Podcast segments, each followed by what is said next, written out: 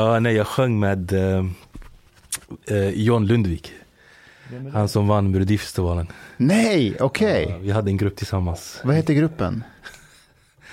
Den hette något kaos. Jag trodde, jag trodde den hette någonting som typ eh, Mac Daddies eller något sånt. Något sånt där, du vet att vi ska få alla brudar och sånt. Eller något sånt Ja. riktigt pimpigt. Så vi var 12 personer. Så en låt var typ 20 minuter. Att alla skulle vara med, du vet. Det här svenska, du vet. Nu ska alla vara med. Alla ska få vara med ur gruppen och sådär. Men sen så blev det såklart, ju äldre man blev, det blev ju talangen som avgörde såklart. Just det. Hade, hade, du någon, hade du talang? I, ja, så nej, jag, hade, jag var duktig på att skriva. Bara låt han ta av sig väskan. Okej, han förlåt, förlåt. slå sig Fortsätt, ner. fortsätt. Det är ju fara, det är ju fara. Mustafa gick all in.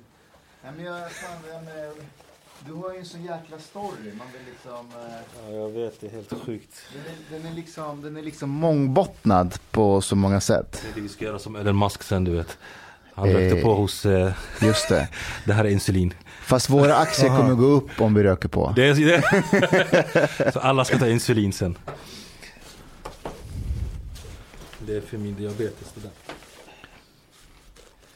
Så. Men en, en sak har jag med mig som jag tror inte någon, annan, någon har sett tidigare. Bara för er skull. Vadå?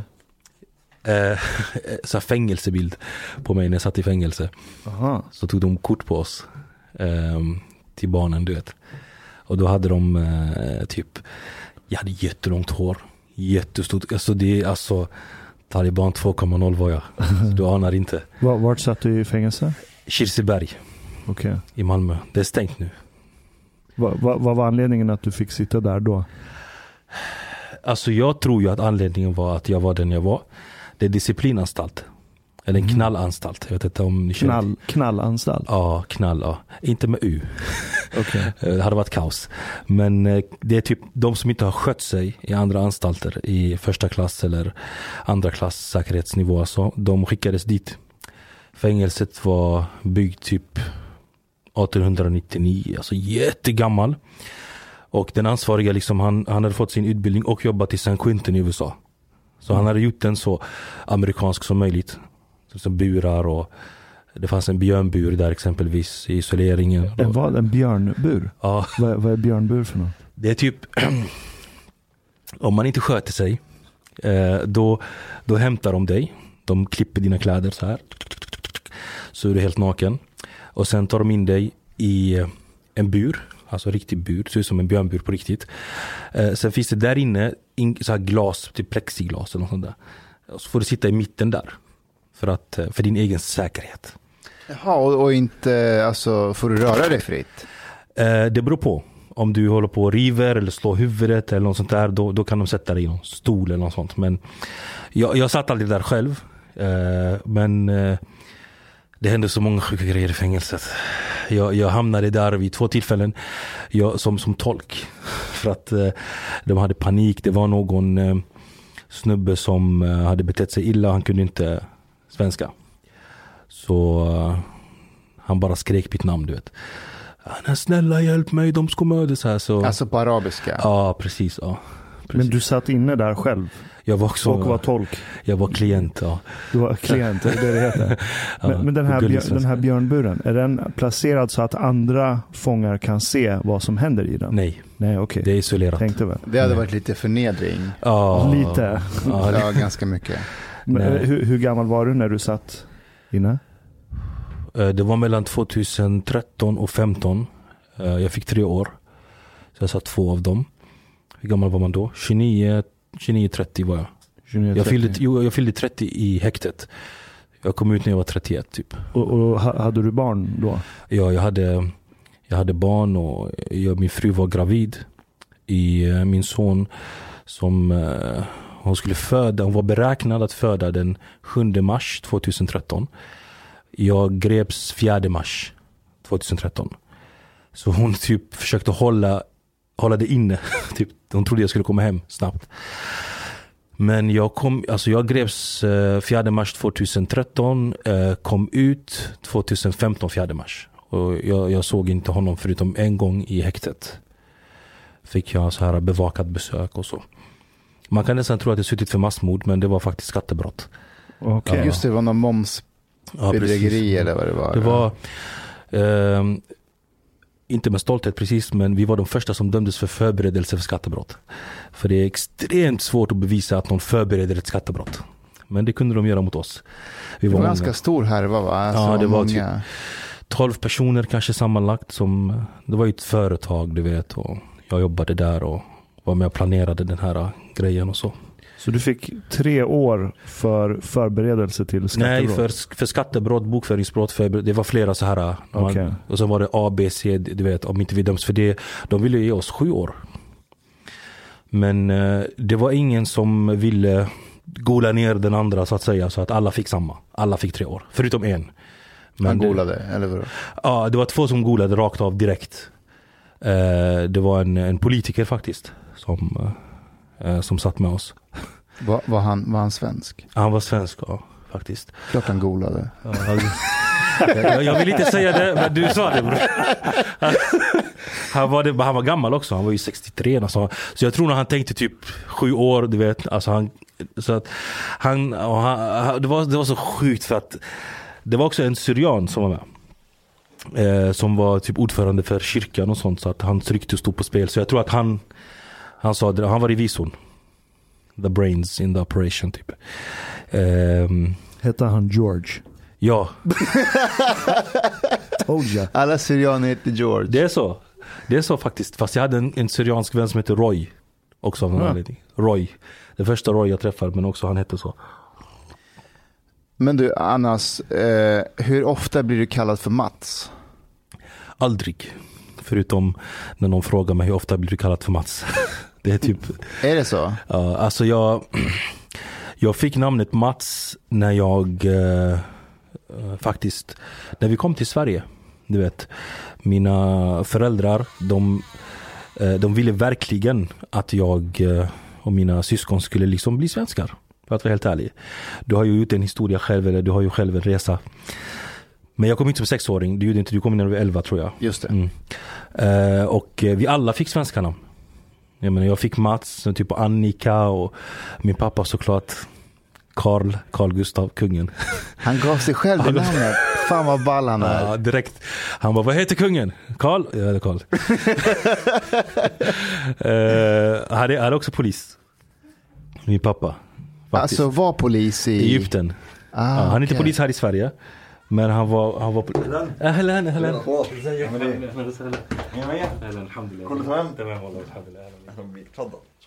De, de pratar Isis nu, Isis-språk med varandra. Jag vet inte vad som pågår. Ja just men... det, vi kan ju göra värsta... Ja, exakt. Just det, khalas. Eller, Chang kommer inte eller? Kanske. Ehm, det beror på vad Miljöpartiet har gjort idag mot honom. Men, men, jag- men jag tycker det här med alltså, namnet är så intressant för eh, du vet jag har, jag har ett av de råden i min bok att man ska lägga till ett extra namn Mm. och jag säger så här, jag förstår att det är orättvist men Mm. de, det finns människor som har gjort på det här sättet, som din pappa. Mm, mm. Eh, Och det så, här var 1989.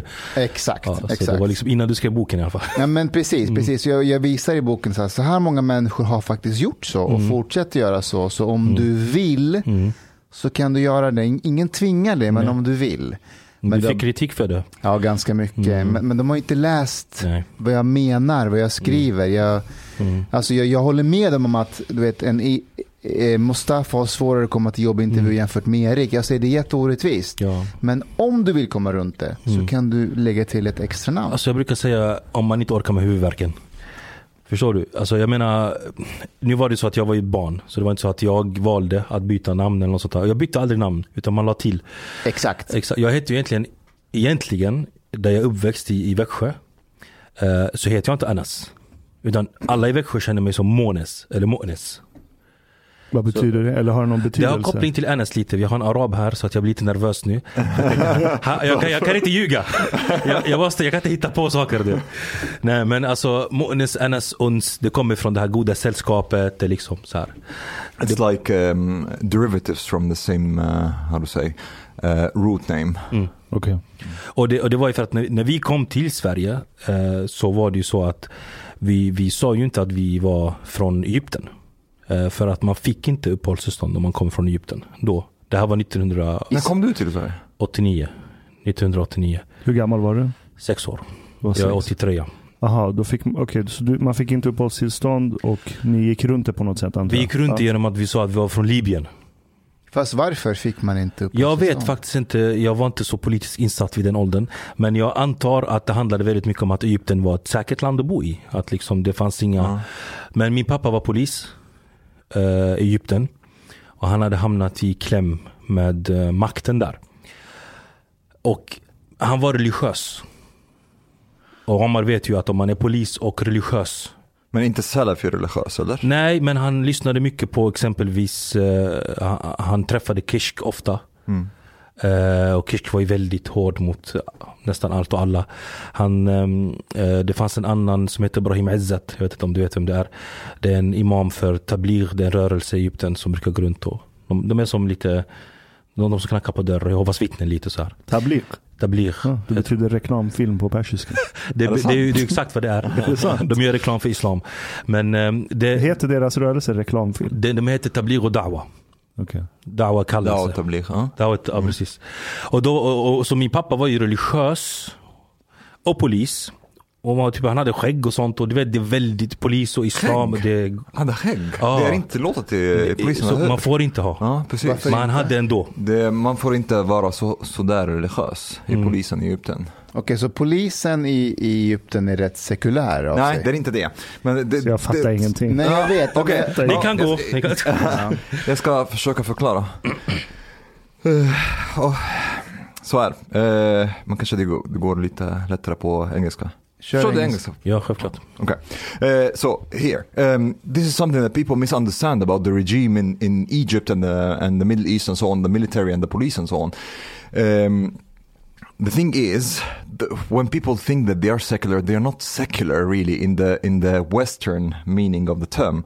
They are more. You should be religious, as in, like Muslim or Christian, but not too religious.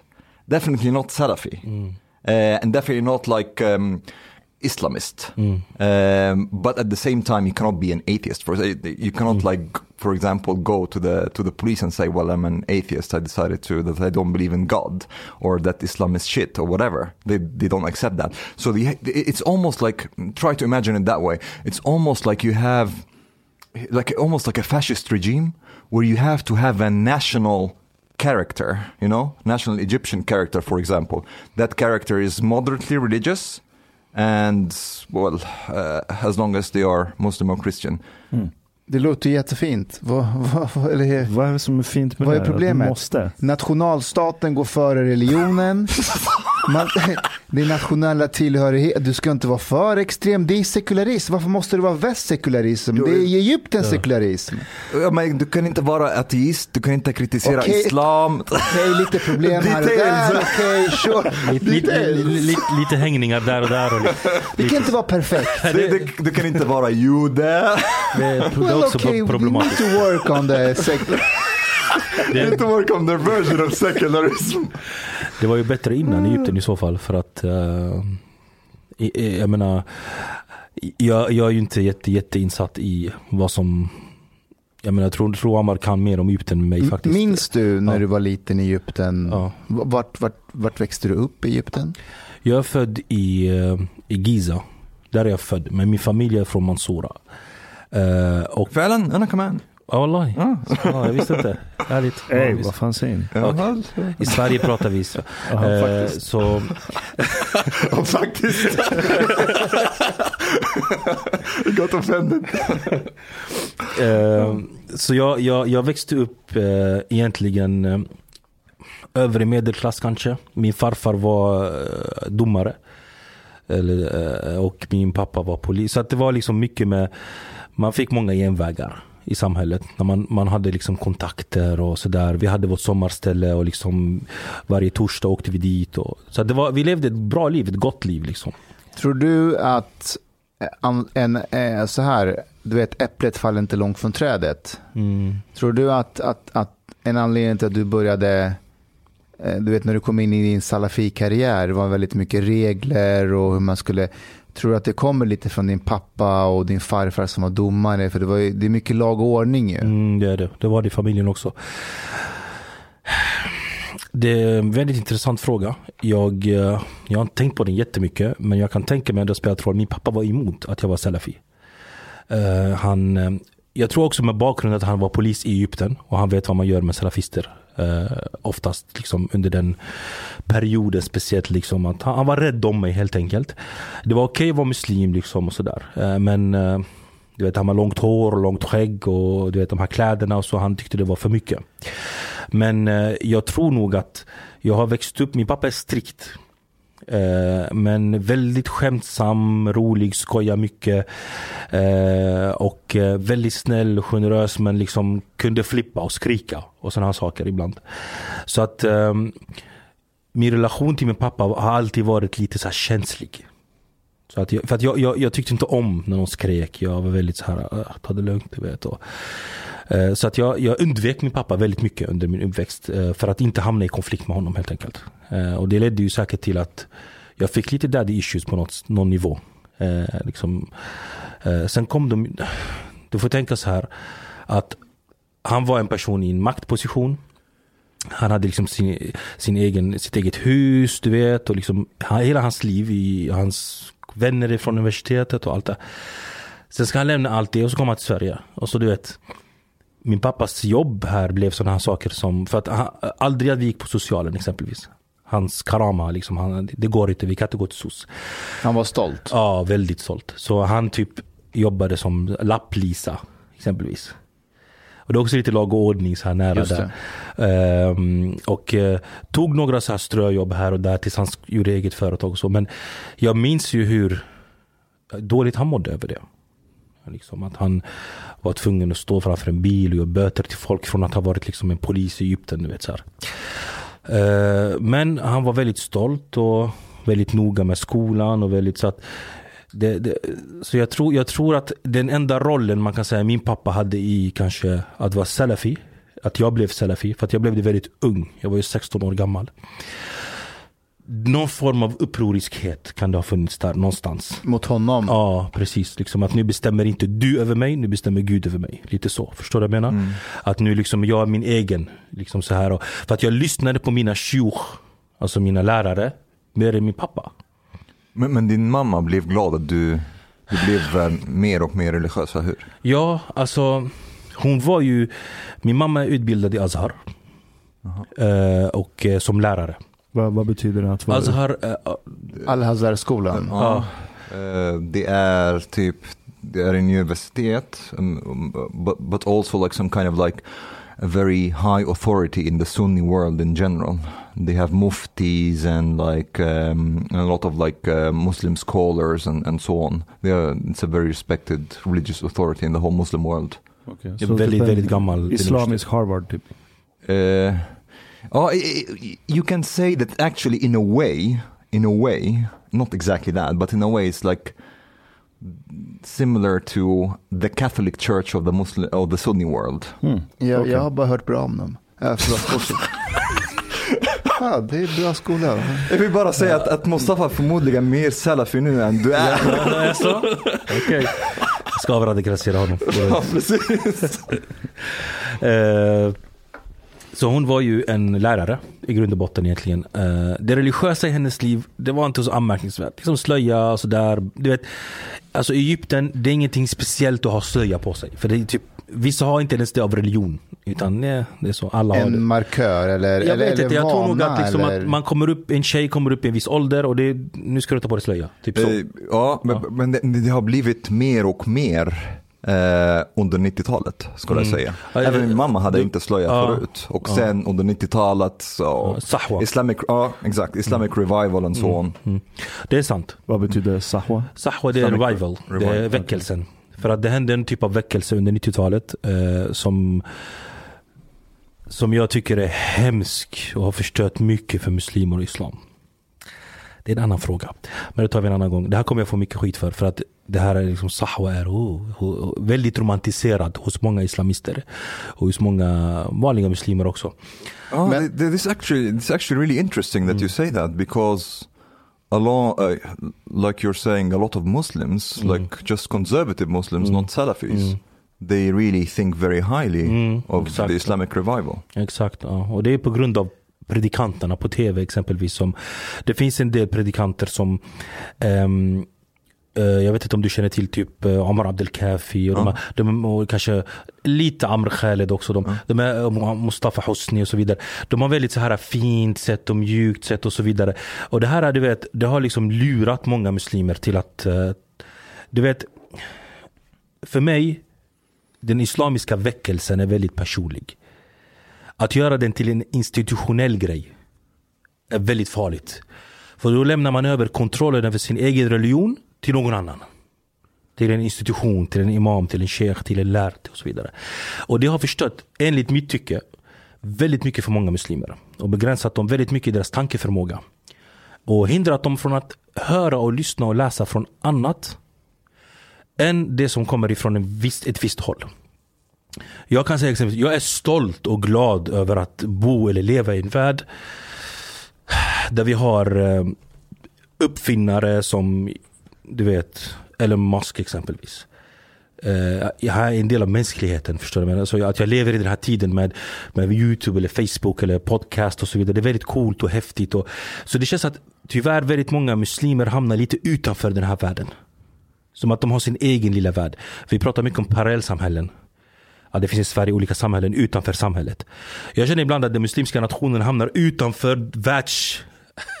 Fast, fast, Förstår du? fast de, de använder ju de plattformarna för att skapa ett parallellsamhälle. Mm. Alltså de är ju på TikTok, de är ju på YouTube, Mm. de är ju på Instagram, men i sin bubbla. Ja. Eller hur? Eller? Ja, det, och, och det, på, det jag brukar säga är, på liten skala i Sverige, du ser det, på stor skala är det också i den muslimska umman, i nationen så att säga.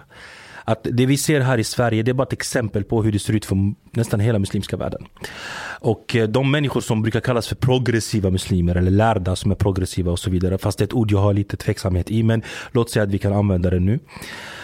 De får ju inte den platsen om inte de är Okej, väldigt... men förlåt. Ja, förlåt. Varför har du svårt för progressiva muslimer? Det är intressant. För att jag, jag, jag tycker att ehm, terminologi och språk, den har så stor makt. Mm. Eh, och ehm, om man använder fel ord, då påverkar vi inte längre de här människorna som inte erkänner de här orden.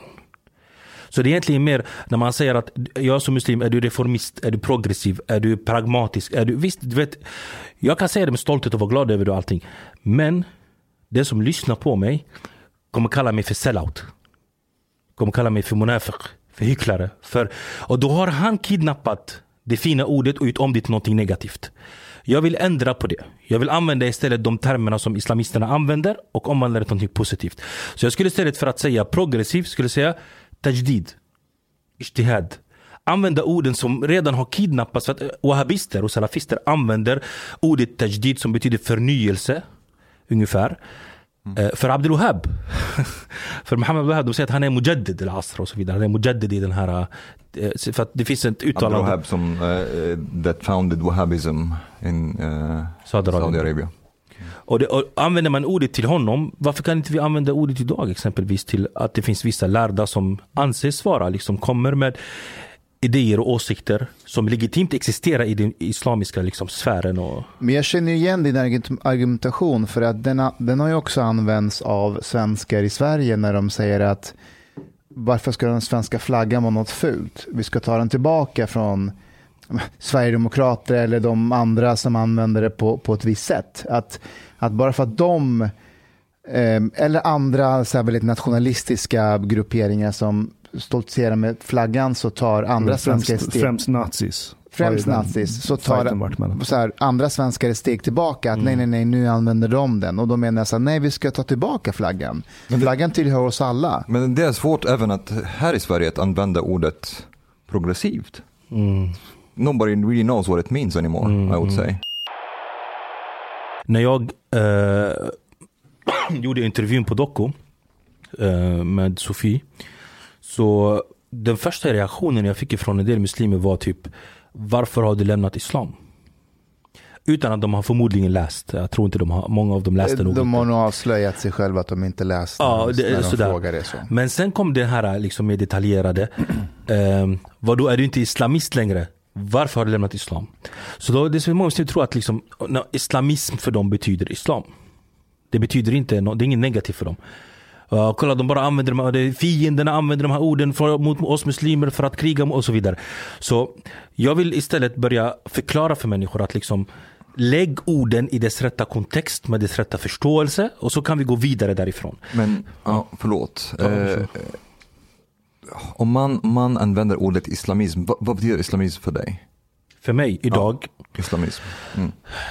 Då, vissa säger, ja men till exempel Muhammed och Sahaba, eh, his companions, de var islamister. De vill eh, govern by sharia eh, och vill ha en islamisk stat. Så de kan säga, ja men vad är fel med det? Vi följer Muhammed och Sahaba. Det, det är sant och det, det, det händer på riktigt. I den här världen vi lever i idag finns det människor som använder de här argumenten. Men man måste ge utrymme till de andra argumenten också som existerar. Det är där jag ser att många, det finns en del ehm, inom Maliki-skolan exempelvis, som är en av de fyra rättsskolorna i islam, rent eh, alltså juridiska skolor kan man säga. Och när man läser där till vissa lärda hur eh, de ansåg att det som skulle styra i samhället var praxis i samhället och majoritetssamhället och så vidare. Och, och det här var ändå mer än tusen år sedan de diskuterade de här sakerna. De använde sig av grunder som finns i texterna. Eh, hur islam ska styra och vilken roll den ska ha när det kommer till allting i livet och sådär. Och då ser man att diversiteten är så enorm. Och olikheterna bland de lärda och deras förståelse av texterna.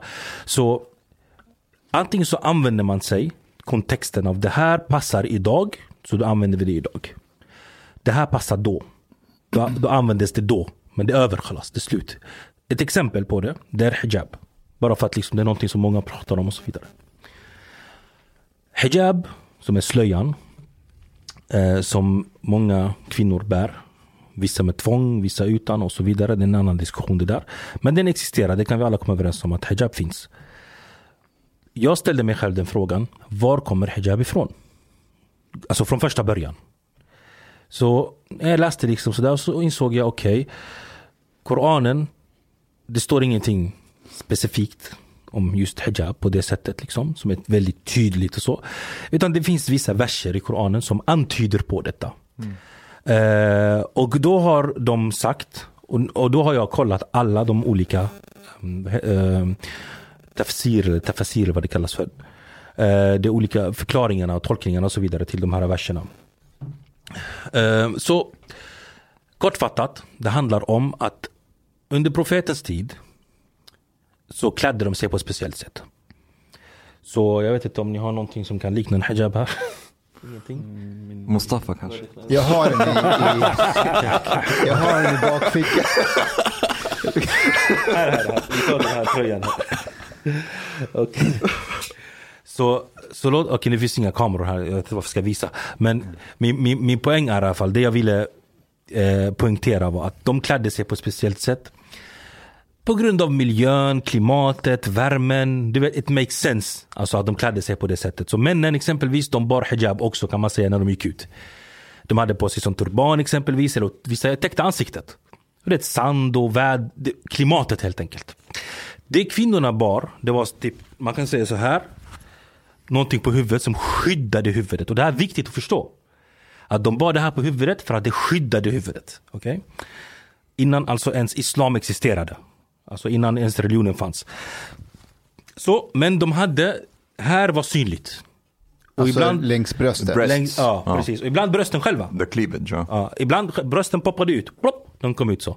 För att, du vet, det, det, det var liksom, du vet, de, de, det, det var inte så att de satt du vet, i, på kontoret med en dator och jobbade. Utan det var på, ute och det var varmt. Men det här var alltså progressiva muslimer. Så alla systrar där ute, jag. Nej men det, Så islam kom Och frågan om kläder dök upp som vanligt och sådär och, och då Koranen Sa att man skulle täcka barmen Okej? Barmen är det här, Nej, det är barmen Brösten alltså. Ja precis, det, det är det gulliga koransvenskan här Och då liksom, okej Så vad gjorde de för någonting? De har ju redan på den här på huvudet så här Okej, så. De Så har hucklen liksom. De tog den och gjorde så. Förstår alltså du? de, de, Täckte barmen med det som var kvar av det som på hijaben. Så. det som hängde över bröstkorgen tog de liksom svepte över. Svepte, det, det, det är exakt så versen säger. Ja, eh, Yudnina alaihinna min jalabibi. varför gjorde de det sa du? Va, Ja, va- de de varför- gjorde det för att versen, alltså som då kom i Koranen, sa att kvinnorna ska inte gå runt så här med Islam didn't like breasts. Well, Uh, Islam maybe, but Muslims, Uh, eh, det, det, det är en annan fråga. Men, för det handlar ju inte så mycket om, du vet, eh, brösten i sig. Jag tror det handlar ju också om anständigheten och eller uh, kyskheten och det här. Och detta var alltså för 1400-500 år sedan och sådär. Min fråga då är, hade Koranen uppenbarats eller sänts ner eller skrivits i Taiwan eller något annat, alltså något annat ställe där klädkoden var annorlunda. Förstår du? Hur hade det varit då? Så nu sitter jag inte här och ger en fetwa. Utan det jag försöker säga är, det sättet att tänka finns idag bland vissa lärda i islam. Att vi måste se över detta för att håret, det, det är inte det som är riktigt problematiskt här. Alltså vad, vad är problemet här? Är det nakenheten som är problemet? Alltså bland muslimer eller bland islam eller i samhället eller whatever det är.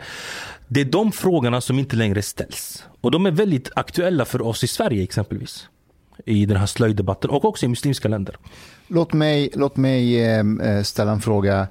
Vi tar just den här frågan med slöjan Mm. och så åker vi tillbaka i tiden och träffar Annas när han är liksom djupt inne i salafismen. Mm. Vad hade Anna svarat då? Om vad slöjan är och varför man Mm. ska ha den. Det räcker inte, måste ha niqab. Ja, det är liksom, för mig var det ett redan memoriserat svar. Men var kom den ifrån? Alltså var det från Det kom- Koranen eller var det från de lärda? I mitt huvud var det såklart från Koranen, och, alltså från Koran och Sunna som man säger, från Koran och profetens tradition. Och alla salafister liksom säger att Speciellt de som är duat eller kallar till det och så. De, de säger ju samma sak. Det finns åtta stycken krav och villkor för den muslimska kvinnans klädsel. 1, 2, 3, 4. Hon ska se ut så, hon ska bära så, hon ska ta på sig det. Så för mig, svaret brukade vara ungefär på det sättet. Att jag rabblar upp de här åtta villkoren eller åtta kraven som måste uppfyllas för att det ska vara en korrekt hijab. Är det liksom en av dem som inte är rätt, då är den inkorrekt. Och det är liksom krav Då får man böter. Som Man får pappa. böter i, i form av synder som man paketerar i ett konto där och sen brinner man i helvetet. Så det, det är typ sammanfattat ungefär hur, hur man brukar predika. Och det, för mig var det typ, det är fortfarande den mest upprepade frågan tills idag. Från unga tjejer. När de frågar mig om slöjan och sådär. Eh, De som har slöja, de som inte har slöja. Alltså frågorna är alltid samma. Och det, det, det lär mig en sak. Det är att jag brukar ställa mig själv, varför frågar folk just de här frågorna? Liksom, vad är det för miljö eller vad är det för, var kommer de, de här tankarna ifrån? Varför tänker de, de bor i Sverige? De går i skola i Sverige. Många av dem är födda i Sverige. Var kommer de här tankarna ifrån? Äh, förstår du? Alltså, vad, vad, vad, och där ser man då hur mycket internet påverkar. Alltså det är, liksom, det är därifrån det kommer. För att många av dem går inte till moskén. Unga killar och tjejer brukar inte gå till moskén. Speciellt att du vet, det är liksom gubbar och det är Det är tråkigt. inte vanligt i Egypten heller. Ja, Jag minns ju dig Annas, alltså för några år sedan så ehm, jag hade ju lite koll på dig men eh, jag följde din hemsida på Facebook mhm. och så kom jag ihåg att du hade en livesändning och jag klickade på den och då pratade du om Alltså du uppmuntrade unga att inte gå på studentflak, eh, inte vifta med svenska flaggan och, och att inte ens umgås med svenskar kommer jag ihåg. Så du, du var ju en stor bidragande faktor till internet och det budskapet. Mm. Eh, och om någon hade sagt till mig att jag hade suttit här med dig idag och pratat, för jag, tror- jag tänkte att den här killen, han är djupt inne i Mm. det här och hur skadlig hans budskap är för integrationen, för alla unga. Eh, så här, din story med Sofie Idoko är oerhört intressant och det är en väldigt lång artikel och jag hoppas verkligen att alla läser den artikeln. Men de som inte orkar är lite lata. Mm. Kan inte vi börja där från den, avstamp från den artikeln så här, Annas, hur kommer du in i kontakt med salafismen och liksom ta oss till den storyn.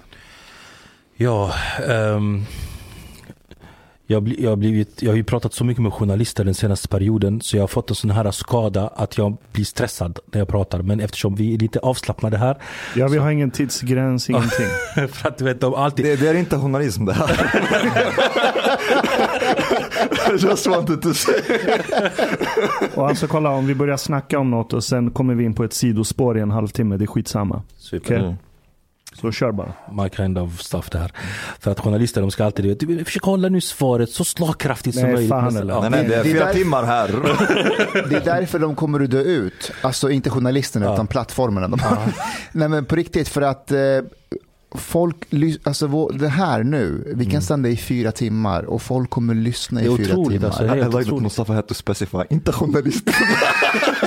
Varför man vet aldrig. Just so you know, we're talking salafism, jihad, not the journalists, their work. Där är han jätteförsiktig. Ja, man vet aldrig. Det är alltid någon som lyssnar. Förlåt Annas, fortsätt. Absolut. Ehm, min, min story så att säga.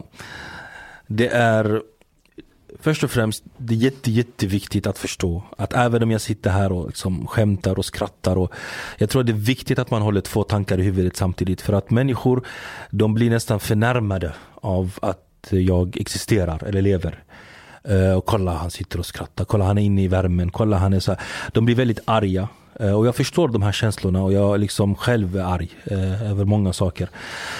Men man måste hålla två tankar i, i huvudet samtidigt och jag hoppas och eh, önskar att liksom alla som, som lyssnar får möjligheten att kunna göra det. Därför att våldsbejakande islamist eller jihadist låter ju som en person som har suttit i princip sedan han var 16 år gammal tills typ för ett par månader sedan bråkat och tjafsat och slagit och varit våldsam och skrikit och hotat och det är så här 24-7. Och det, alltså det, är det, det är inte logiskt ens att det är så. Och det var inte så. Eh, utan det här, det här var ju mitt liv. Jag menar, jag tog min första sig när jag var tio år. Alltså när man kunde säga yani. Så jag hade en period där jag var typ dålig muslim om man säger så. Och då liksom man festade, man rökte på, man, du vet, man gjorde allt det här. Från jag var tio år gammal. Liksom. Så att jag, min karriär i, i det började tidigt och min karriär inom salafismen började också. Jag började alltid tidigt. Uh, och min, min, mitt liv, liksom, jag har varit... Um, jag var ofta med äldre personer. Min bästa vän liksom, när jag var 10 år, han var 14. Uh, eh, Kenny heter han. Kenny, hoppas han hör det här. Från Skåne. Ehm, ja, Kenny, det var du som lärde mig röka. Det var... Minnak lillahi wallahi. det, är allt det, är därför jag blev salafi. ingen arabic. This is for our Arab fans. Yeah, det, det care är about your Arab Det kanske får några nya. Our Arab fans. Det kanske får några nya Arab-fans, det är sant. Får göra en podcast bara jag och Amar, du vet så. Han är ex och jag är ex. Alla har ex på något sätt, du vet. Ehm, nej men alltså, så jag har alltid um, um, jag har inte tyckt om liksom, att vara med, med, med folk i min ålder. Jag vet inte varför. Alltså. Jag tyckte de var barnsliga eller tråkiga eller något sånt där. Det var inte spännande. Uh, så min, min, hela min uppväxt uh, var, var mycket med äldre personer. Uh, och när jag var typ 15, 16 där någon gång så började jag introduceras till religion. Uh, mina föräldrar, de bad, fredagsbönen. Vet, det var inte så speciellt. Inte fem gånger per dag. Min pappa har alltid bett fem gånger per dag. Liksom, jag tror nästan det är för att han är så här militär och polis och så här. Och liksom han, han vaknar alltid fem, sex på morgonen oavsett liksom hur sent han sover. Han ber, han vet, är väldigt så här. Och fastade ni hela Ramadan? Ja, precis. Ramadan och så. Ja, man kan säga som traditionellt. Du vet, be, fasta.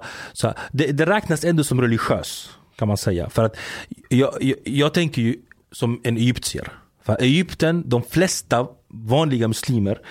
De ber ju fem gånger per dag oftast. De går de, på fredag, de fastar ramadan och så. Men du vet, nästa steg är typ att man går inte på café, det är haram مثلا, för att det är det ena och det andra. Där. Det, det, det gör inte vanliga muslimer. Vanliga muslimer de går på café som alla andra människor. du vet och sådär. Så min familj var så. Men Vi hade semester, liksom helt vanligt. Men det hände en grej. Jag höll på med eh, musik under den här perioden. Vi hade en liten grupp som jag nämnde i början. och eh, den, den musikgruppen som vi höll på med. det började liksom bli li- någonting av det. Vi började vi så här spela eh, innan, ja, då, den, Loop Troop, du vet, var den, eh, han har blivit advokat nu läste jag. Just det, Eh, promo. promo ja. Eh, vi typ ehm, Petter, du vet, eh, Latin Kings den tiden också. Så att vi liksom började komma in i den här världen lite och snacka om skivkontrakt med, jag tror det var BMG eller hette de, finns de kvar BMG? Det finns Jag inte, vet inte, de men de var, de, de var ju störst ju. Ja, De var stora ett tag. Ja. Ja, precis. Så vi var, vi var så här, du vet, nu, nu ska vi göra detta. Och jag var alltid en person som tänkte väldigt mycket om typ, varför händer det här? Varför finns det här? Varför ska det här ske? Så här mycket tänkandet. Och det störde mina vänner jättemycket. För de ville bara, du vet, ha roligt. Du vet. Antingen uppträda eller festa eller skaffa tjejer och sånt där. Och och jag var så här, du vet, ska babbla och prata och bla bla. Så, så att det, det var lite så, för att de var i min ålder då. Vi gick i gymnasiet tillsammans. Och jag bestämde mig en dag för att eh, fråga vissa frågor till en imam. Eh, jag fick jag fick inga sådana svar, jag fick gulliga svar. Inte så här självklart. När man är ung, det ska vara mycket svart och vitt. Vet. Rätt och fel, sanning och falskhet. Och liksom, det ska vara så. Man är väldigt revolutionär. Och så här, nu ska vi ändra världen och sånt där. Så att han gav mig så här mjuka, han var en gammal man. Han gav mig mjuka, konstiga svar i viktiga frågor som jag hade. Så jag var inte nöjd med det svaret. Så jag struntade helt enkelt i religion ett tag. Det är roligt att jag, jag pratar som att jag vore typ 22 år gammal. Jag, jag var fortfarande 15-16 den här tiden. Men min känsla kommer jag ihåg väldigt väl. Så jag gick tillbaka till musiken och gick tillbaka till mitt liv som vanligt. Jag spelade basket på eh, ganska hög nivå. Jag kom till kadettlandslaget i basket. Jag spelade fotboll När är du född? 83. Vilket basketlag spelar du i? Växjö Basket. Ah, okej. Ja, vi vann SM två gånger. Eh, och jag spelade också med de äldre. Eh, fotboll, jag var målvakt. Ehm, och vi flyttade ut mycket i Sverige. Du vet, alltså, vi bodde i svenska områden, helt svenska områden. Alltså, vi bodde i, i Rottne, i Trekanten, i Jämla. Så här riktiga, eh, inte säga hålor för att dissa folk som bor där. Men det var bokstavligen typ, alla kände alla du vet. Um, och allting, och det här är synd att behöva säga, men det är sanningen. Allting förändrades för mig när vi flyttade in till orten. Okej? Okay? Vad är det? orten då? Eh, Vad hette stället? Blattarna, där blattarna Ja, bor. men alltså vad hette stället? Jag Alltså, tänkte, vet han inte vad orten är efter alla böcker han har skrivit? Ja. eh, nej men alltså var det Växjö? Är det, Ja. Vad hette området? Är det, Eh, vi, till Hofshaga, Arabi var det. Hur gammal var du då? Då var jag, gick i högstadiet, hur gammal är man? 14-15? Sådär. Innan dess bodde vi runt omkring Växjö. Du vet, man kan säga i, i hålan runt omkring ungefär. Och där var det liksom, alla mina vänner var ju svenskar. Du vet Emil och Erik och Petter och liksom så här. Det fanns någon adopterad Sri Lanka snubbe eller något sånt där. Men du vet, det var liksom allt. Vi han, var, han var svenskare än svenskarna? Ja, hundra procent. Och det kändes alltid skumt. typ, det, det, man har ju det oavsett vad man liksom, om man är färgblind eller inte eller man ser färger eller etnicitet. Men det känns ju alltid skumt. Så vi brukade säga till honom, du vet, varför pratar du så när du är svart? Och han, bara, typ, han var nästan förvånad över att han var svart. Han bara, va? Och Så här. Va? Och- är jag svart? Ja, det, jag lovar det, han- det kändes att han var, han var förvånad över det. Liksom. Vi var mer förvånade över att han kunde prata så bra svenska. Du vet. Så det var liksom när jag flyttade in dit. Vi bodde eh, direkt. Jag hamnade ganska snabbt i vissa så här småkriminalitet. F- Får jag bara fråga, varför flyttar ni från liksom omgivna av svenskar och, Ja. och till orten? Det är en bra fråga. Ehm, Det brukar vara tvärtom, eller hur? vad, vad sa Det du? brukar vara tvärtom. Ja, det brukar vara att man vill flytta ut. Mm. Men vi flyttade in istället. Jag tror... Jag vill inte skylla på mina föräldrar. Mina föräldrar är bra människor. De har kämpat mycket i sitt liv. Liksom. För att det har också varit en sån grej att många människor, om man kollar hans mamma, hon gjorde han till en salafi. Det är inte sant allt det där. Utan min mamma var godtrogen. Du vet ungefär som att, låt säga en präst. Vad förväntar du dig av en präst? Du vet, ja, en präst han borde väl vara snäll och ta hand om människor, hjälpa människor, bla bla bla. Det, hon tänker så om de här imamerna också, liksom, att de kommer göra han till en bra man, till en bra kille. Så det var inte så att hon typ, ah, nu är de här radikala, låt han radikaliseras. Du vet, så att, också en, en grej som har gjort mig lite ledsen, du vet, när folk har skrivit. Men hur som helst. Vi, alltså mina föräldrar, jag tror nästan att de saknade lite. Eh, du vet, eh, folk från, med samma språk, en, en, en moské, Alltså förstår, du, den här känslan av att de var lite utanför ändå. Vi, vi saknade inte det såklart. Vi, vi var ju liksom i skolan och så. Det, jag tror mina föräldrar liksom kände att de var invandrare. De Vad, vad hade de för umgänge när ni bodde i de här mindre orterna? Vilka Eh. umgicks de med liksom på kvällar, helger? ingen. De åkte in till Växjö. Alltså när det var liksom dags att umgås med någon så kom ihåg att vi liksom alla åkte tillsammans in till någon annan stad. För eh, egyptier var det oftast liksom folk från samma land eller något sånt där. Och det var inte för att mina föräldrar inte kunde svenska. Eller min mamma var liksom, hon jobbade som undersköterska och eh, min pappa hade ett eget företag. Så att det var liksom inte det som var att de var typ sossfall och du vet, de kan inte språket eller något sånt där. Utan det, det var ingen som ville bli deras vänner tror jag. För att vara helt ärlig. Och ibland handlar det faktiskt inte om rasism. Ibland handlar det om bara, det är lite awkward. Alltså förstår du? Att typ, är det rätt om vi går och pratar? Är det rätt om vi knackar på? Är det rätt och så? Och vi invandrare och blattar, vi är så här mycket på. Förstår du? Och då blir svenskarna awkward istället. Att Typ, det är lite för mycket nu. De, de, de vill helst... Eh, Mm. eh, jag kan faktiskt ge, ge ett exempel. Jag, jag bodde i Växjö. Ja, ah, okej. Jag gick eh, Linnéuniversitetet. Okej. Eh, ja, och, och det här var innan, jag gick i Polishögskolan där. Okej. Men innan jag kom in på det så läste jag ett annat program eh, på Växjö. Och eh, under en period så fick vi en, eh, det här programmet heter Coaching Sports Management som Mhm. jag läste. Och vi fick en, eh, en snubbe från USA som hade ursprung i Brasilien som kom till Växjö och skulle eh, liksom föreläsa för oss under tre, fyra veckor. Han var tennisspelare. Och när han kommer till Växjö, så, han bor ju där på campus. Mhm. Och, eh, och jag och han blir lite vänner. Mm. Eh, och vi börjar umgås lite, vi går till, gymmet tillsammans och, och lite sådär. Och vid en helg så kommer mitt ex på, på, på besök och vi, vi brukade ses på helgerna. Och, eh, och den här killen, eh, Luciano heter han. Eh, Jag bjöd honom att hänga med oss, vi skulle gå på bio. Och hon var mitt ex som var svenska, hon, hon var ju så här, nej, nej, varför har du bjudit honom? Han, han vill ju vara i fred och liksom du, du, du, du lägger dig i, i hans liv. Han, han, Ja. liksom, och jag sa så här, nej alltså han, han ville hänga med och, och jag sa att han är välkommen och hon var så här, nej han ville säkert vara i fred och du liksom pushade honom säkert. Sen, eh, och han kom, vi vi gick på bio, det var jättetrevligt. Sen pratade jag med Luciano senare. Vet du vad han berättade för mig? Mm. Hans tid på campus under de här tre, fyra veckorna. Han, var, han, var inte, han umgicks, umgicks inte med någon. Mm. Han var helt ensam. Och så berättade han att när han varit i andra länder och besökt och föreläst under tre, fyra veckor. Att varje dag var det en ny professor, lärare på skolan som åt lunch med honom. Och en annan som hade dem på middag. Så hela veckan hade alla lärare på utbildningarna i andra länder gjort upp ett schema typ i princip. Att Luciano ska inte vara ensam. Du vet, han ska på middag hos dem och, och på, på, på lunch där. Mm.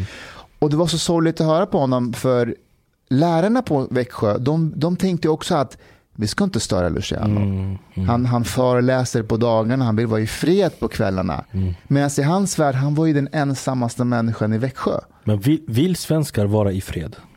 Jag tror att man inte vill lägga sig i. Men de själva, låt säga att jag är att en svensk som typ har flyttat till en annan stad i Sverige eh, och ska plugga där. Vill den svensken vara i fred?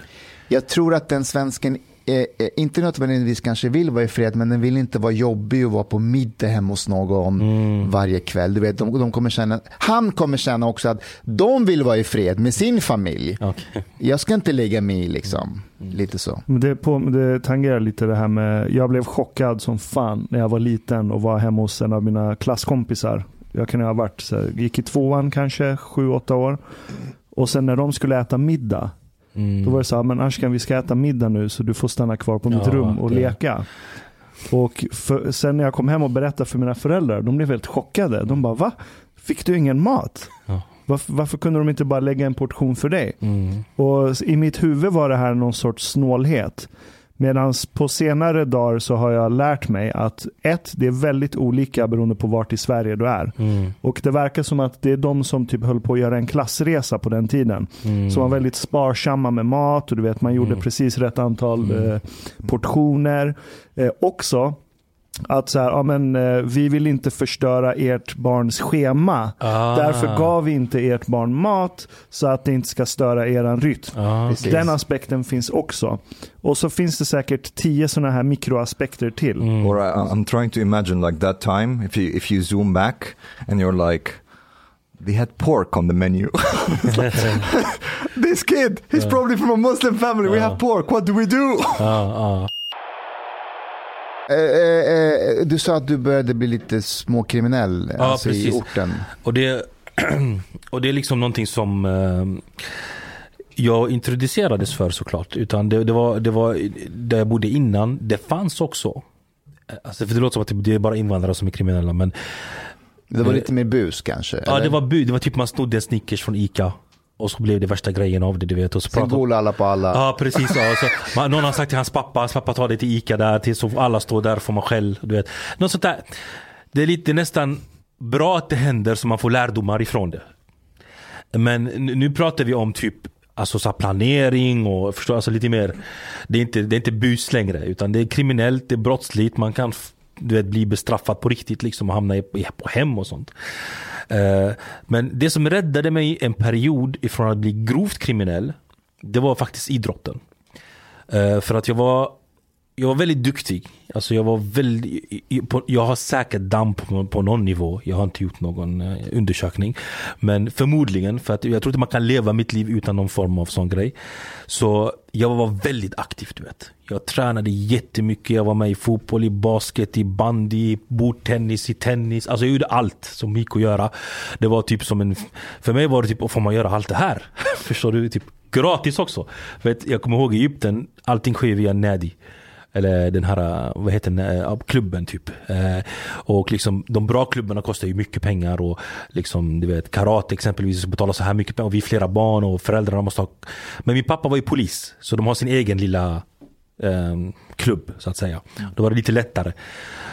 Och jag liksom var väldigt aktiv så de, jag blev kallad till många kriminella eh, aktioner. Men jag gick inte på grund av idrotten. Eh, sen blev jag faktiskt min ingångsport till eh, all kaos. Det var faktiskt eh, att jag umgicks med ett par äldre killar. Och de var inte invandrare, båda var svenskar. Eh, och ehm, de brukade sno eh, alkohol ifrån deras eh, föräldrar. Deras föräldrars bar eller skåp eller vad det är för någonting. Och vi brukade dricka det. Och då var jag liksom väldigt ung också. Så att man tog en sigma och var nick och kick direkt. Du vet, så här. Så att det, det var de som typ introducerade mig. Och den tiden var det inte förbjudet att köpa öl eller cigaretter sådär. Från typ hydromacken nere vid området. Där man, kände honom, man gick dit. Är det till pappa eller? Det säger han. Ja det är klart det är. Så, så tar man det, går man och dricker det eller röker det själv och sådär. Och då började jag liksom tycka det var spännande, det var roligt och sådär. Sen hemma var det ju väldigt strikt. Vet. Liksom där totalt förbjudet såklart på sådana saker. Vilket det säkert är i många andra hem också såklart. Men det var det här också att det var haram. Liksom. Det var inte bara förbjudet att det är liksom dåligt för hälsan eller det skadar dig, du är ett barn eller något sånt. Utan det var också den här haram-grejen som gjorde det ännu värre. Och det är liksom det här mycket med skam och så. Så jag hamnade i en situation där jag levde ett dubbelliv. Eh, vilket jag tror många känner igen sig i av unga killar och tjejer. Att de lever ett dubbelliv helt enkelt. De lever som den här fina muslimska ängen hemma, du vet. Men utanför hemmet är det en helt annan sak. Jag vet ju tjejer exempelvis som lägger slöjan i skåpet varje dag i skolan liksom och de har ingen slöja på sig i princip utan de lägger den i skåpet och går runt utan slöja. Så när de, innan de går... Men det händer i Egypten också. Ja det är Egypten, jag vet Ja. att nu, men jag visste inte att det hände innan. Jag, det- jag tror det är nytt det här. Jag, tr- jag tror inte det hände på 90-talet det här. Att tjejer gjorde så. Men jag har för mig att nu det har blivit, också E- Egypten är ett ganska bra exempel på hur eh, islam liksom har, har och måste hänga med. Liksom, han, för grejen är att folk, ah, det är en annan diskussion, jag orkar inte med det nu. Det, han, det, han det här vet vad, han vet för mycket hur jag tänker. Så, så vad heter det, jag, jag levde ett dubbelliv. Och jag hamnade i en privatskola. Av någon anledning. Det finns en rolig historia bakom den, jag kan berätta den. I Sverige var det ju förbjudet att starta friskolor fram till 98, 99, något sånt. Jag kommer inte ihåg exakt datum. Men jag vet att friskolor det var no-no. Sen hände någonting politiskt och det blev Jo-jo höll jag på att säga. Det blev tillåtet. Eh, så det fanns en skola som hette Växjö internationella skolan. Hette den. Och det var liksom en sån här elitskola. De hade köpt någon hyrt, jag vet inte om det var det som ett slott nästan. Så borg, stort ställe, väldigt lyxigt. Och de tog emot, jag tror max 37 elever. Och det var, eh, alla eleverna var nästan utifrån.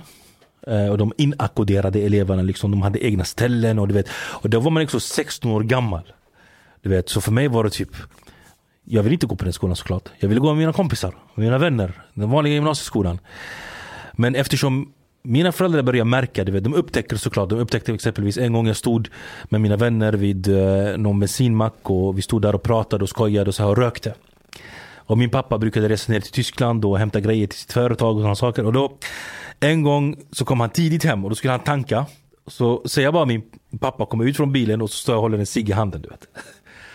Och mina vänner de bara shit till pappa mannen, till pappa, till pappa. Så jag bara vad? Och den känslan man får, man blir knäsvag. Alltså, förstår du? Alltså, det är inte så. Han kommer ju inte döda mig. Men jag vet inte, jag blev jätterädd. Så jag höll ciggen så, så typ vände jag på den så det blev mot så här. Så det inte syndes. Så han tittade och han, han såg. Han, han såg, jag vet att han såg och han vet att jag vet att han och så vidare. Så jag gick hem och du vet. It's an Egyptian move as well. Egyptian, Egyptian kids do this all the time. Ja, men afghaner också. De, de det sant? vänder- Alltså när jag är ute och föreläser, Ja. unga afghaner, när det blir paus i föreläsningen Ja. så går alla ut. Då tar de en cigg och röker och om jag råkar komma då gömmer de ciggen bakom Ja. eh, ryggen. Och vi står och pratar som vanligt Ja, och det kommer rök bakom ryggen. Men det är av respekt. Alltså de är inte så dumma. De fattar ju Ja, att jag vet, ja. men av respekt så visar man Ja. inte ciggen. För I mig var like it, det, it's respect. Så, så, gjorde inte, så gjorde inte vi iranier. Vi gick på universitet och blev ingenjörer och sånt. Ja. Okej. Du liknar en person jag känner som jag ska berätta om sen. Påminn mig bara. Iranier också. Men från Azerbajdzjan är han. Egentligen. Det är någonting med Iran och Azerbajdzjan, eller hur? Det ja, finns... ja, eh, i- det finns azeri Ja. människor i Iran. De är iranier. Ja, okej, de är iranier. Ja, Ja. okej, men då så. För han brukar säga vi kommer egentligen från Azerbajdzjan. Så hur som helst. Eh, så min, min pappa liksom började upptäcka, min mamma började höra rykten om att liksom jag liksom går på fester och sådana saker. Och jag tror det var, det var liksom den perioden där när jag var 15-16, jag gick ju i en privatskola. Eh, men hur jag kom in dit Eh, det känns knas att prata om det här egentligen. Det, det, men jag rökte på mycket bror. Alltså, Weed eller? Ja. Weed och hashish, de två grejerna. Och du var 14. 14, alltså jag langade. Jag sålde, jag hade mycket pengar. Alltid. För grejen är att jag var inte precis som alla andra.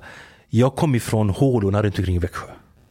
Där Swedish finns du vet. Det är de som har cashen. Förstår du? Så jag, hade, jag kände ju dem och de brukar komma in och festa i stan i Växjö. Så, så jag kunde träffa dem och sälja till dem. Så hade jag en snubbe, det var, alla albaner kommer att skratta nu för att albaner den tiden de höll på mycket med sprit. Du vet, de hämtade sprit ifrån eh, från Balkan till Sverige. Så jag hade en kille, han hämtade jättemycket vodka och sånt där och han gav mig för att jag skulle sälja till de här uh, unga killar och tjejer som eh, du vet son till en läkare, son till, jag vet inte, många polisbarn faktiskt brukar jag sälja till. De brukade komma till mig och säga, jag typ kolla på hans och, och du vet, jag tjänade mycket pengar på det. Och jag hade alltid pengar, men ändå hade jag aldrig pengar. Av någon anledning. Jag hade mycket pengar, kunde få 30-40 tusen men samtidigt när jag, typ, när jag kände nu behöver jag pengar till någonting så, så hade jag inga pengar. Hade du 30-40 tusen ja. som 14-åring? Ja, jag hade, jag hade typ, eh, nej 15. Ja, det stor Ja, skillnad. då. Men, Ja, då, då är det normalt.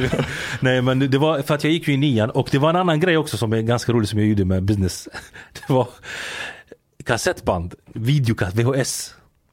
Jag hade en iransk kompis som eh, har en kusin, eller jag vet ni har kusiner överallt man i Iran. I USA. Som filmade biofilmer på videokamera och gjorde dem till VHS som inte finns i Sverige. Så jag brukar hyra ut dem i skolan. För 20 spänn per dag. Så jag hade, jag gjorde business hela tiden. Typ. Och mina föräldrar visste inte om det här. Så jag hade, hemma hade jag ett lager av whisky och vodka och snus och cigaretter. Jag- Vi utpressade en stackars kille, jag hoppas jag träffar honom någon gång och ber om ursäkt. Eh, en- en svensk kille, hans pappa ägde Shell. Och den här killen, han, han, han, var det, det var synd om han, han hade tandställning och han, du vet. Han, han hade inte så starkt självförtroende utseendemässigt. Så han, en gång så upptäckte jag det, du vet, jag och mina vänner. Så vi gick till honom, vi var lyssna, vill du bli inbjuden till festerna och sådär. Vi går till och du vet, vi kan hjälpa dig skaffa en tjej och så, vad säger du brorsan och sådär. Han bara, "Åh, okej men du vet, vi, eh, om vi kan få en cigg eller någonting och sådär. Och så började utpressningen, du vet, sakta men säkert. Du vet. Men det var typ, han hängde med oss, kan man säga. Vi var snälla. Och han gav oss massa grejer från hans pappas affär. Och, och sen så fick han luft en dag, kommer jag ihåg. Då, du vet, han tog bort tandställningen, han blev ju äldre, tog bort tandställningen, finnarna försvann. Och nu han är ju son till en person som äger Shell, så han fick lite också så här, det pondus hos tjejer och så. Och en dag gick vi dit, vi bara, vi ska ta två limpor med oss. Du vet, så här. Han bara, nej men alltså jag kan inte ge så här, du vet bror och så. Och du, vi brukar säga på, på arabiska, yani, alabna. Då kom den sanna ansiktet fram. Vi bara, vilken bror har vi? Trodde vi är kompisar eller? och så vi bara typ var väldigt hotfulla och sådär. Så han fick lite stryk stackaren, men eh, det var inte så allvarligt. Han lyssnar säkert på podden. Ska jag säga hans namn? Du vet vem det är brorsan, du har med sociala medier. Eh, så det var, det, var, det var det som liksom jag sysslade med under det året. Och jag trodde att det skulle bli mitt liv.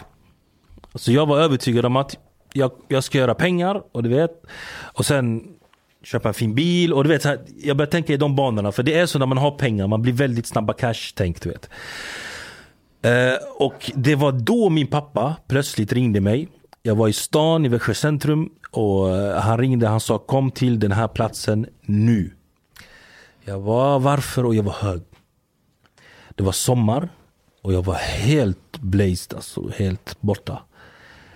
Och det var, jag tror jag hade någon psykos också samtidigt eller något sånt där. För att jag, jag, jag hade på mig en eh, så här uh, overall, jättemycket kläder, jag frös och det var, so- det var sommar, det var sol. Alltså, jag såg ut som en galning.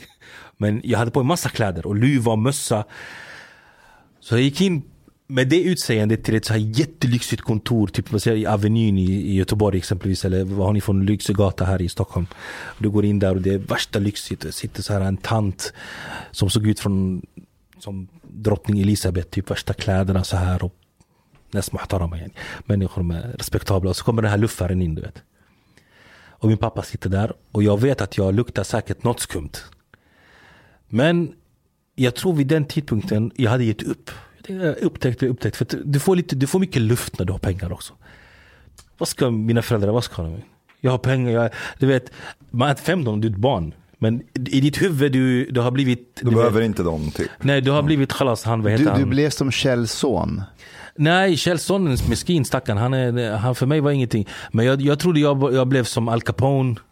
Typ. Alltså jag hade högre ambitioner än det. Eller den här Tony Montana, något, något sånt där. Men eh, det, det var så i mitt huvud, du vet. Ja, man hade ju de här som förebilder lite, du vet. Att liksom de tog över och med sin egen, de kämpade och jag vet inte vad då. Och så gick jag in dit, så här lite högmodig så här, och hybris. Och då säger min farsa, det här eh, är hon och han och de har en skola som heter VIS.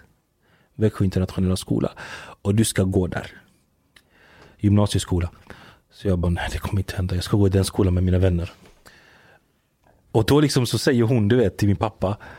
Ja, alltså nu, nu har ju inte vi bestämt att han ska gå här. Vi håller på och kollar och det är ansökningar och plats och sånt. Vet. Han bara, nej nej nej, han ska gå. Du vet, han körde den, den arabstilen. Lala. Han ska- Han ska gå här. Hon bara, men vi, du vet det finns ju en kö. Han bara, nej nej nej, han ska gå.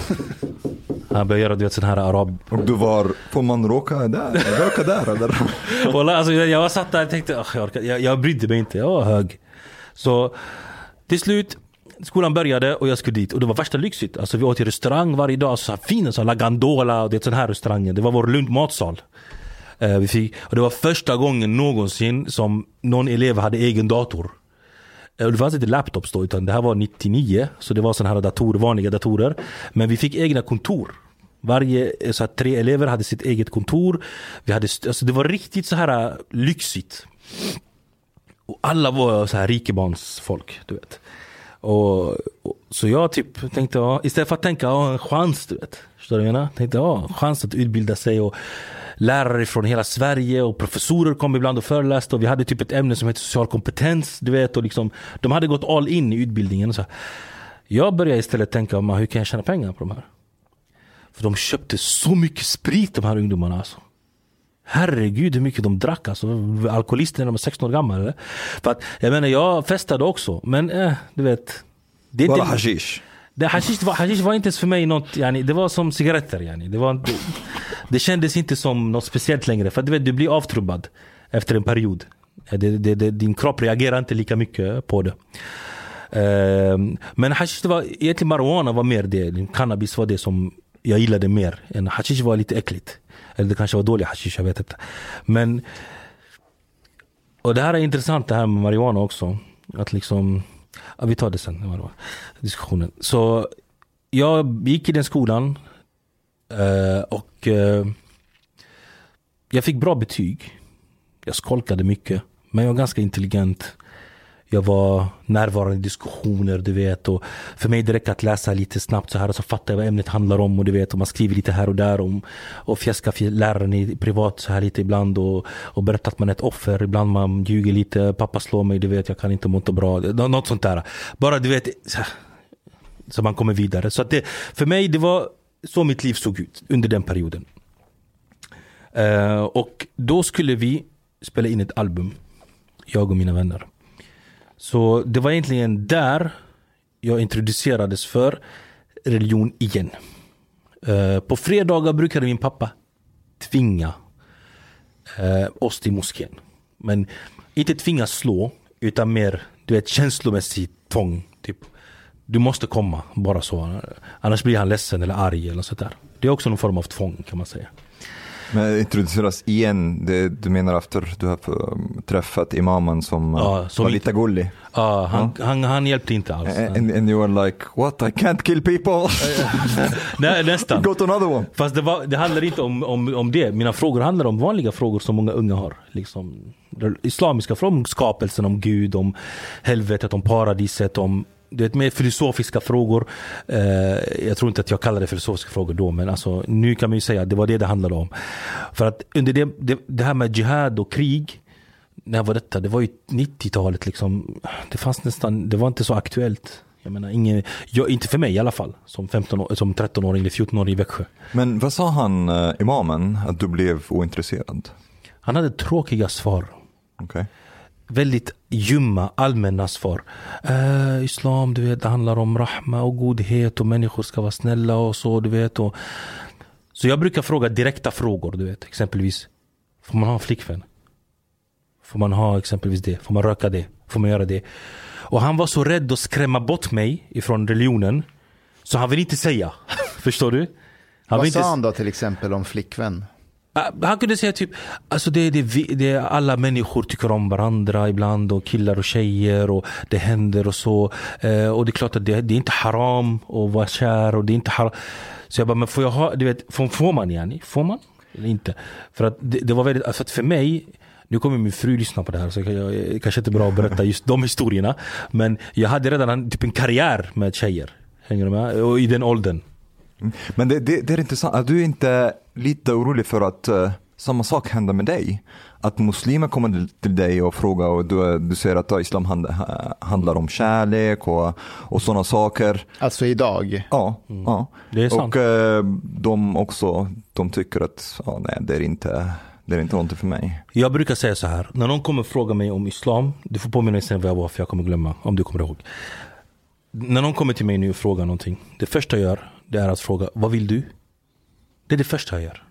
För att för mig handlar det om ditt beslut.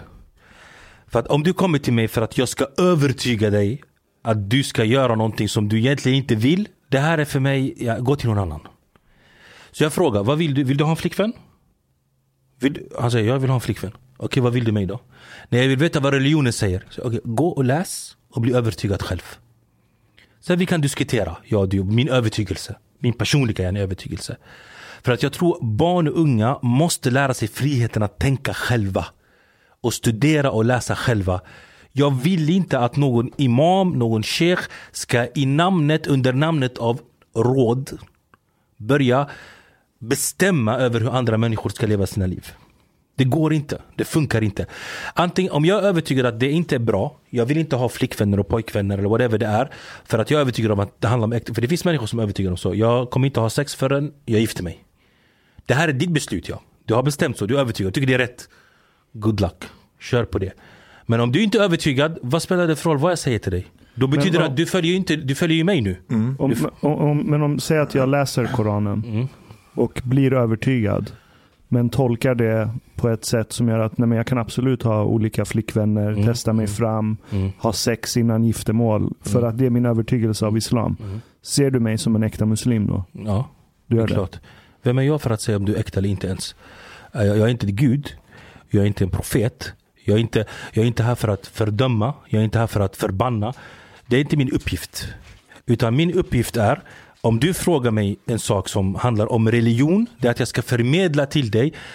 Här är texten, här är verserna. Varsågod och läs. Ja bror, jag gillar inte det här. Chalas, gillar inte.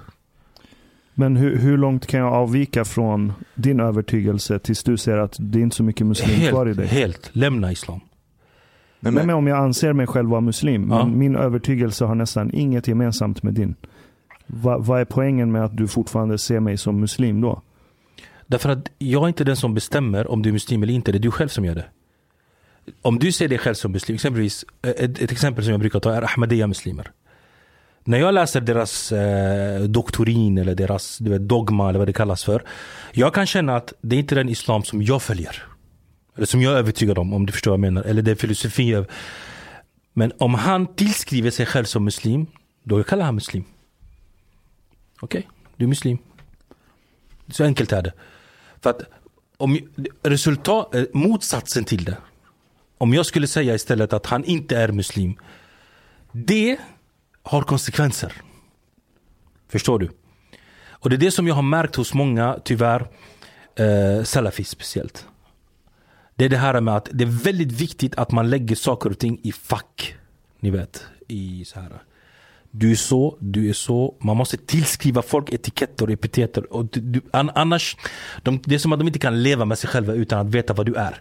Du är guilty until proven innocent. Alltså som Miljöpartiet gör med andra. Jag har ingen aning vad Miljöpartiet gör brorsan, för att vara helt ärlig. Låt oss leka en, en, en, en rollspel. Okay? Jag, jag kommer att säga, hej Anas, jag heter Mustafa och, och Ska jag svara dig som salafi eller som nej men svara mig som, som Anna och säga Ja. så här, du jag, eh, jag är väldigt kär i en, i en, i en annan kille. mm. Eh, vad ska jag göra? Det händer fortfarande, det händer, det händer ofta att jag får sådana frågor från killar och tjejer. Jag fick häromdagen en fråga från en grupp eh, som har flera tusen följare på nätet som ville, ville ha min hjälp. En tjej, muslim, hon är, hon är homosexuell. Jag höll på att säga något, jag är inte så politiskt korrekt så om jag säger något knas, ni får säga till därför att det är sista måltid. Okej. Det är smuts. Okej. Så jag, jag vet inte för att ibland, jag tänkte säga lesb, men jag, det, det kanske inte är passande att säga så längre idag eller?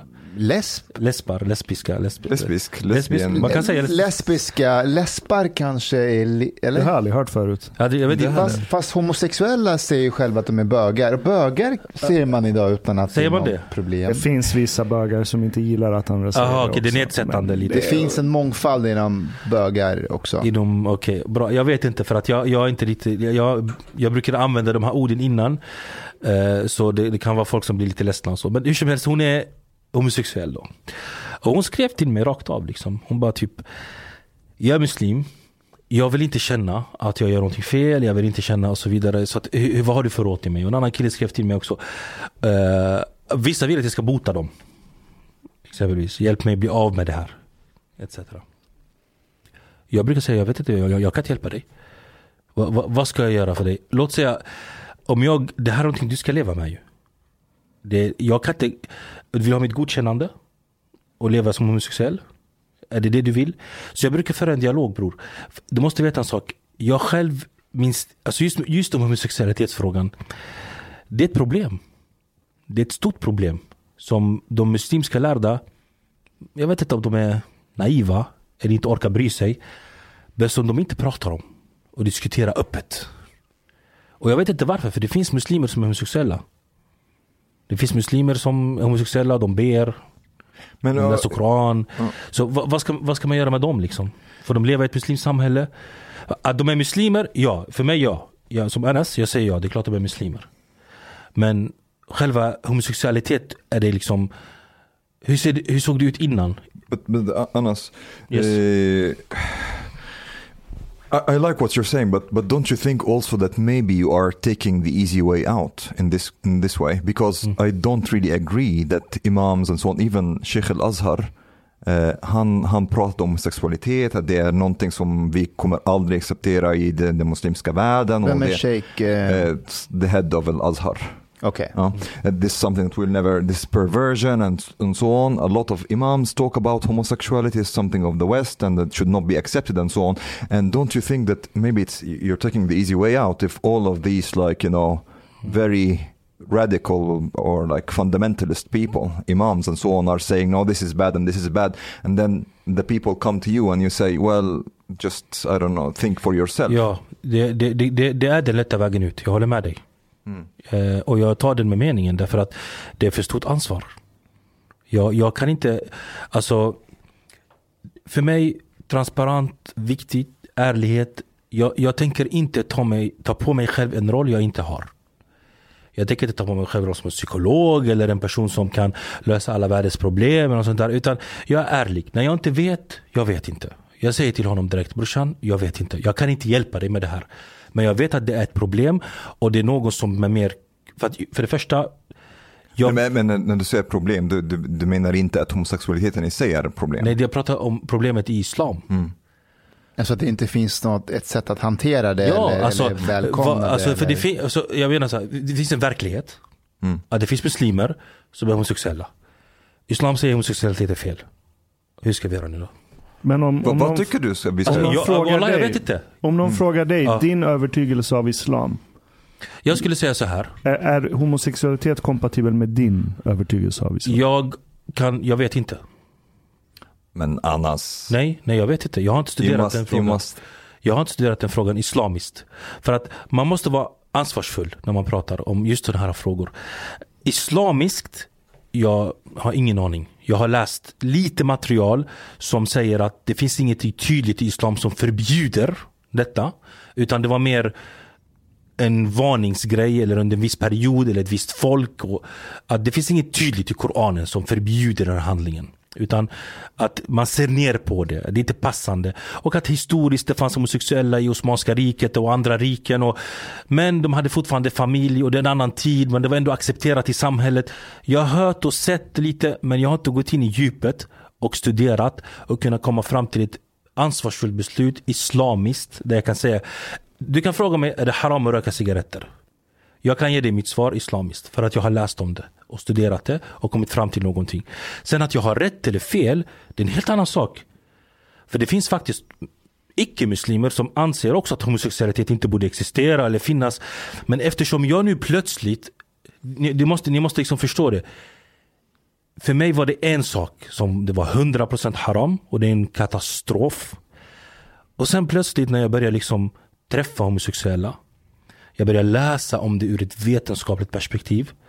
För att det finns också de andra som också, jag ska, jag ska inte dissa folk här, men vetenskapsmän kan, eller kvinnor som säger att man inte kan födas med det. Det är någonting som man... eh, Det är faktiskt 50-50 där. Alltså Ja, det- vetenskapen är inte helt... Ah. nej, nej, men vänta nu. Ve- Vetenskapen kring ja, alltså jag vet homosexualitet inte. Ja, jag, är inte 50-50. fif- inte 50-50. Sjuttio- men- Okej, 70-30 men man är inte riktigt överens om det är, de, man säger att det är både miljö och att man kan Ja, precis, födas med exakt. Det det. Men det det är inte Okej, fastställt. fa- fast kolla, det, du behöver egentligen inte ha en vetenskaplig koherent förklaring till hur mycket som är genetiskt och hur mycket som är miljö. Du tittar på Google-sökningar. Du Mm. har lika stor frekvens av sökningar på Google som avslöjar att du är homosexuell Mm. vart du än kollar i världen. Mm. Så det betyder att det är universellt. Det betyder att det är någonting evolutionen har tagit med sig. Punkt. Okej. Sen, sen om du kanske har vissa gener som gör att du har större sannolikhet att bli homosexuell, men att miljön gör att du ändå inte blir det. För mig är det en parentes. För att det, det är så Det himla... är, det är en naturlig del av Homo sapiens. Punkt. Okej. Som, det, det är min övertygelse Det var bra att du sa. Homo sapiens. För att när du sa Homo sapiens så påminner det mig om, om, om Cha- Charles Darwin och hans, eh, vetenskapliga teorier. Jag var, jag var ju anti-Darwin. Nu börjar jag tro på det ju. Nu, jag är nästan kafir hos de här människorna nu. Om man tror på darwinismen så är man inte muslim. Hos många. är det att du är en... Kättare, avfälling. Okej. Infidel. Inför, Aha, okej. inför, inför, på engelska låter så roligt. Eh, Simpsons har förstört, och de här Family Guy, de har förstört ordet infidel. För att de använder det på sånt sjukt sätt. Hur som helst, det, det är inte längre så här starkt, du vet. Eh, så, eh, just det. Om vi nu säger nu att det finns muslimer som är homosexuella och islam säger att det är haram eller förbjudet eller dåligt eller negativt, eller vad det är för någonting man vill lägga. Där har vi det första problemet. Sen har vi nästa grej. grej. Okej, om nu islam accepterar det här, okej, hur går det till då? För att jag menar, zina är ju fortfarande haram. Är zina för ehm, någonting? Sex Eh, utanför äktenskap. Mm. Eh, otukt som det heter på gullig svenska. Ehm, och så hur blir det då? Ska de, ska de då gifta sig först? De homosexuella. Ska så det är flera led. Hänger du med? Och för mig, jag är, inte, alltså, jag är inte i den nivån att jag ska in i texterna och gräva och hitta. Jag har mycket böcker och jag läser gärna och jag studerar gärna och så vidare. Och det låter som att jag försöker fly frågan. Men det, jag pratar islamiskt. Oh, jag förstår. But, but, but uh, I, I want to say something though. I have to say that I'm a, a little bit surprised that you were like a very, how to say, um, very well informed Salafist preacher. And uh, Salafi preachers usually like they read a lot the Quran, the Hadith, tafsir, um, fiqh um, och så vidare. Eh, och mm, nu ser du att du inte vet. Nej, Du förstår eh, what I, what I want to say. förlåt. There is some contradiction there. För mig. Ja, men det är inte det därför att i de andra islamiska frågorna visste jag inte heller. För att när du är salafi, Mm. det låter som att du, han har läst allt om islam, han borde veta. Men det stämmer inte. Exempelvis, inom salafismen är det strikt förbjudet att noppa ögonbrynen. För tjejer. Killar också såklart, men för tjejer mest. Jag sa alltid till tjejer, haram. Du får inte noppa ögonbrynen. Du blir förbannad av Gud och så vidare. Och sen så upptäckte jag plötsligt att äh, eller rättsskolorna har helt andra ås åsikter i den här frågan. Så jag visste inte det. För att jag läste bara en skola. Hela tiden. Och det var till och med inte tillåtet för mig som salafi att läsa eh, böckerna till Ahlil Bida. Yani. Alltså de som innova- innovatörerna, de som är dåliga, vilseledda. Innovation is usually something considered bad within Ja, like för det finns de, salafism contemporary salafismen, ja, precis, det är jätte, så det är också, en grej som är intressant med muslimer, eller många, inte muslimer, det är för brett ord, för muslimerna är så olika, olika platser och värld. Men det finns exempelvis det här med eh, bid'a, som det heter, eller innovation. Eller påfund, påhitt. Att man får inte hitta på någonting i religionen. Man kan hitta pure. Precis, den ska hållas ren. Och, och varför översätter jag hans engelska för? Folk kan engelska. ja, det är som skada, du vet. Så, det, och, och, men du får hitta på i typ dunja, i det världsliga, du vet. Alltså, det är en fin bil, okej. Du kan hitta på en sån, men du vet, det finns en gräns där också. Om, har något med religion att göra. Så det är mycket sådana här saker. Och sen också, eller aql för naql och sådana saker. Att liksom, skriften går alltid först, innan hjärnan. Innan intellektet. Så om, ty, om typ Koranen säger någonting eller hadith säger någonting, alltså profetens uttalande. Och din hjärna, ah, det här låter lite, förstår du? Ah, skriften först. Trampa på din hjärna. Till och med vissa imamer, salafier, brukar säga till oss så här. Innan du går in i moskén. Alltså det här är helt sjukt. Att de kunde säga så till oss. Som unga killar och tjejer. Innan du går in i moskén, innan du går in i din dyrkan, innan du går in, du vet något som har med islam att göra. Ta din hjärna, khud'a lagda, säga, ta din hjärna och lägg den utanför dörren och trampa på den. Underkastelser. Det här är så emot de traditionella, liksom, Imam Malik själv liksom. Han hade en bok som innehöll 500 ahadith. Bukhari innehåller typ nästan 6000. Bukhari kom långt efter Imam Malik. Så fanns det ingen islam innan Bukhari? Eller? Alltså, förstår du? Alltså för mig är det, de, de, de, de här frågorna, det var det som satte igång den här diskussionen med vad är rätt och vad är fel? Vad är moraliskt? Förlåt, vem var Bukhari? Bukhari är den, eh, eh, Mohammed Ismail Bukhari det är en imam som skrev, eh, eller samlade olika uttalanden från profeten Muhammed i en bok som han kallar för den autentiska boken av hadith. Eh, och Bukhari och Muslim. Ja de precis, de två. De anses vara de mest autentiska böckerna som är samlade i hadith och så vidare. Och de är liksom över, man kan inte kritisera dem. Och du, du, alltså, folk har ju takfir på mig. Alltså, takfir, de har tagit mig ut från islam. I, I was just going to say that. Ah, för att jag, jag kritiserade vissa grejer i Bukhari. Som Men jag är, inte, är inte de böckerna i sig innovation? Som Ja, förbjuder innovation? Ja, det här är som typiskt iranisk, iransk eh, kommentar. För att jag hade... För jag har inte trampat på min hjärna. Den funkar. Ja, No, no, but, but that's the thing. They, they, are not. Uh, I will try to explain a little bit because they are not considered that. They are. These are considered like a preserved record of the things that Muhammad said and done. You Okay. see?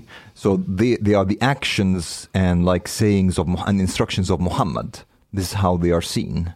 Uh, so they are as far from inno- innovation as it can be. Okej. De är fortfarande pure yani.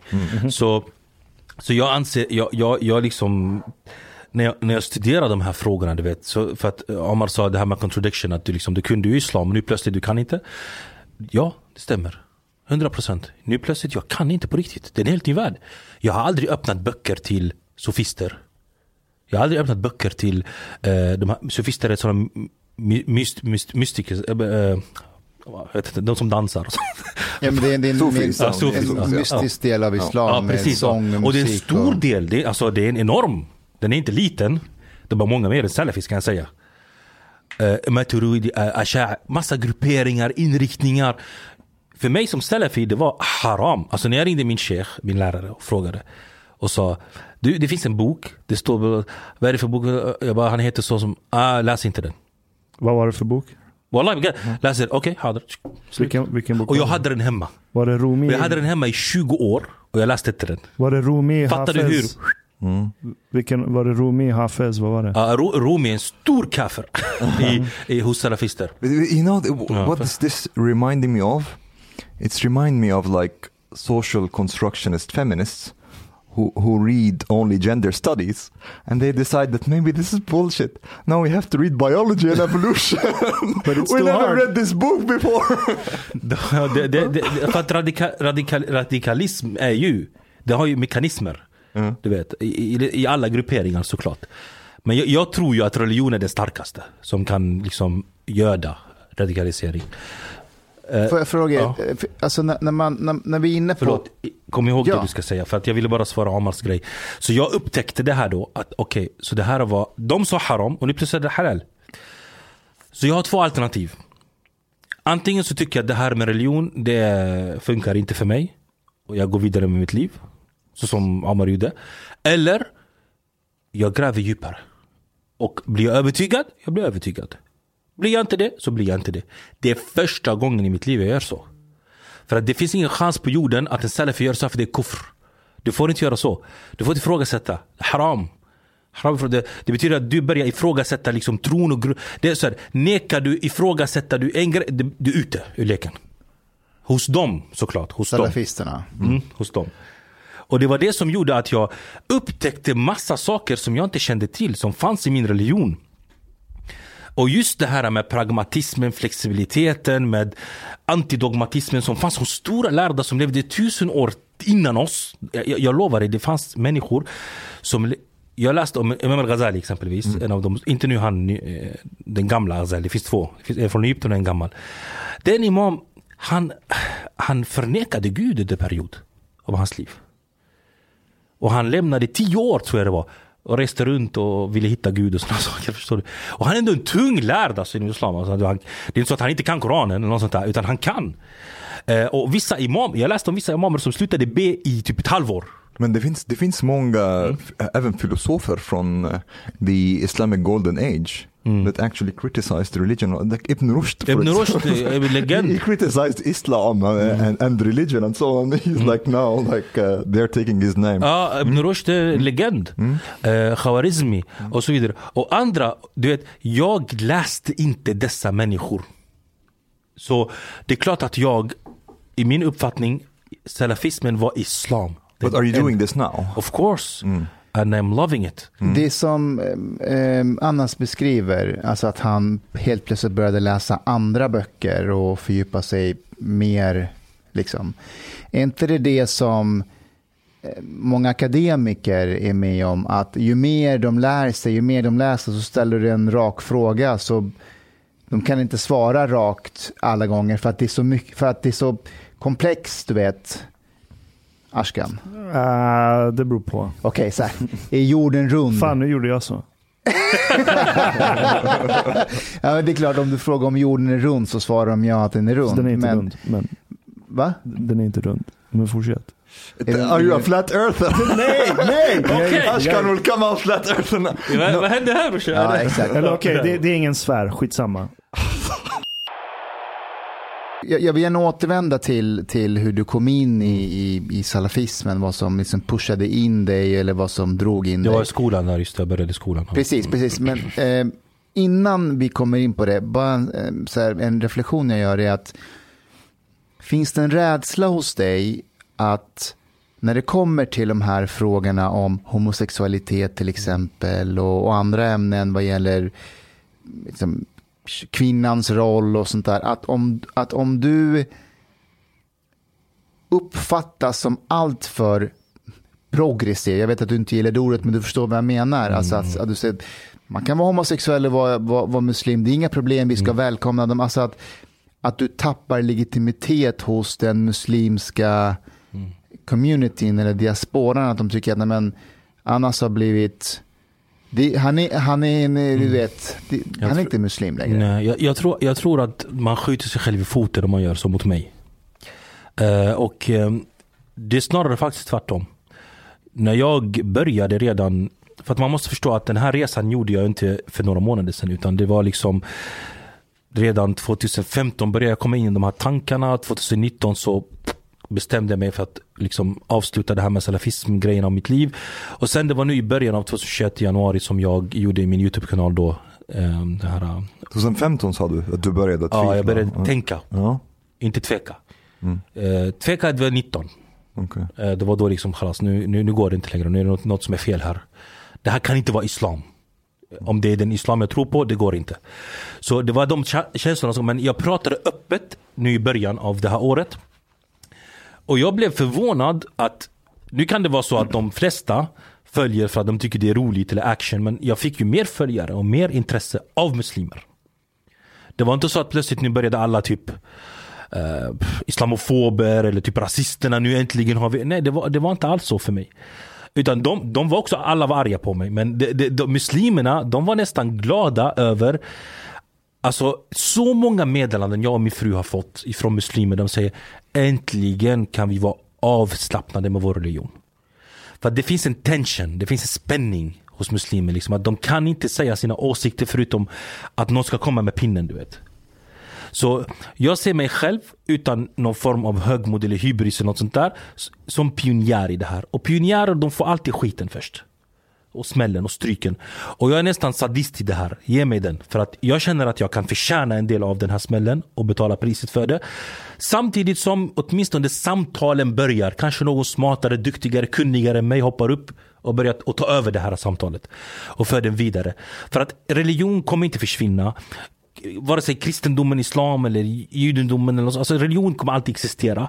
Så vi måste kunna leva i fred tillsammans med det på ett sätt. Och för mig liksom när jag svarar på en fråga, han, jag har ingen agenda att typ jag måste säga nu till sista måltiden här att liksom en homosexuell kan vara muslim för att du vet, det finns många som lyssnar och kommer tro att jag är dum i huvudet om jag säger något här. Jag, har ingen, jag säger min övertygelse, det, har, det gjorde jag innan. Och jag struntar i konsekvenserna. Och jag gör det nu. Och struntar också i konsekvenserna för att vara helt ärlig. De här, de här insikterna du har kommit fram till, alltså jag, jag märker att du har uppenbarligen tänkt igenom dem. Mm. Har du kommit fram till de här insikterna helt själv eller finns det någon eller några som har gjort en liknande resa som du har inspirerats av och läst om och, och, och följt? Jag har ju för jag brukar säga så här, när man känner sig väldigt ensam och liksom har typ inga vänner och mobbad. Så brukar jag säga att liksom, lev in i bokens värld.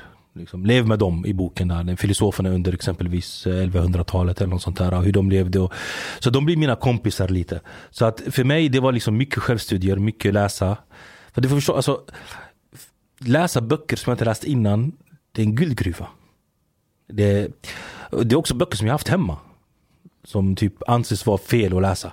Så för mig var det typ bara att öppna och läsa och studera och sen googla olika saker och titta. Och det började så mycket. Och sen, det fanns vissa personer som inspirerade mig.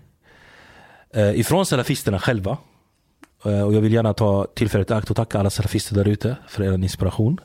För att deras tröghet och icke-befrielse inspirerade mig. För att ibland är det så att Gud i min övertygelse skickar till dig den dåraktigaste av alla människor för att ge dig någon form av visdom. Du vet.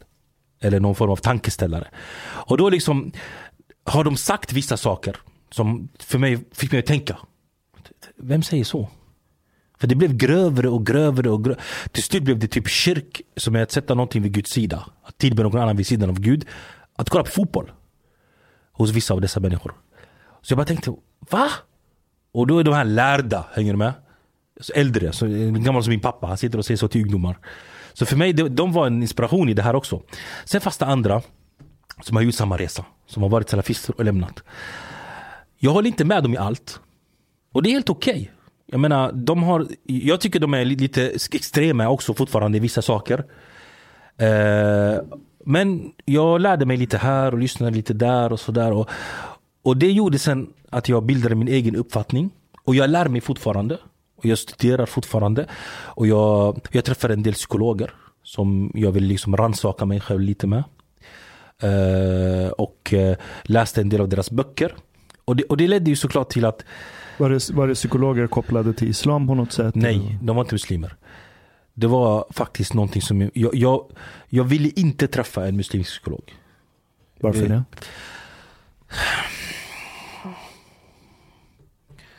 För att vad betyder det att vara muslimsk psykolog? Liksom, vad, vad, kommer religion ha för roll i när han pratar med mig? Det kändes bättre att träffa en som har gjort samma resa på något sätt. För att jag, jag, får jag säga hans namn? Eller? Eh, okay. Eh, Håkan Järvö heter han. Han är författare och psykolog. Och han var med i scientologerna själv i 15 år och något sånt där och lämnade. Det är inte exakt samma sak men vet, det finns väldigt mycket likheter med liksom, radikalisering och sådär. Så jag fick träffa honom, jag har fortfarande kontakt med honom, vi pratar då och då och så vidare. Och, så att jag, jag, jag liksom kände att det var liksom perfekt för mig att eh, prata med honom. Och jag vill inte ha en en religiös debatt, debatt med, en- med en psykolog. Jag, vet, men jag har rökt på igen, förlåt.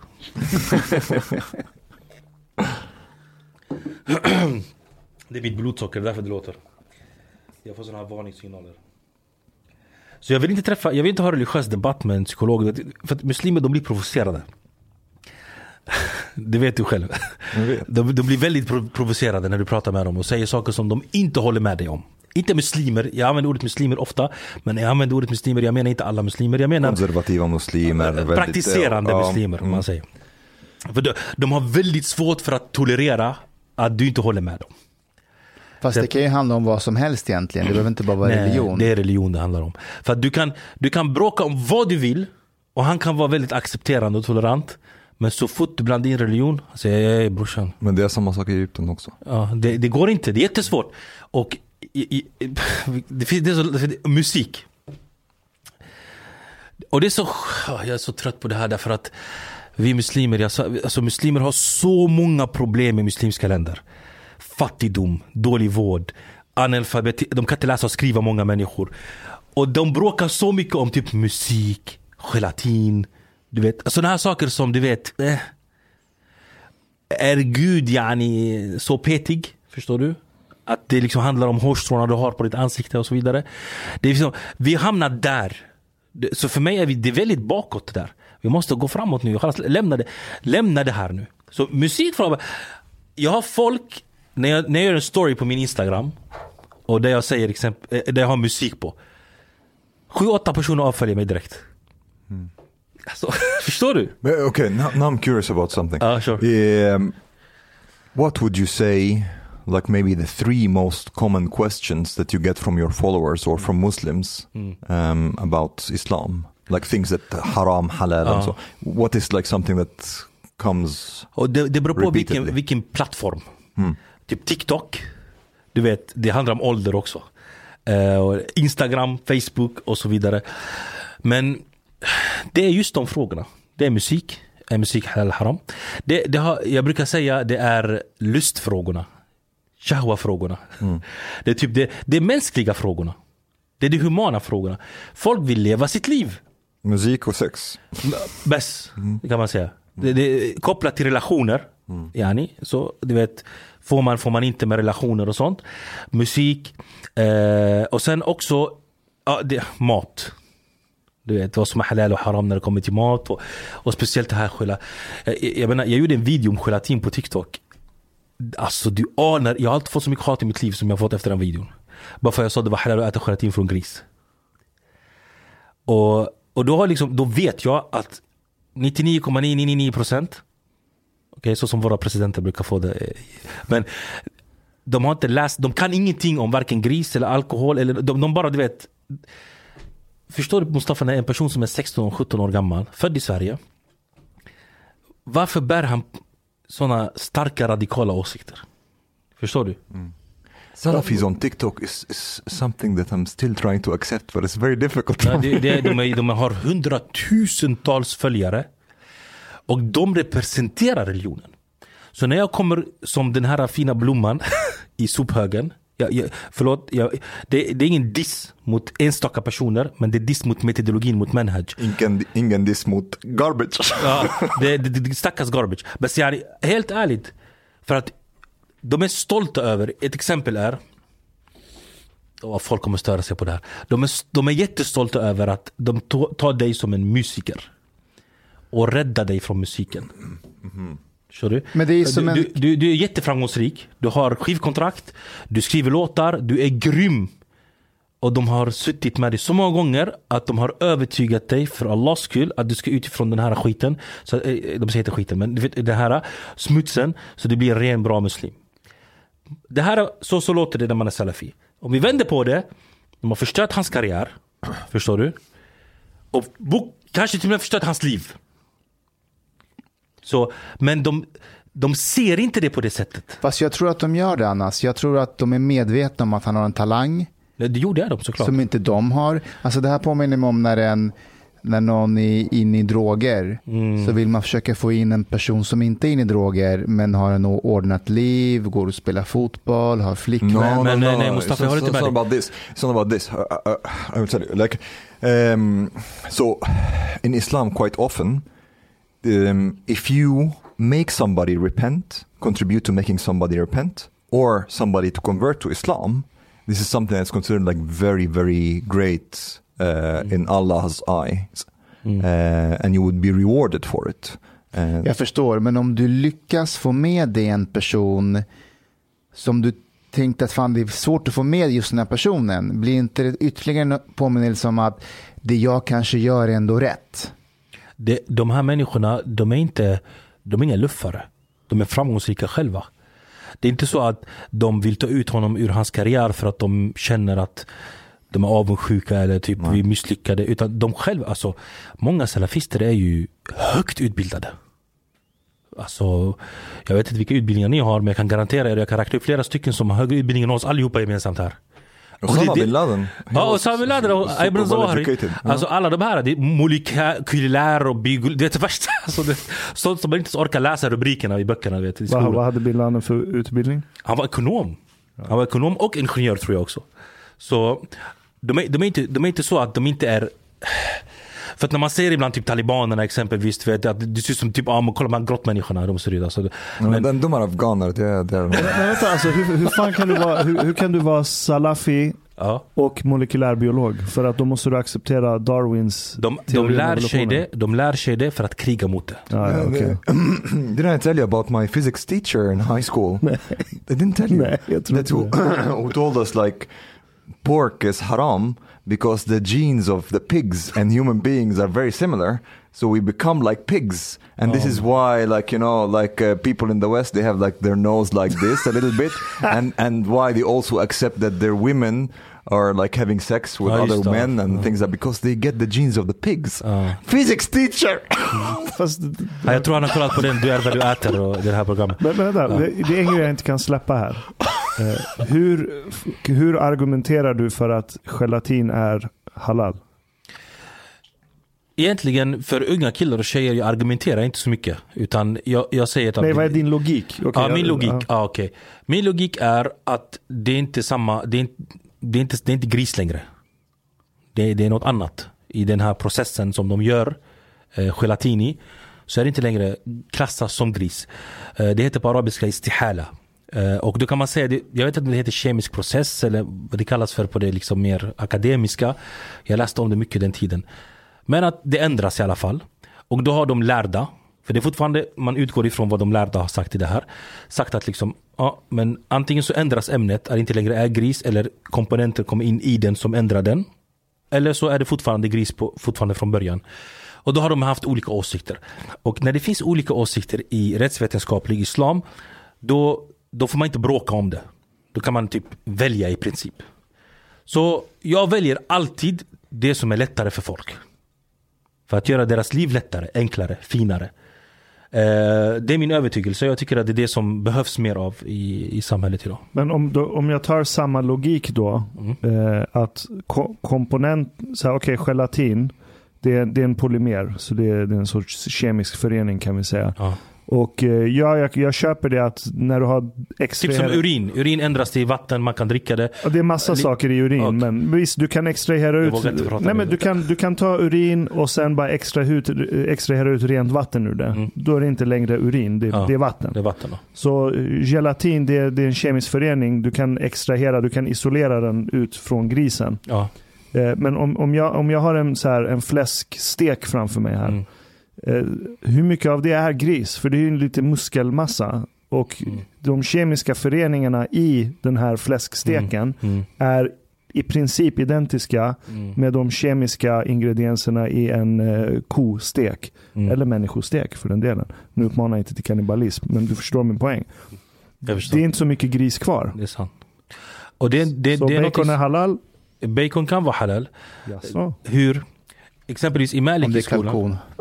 nej, nej, nej, det räknas inte. Kalkon Nej men inte alltså det är intressant, intressant det här med gris för att det är någonting som många eh, svenskar brukar fråga. Varför äter inte gris och sådär.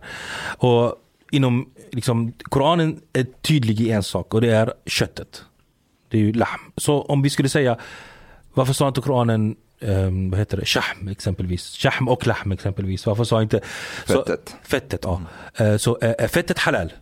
Exempelvis. Är, något, alltså är det bara köttet?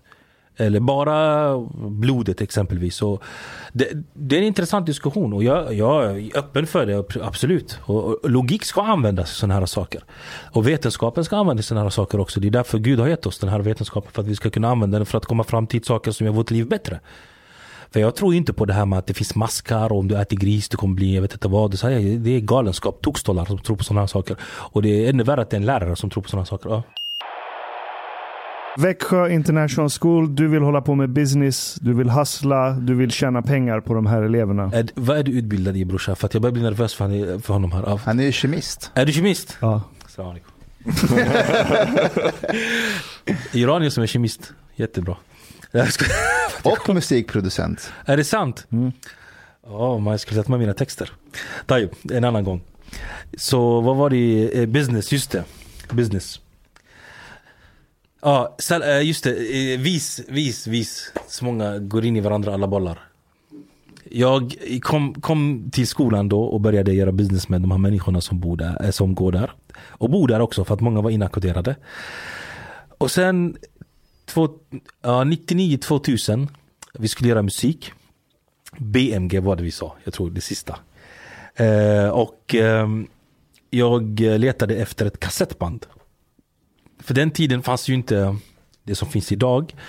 Det fanns något som heter minidiskar tror jag. MD. ja, just det. Ja, du kommer ihåg de här? Ja, Ja, ja. Eh, det var typ, då, då är man grym om man hade det. Så ehm, jag, jag letade efter kassettband. Så jag gick hem. eh, och tittade i skåpet där alla kassettband var. Och då var det ett kassettband där som det fanns en eh, arabisk text på. Eh, och typ en person som, inte en person, någon ritad figur som har händerna uppe så här som att han ger upp. Eh, och bakom honom, eller bakom hen, it, för jag vet inte om det var en kvinna eller man, var det en moské. Som var så här jättefina färger och grönska. Och den andra var så här, eh, platsen var typ eld, typ, som brann. Och han typ var så här mellan de två. Eh, jag kunde inte läsa så bra vad det stod på arabiska så jag frågade min mamma vad det här är för någonting. Och då sa hon till mig, eh, det här är en föreläsning. Det här är en ders, sa hon. En föreläsning. Så jag, jag frågade henne vad är det för någonting. Typ. För jag vet att det finns yani, khutba, alltså det är fredagsbön, predikan. Men jag har inte hört ordet ders innan, föreläsning. Jag visste inte att man föreläste om islam, för att vara helt ärlig. Intressant nog att jag blev föreläsare sen. Men jag hade ingen aning att folk satt och lyssnade på en person som pratade om islam.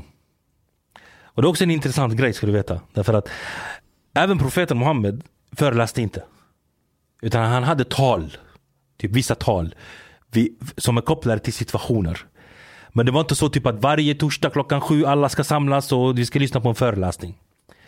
Utan islam den tiden var inte på det sättet.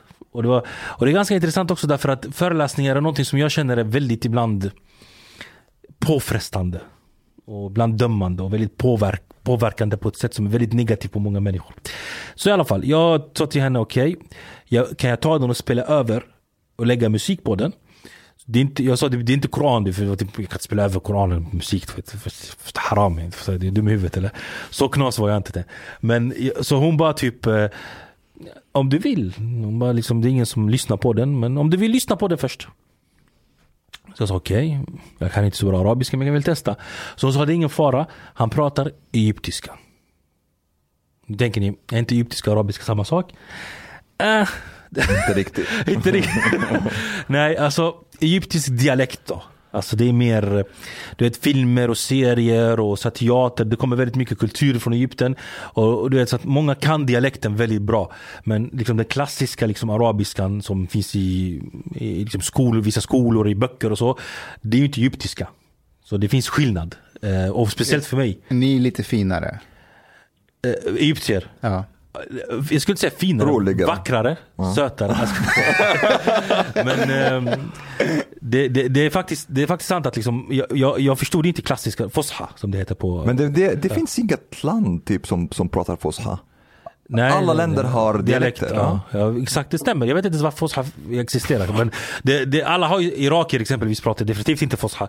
Eh, jemeniter, de pratar inte det. Eller så. Men jag lyssnade i alla fall på den. Jag satte på eh, i mitt rum, jag hade så här massa planscher och det var liksom Haram.se, det rummet. Alltså det var fullt med kaos där inne. Jag- hade whisky, vodka, gömt. Jag, jag, jag gjorde så här eh, ihåliga ställen i rummet. Och, och jag hade typ åtta högtalare tror jag. Som jag hade hängt upp så här. Jag hade Kobe Bryant också. Nu dog han. Men eh, jag blev lite färgledsen när han dog, Kobe Bryant.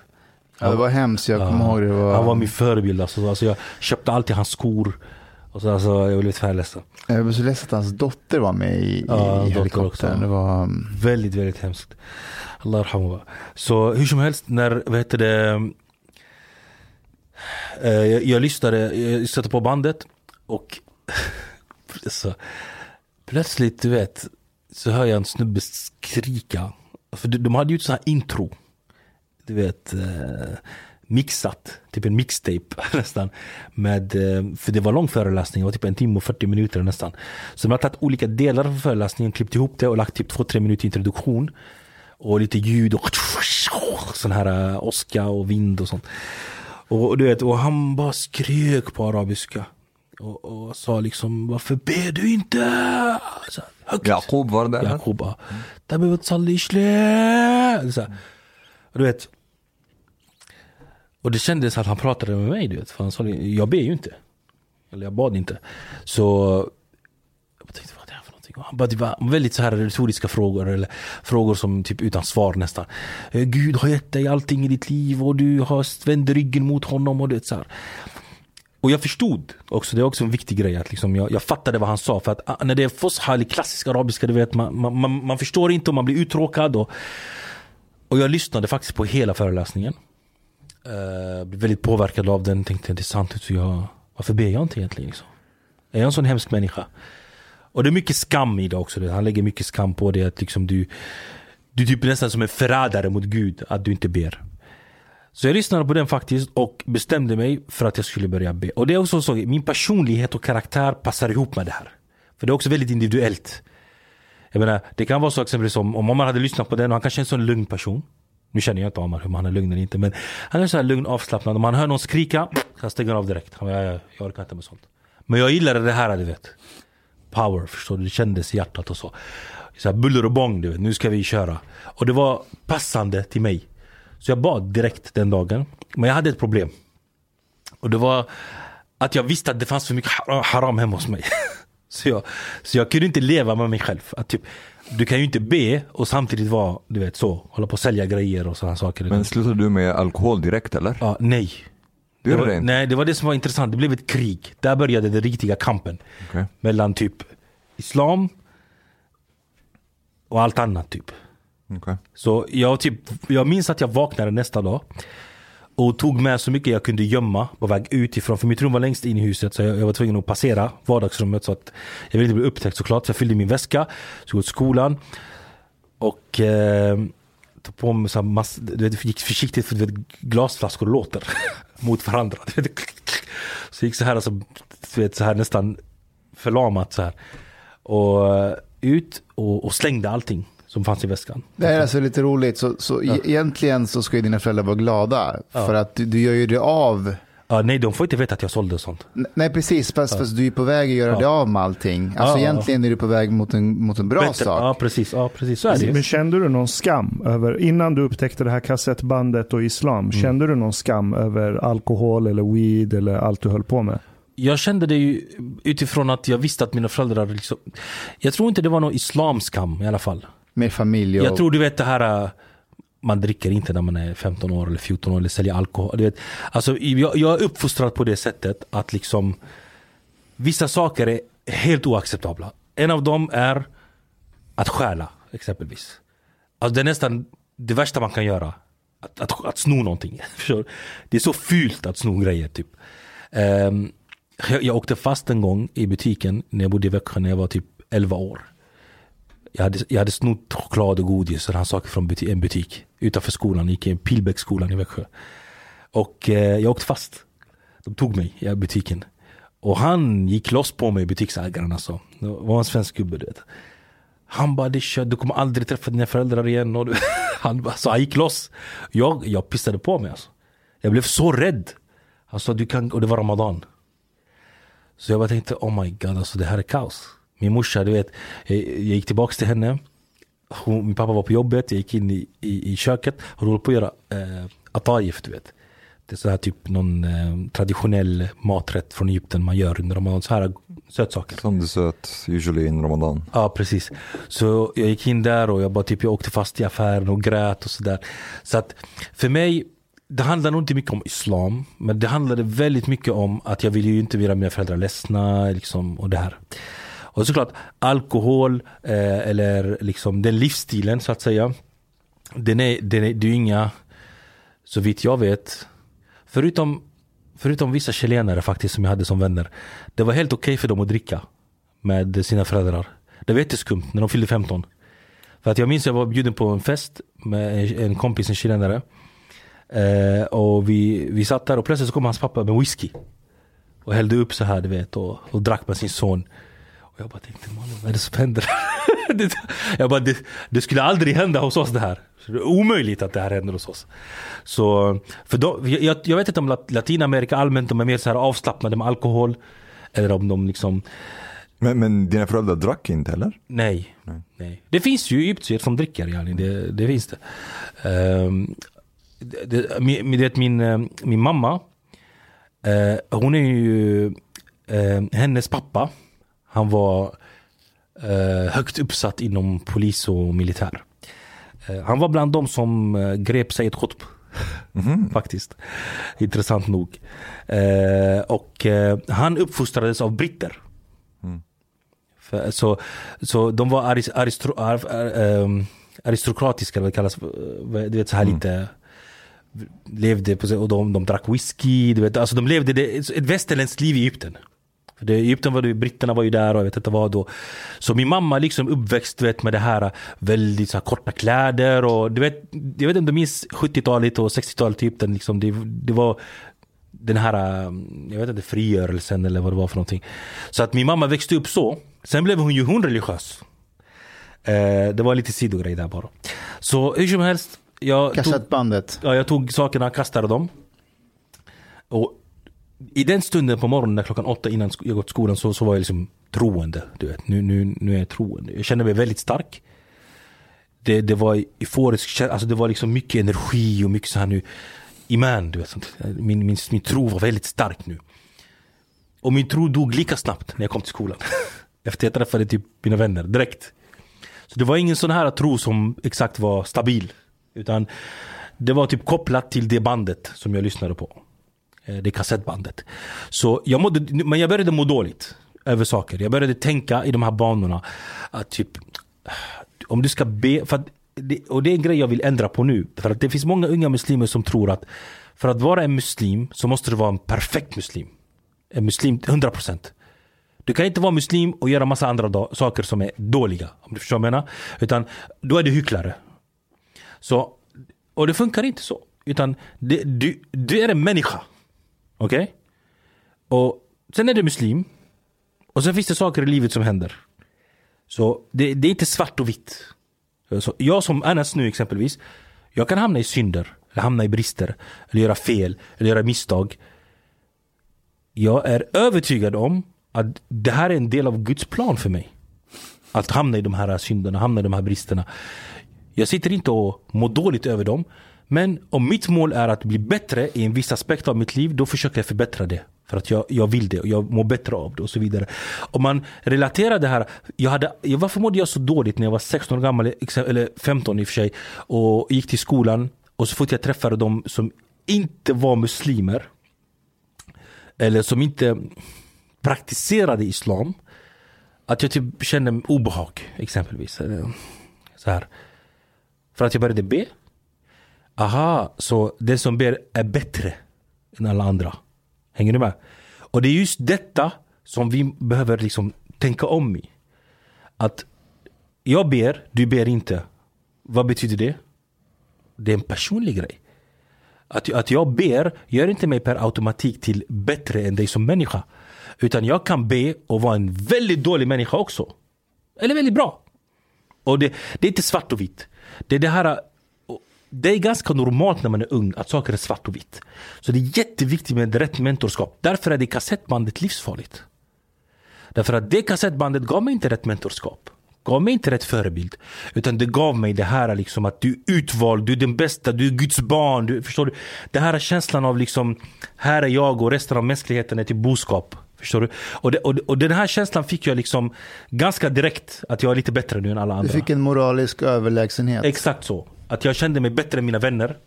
Mina vänner är syndare, du vet. De är, ni är så. Men jag, jag hade ju inte kunskap, så jag kunde inte bråka med dem om det. Eller använda min islamiska teologi till att, du vet så här. Så jag bara gick till skolan. Så istället för att, hade jag haft kunskap hade jag tjafsat direkt. Men istället så, vad, vad gjorde jag då? Jag gick tillbaka till det gamla igen. För att jag, jag var inte tillräckligt stark för att bekämpa alla frestelser där ute i samhället. Så jag gick tillbaka till knasiga igen. Så jag började, så det var typ, det här pågick i några månader. Eh, fram och tillbaka. Och varje gång jag ville be så var jag tvungen att lyssna på den här föreläsningen. För att få styrka. Samma föreläsning. Ja, samma. För att få den här styrkan och känslan. Tills, till sommaren tror jag, jag då, nitt- nyår, 99. Jag vet inte hur, vad ni är för åldersgrupper här men... eh, 86 86 okej. Du är 80 någonting? 85 85 Samma här. Okej, så, så jag är äldst här. Det är ju 83. 83 ja. Just det. Men ni kommer ju säkert ihåg liksom 99-2000. Det var liksom, nyårsfesterna var speciella. Du vet. Alltså det, var, 2000, du vet, millennium, du vet, hänger du med? Alltså det var, vi, vissa gick ju runt och trodde att du vet, saker skulle hända och världen Alla datorer skulle krascha. och- Man ville nästan att de skulle, du vet, kom igen nu, nå lite action, du vet. Ibland är det tråkigt i Sverige, du vet, någonting måste hända. Men så jag hade planerat jättelänge och jag var sån du vet, jag, så jag tyckte om du vet, verkligen det här med festa och sånt. Så jag hade planerat den här festen hur lång tid som helst, vi hade fixat lägenhet och det, 99 var man 14-15 så man var ändå ganska ung. Och vi hade liksom, allt var planerat. Men just då fick jag, hade jag min, min religiösa kompis hemma hos mig. jag själv alltså. För jag var två personligheter. Du vet. Jag hade, man brukar säga på arabiska, akhut tayyib. Och du vet det här, den snälla brodern och den onda brodern. Typ de här två som sitter här på axlarna. Så det, just under den dagen, nyårsafton, så kände jag så här, nej. Haram. Jag ska inte göra dumheter. Men två veckor innan det, det finns något i Växjö som heter Stadsscen. Jag vet inte vad det heter nu, men det hette då Stadsscen. Stadsscen var att kommunen där anordnade olika scener i hela stan. Och så fick alla olika, du vet, eh, musikgrupper uppträda. Och så kunde du vet, folk titta och röra sig runt. Så hiphop-scenen var ju väldigt populär. Och det var svårt att få liksom en tid på den scenen. Antingen fick man en sån här tid och då var det pensionärer som var ute och kollade. Du vet, fyra stycken pensionärer stod och kollade på det. Och alla stod yo, yo, yo, yo. Och man stod så alla pensionärer och kollade typ så här på det. Det var så kaos. Och då var man liksom inte alls populär. Eller så fick man den tiden klockan 11, 12. Folk har druckit lite. Du vet, det är lite så känsla i det. Och då var det action liksom. Så jag vaknade den dagen och vi var inbjudna och vi skulle rappa. Jag och eh, den här melodisnubben och eh, en annan rappare. Och vi hade en låt som heter Nu har timmen kommit. Heter den. På svenska. Och du vet att hiphop på svenska det var liksom ganska nytt ändå under den här perioden. Eh, och vi var ganska duktiga. Och jag hade jobbat hårt på den texten. Och vi hade liksom övat jättemycket. Du vet, hemma hos eh, mig, hemma hos honom och sådär. Såg fram emot det. Och min bästa vän och jag, vi liksom bestämde att uh, vi skulle gå dit tillsammans. Och just den morgonen så fick jag min religiösa, du vet, flipp. och du vet, mina kompisar började tröttna på mig. För att en dag jag vill gå ut med dem. En annan dag säger nej, det här, jag måste ändra mitt liv, det går inte att leva så, du vet så. Så till slut såklart, du vet, det blev sån här när man ropar på hjälp, håller på att drunkna. Alltså de litar inte på mig längre. Jag, jag vill inte nu, du vet, ah, okej, okej, vi ses imorgon och så. Det kommer ändå festa sen. Så jag, men den här gången jag tänkte nej, nu ska jag inte gå. Så jag gick till min kompis, och han är också muslim, somalier. Och jag sa till honom, eh, han, han, han, dog som ISIS-soldat i Isis, eh, den här killen sen. Oj. Ja. Jag växte upp med tre stycken som dog där. I Växjö. Shit. Det här, visste, det här vet inte folk om. Jag har inte berättat öppet än. Men hur som helst. Jag sa till honom, lyssna. Eh, vi går till moskén. Vi sover i moskén. Då kan vi inte gå till festen såklart. Vi sover i moskén. Liksom, vi är där. Där ja, det Gud finns, förstår du? Det, vi går till moskén, det är som ett skydd. Så vi gick dit klockan typ sju, vi tog med oss lite fika, vi sa till den här snälla gulliga imamen att vi ska vara där. Han blev jätteglad, han bara det är klart, är ni välkomna och så här. Um, det är som taxichauffören som hämtade hit mig, han känner dig. Han känner... Dig, taxichauffören som hämtade hit mig. Okej. Han sa Haji Mustafa och Mustafa och Mustafa, han pratade om det som värsta. Haji Ja, Mustafa. wallah, han sa Haji Mustafa, jag vet inte varför han sa Vad det. fan händer med den här snubben? alltså? Mustafa och. Jag sa, han sa så. Och så jag bara, kände du Mustafa? Han bara, ja, Haji Mustafa, Jad, Mustafa, Jad. Jag bara, okej brorsan. Det- Någon, jag tror han är afghan. Men så fort jag, jag, jag gick ut från hot- hotellet så, så kom han bara Salamu alaikum rahmatullah. Jag bara tänkte, vem är det här? jag trodde han kände igen mig, men det var genom dig då. Jag beställde taxi i mitt namn. Ah, okej, okej. Mm.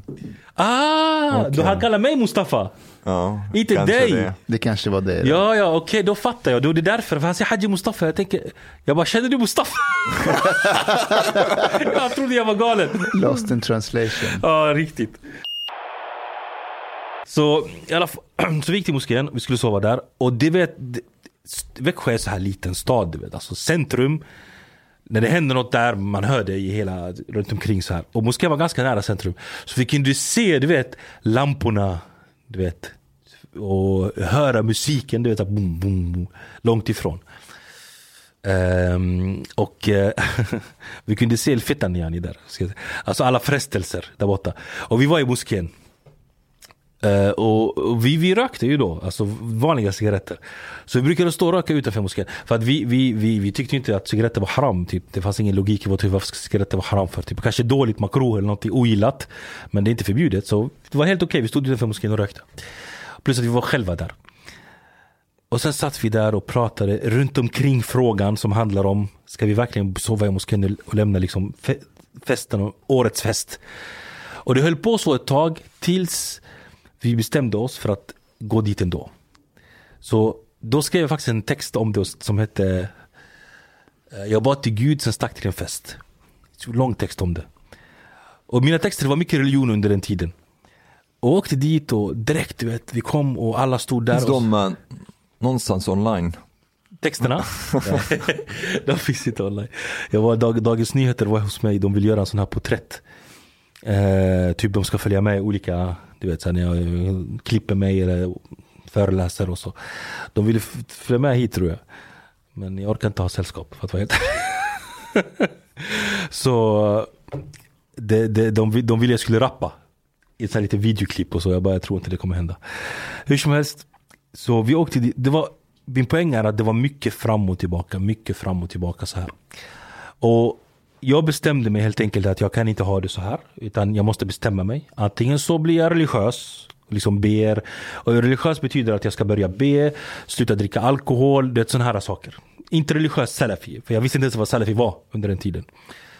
Och då sa jag till eh, min mamma att eh, den här personen som föreläser i kassettbandet Var finns han liksom? Kan man fråga honom frågor exempelvis och så? Och det är ofta så det börjar så de som lyssnar vet hur radikalisering går till. en ung kille, ung tjej har en fråga. Någon, de måste fråga någon. Och unga killar och tjejer, de slutar inte fråga. De är på. Tills de får svar. Och även om de får svar från dig, han kanske frågar dig och dig. han håller på. Vissa är väldigt, du vet, så här på. Så för mig började det så också. Jag ville bara träffa den här personen som har, och det är inte konstigt, att liksom träffa den som har inspirerat dig till att be, till att bli en bra människa, sluta dricka alkohol och sådär. Jag som bara typ, hon var väldigt förvånad. Jag minns att min mamma nästan fick en tår i ögat. Typ att du så här shaitan typ. Ska du, du träffa en imam? Alltså, du, hon visste ju att jag inte alls var en bra kille på det sättet. Alltså att jag gjorde dåliga saker. Men hon blev glad. Hon blev glad. Eh, och vi försökte få tag i honom. Det var extremt svårt. Eh, jag tror han var gift med fyra kvinnor och vi fick tag i den tredje fruns, hans svärmor, Någonstans här långt. Och till slut så var vi på telefon med honom och han eh, min mamma berättade för honom typ att det finns eh, många unga killar här som är helt vilse, de gör kriminella saker. Det var mycket, mycket om, det handlade väldigt mycket om att liksom få bort dem ifrån det här dåliga då. Och då sa han att, uh, var bor ni? Då sa vi Sverige och han bara typ Sverige? Han, uh, what? Vad, vad är det för något? Typ? Vad, vad ligger det för någonstans? Och vi hamnade i en diskussion om att jag skulle gå till honom istället. Och träffa honom. Men då sa han att just den sommaren skulle han resa bort. Och han kommer tillbaks i slutet av sommaren. Men om du vill så kan du skicka Anas till mig där jag är. Så kan jag ta med honom till Egypten. Och vad skulle han? Han skulle till USA. På en konferens, någon Salafi-konferens i USA. Det här var 99 typ. Eh, så... Ja, USA? Jag bara vilken stad? Så hon sa New York. Alltså brorsan, alltså, jag, jag glömde islam och halal och haram. Och alltså, jag, jag, jag började planera att fly hemifrån och sånt. Alltså, jag tänkte jag ska till USA, jag kommer inte komma tillbaka till Sverige. Du vet, USA, New York, det är möjligheternas land det här. Förstår du vad jag menar? Det är där du kan bli någonting i din karriär. Och jag började tänka på NBA, du vet jag spelade ju basket. Och typ 1,75 NBA. Så jag började tänka på NBA och tänka på musiken. Och jag kommer ihåg jag lyssnade mycket eh, på, på, jag vet inte om ni känner till dem, Dog Pound. Den tiden. Eh, Dog Pound är en hiphopgrupp som de har med Snoop Dogg att göra. De, de hade en låt som heter New York, New York. Eh, och det, det, liksom för mig det var typ oh, så jag bara, ja jag vill gå till USA. Jag, jag, jag ska träffa imamen där, absolut. Vi försökte, vi hade inte upp eh, medborgarskap än. Så eh, det blev problem med visumet och sådär så att vi, vi, jag kunde inte resa. Men jag minns att jag ringde mina kompisar och berättade för dem att jag ska till USA. Och jag sa ni alla kan typ dra, jag, jag kommer göra karriär, ni kommer jaga mig och så hade Lite skämtsamt. Så det blev inte av. Och då sa han, okej okay, men då kan han ju komma i slutet av sommaren. Eh, ni ska ändå till Egypten för att varje sommar så brukade vi typ besöka familjerna där och släkten och sånt. Så visst, vi, eh, vi kan göra det. Det som är intressant är att jag försökte redan en gång tidigare bli religiös i Egypten. Jag försökte en gång. Från hela mitt hjärta. Men det gick inte. Jag åkte till Egypten. Mm, jag hade två systrar då. Och, och när vi åkte ner till, och en lillebror, som var fortfarande bebis typ. Så vi åkte ner till Egypten. gick till mina kusiner, du vet. Och så här. Och så moské, koran, lära mig islam och så. De skrattade åt mig. De sa vilken, vad, vad snackar du om? Han bara, du, du är från Sverige, alltså, vad, vad ska du med typ religion till? Lite så. Så det här var typ 98, 99. Och du vet, då bodde vi typ, vi bodde alltid så här i de här Marina, Casablanca och de här, vad heter de? Compounds typ som är så här sommar. Så det är som att vara i Sverige lite, förstår du vad jag menar? De, det, det, det, är som här, det finns, det finns alkohol, det finns disco, det, finns, alltså det, det, det är inte så att för mig, jag ville liksom gå till moskén, uppleva liksom det här religiösa i Egypten. Liksom. Men det blev aldrig av. Så jag var väldigt besviken att jag skulle åka till Egypten. Du, du, vill, du vill hitta religion i Marina? Ah, Marina, Marina är um, North Coast Resort. It's like a lot of partying, drinking, that, like, it's like as far away from Egyptian culture as it is. Men vad, vad var det som fick dig att känna den här första gången som du berättade om, att du åkte ner. Ja. För, för andra gången där du hittade kassettbandet så mm. sa du att det var inte mycket skam över alkohol och sånt. Det var mm. mest att du ville visa dina föräldrar mm. att du är en bra kille. Ja. Va, vad var det som fick dig att söka dig till religion den första gången? När du var där nere? Det var frågor jag hade. Undringar jag hade. Jag var intresserad, jag ville lära mig mer. Jag hade träffat den här imamen i Sverige som inte hjälpte mig så mycket. Jag tänkte att jag borde väl få svar i Egypten åtminstone. Där liksom, finns det människor som antagligen har kunskap om islam. Men jag var bara i de här platserna. Du vet, vi var ju där på semester. Så eh, det, det, gick, alltså jag gick in i moskén i Marina.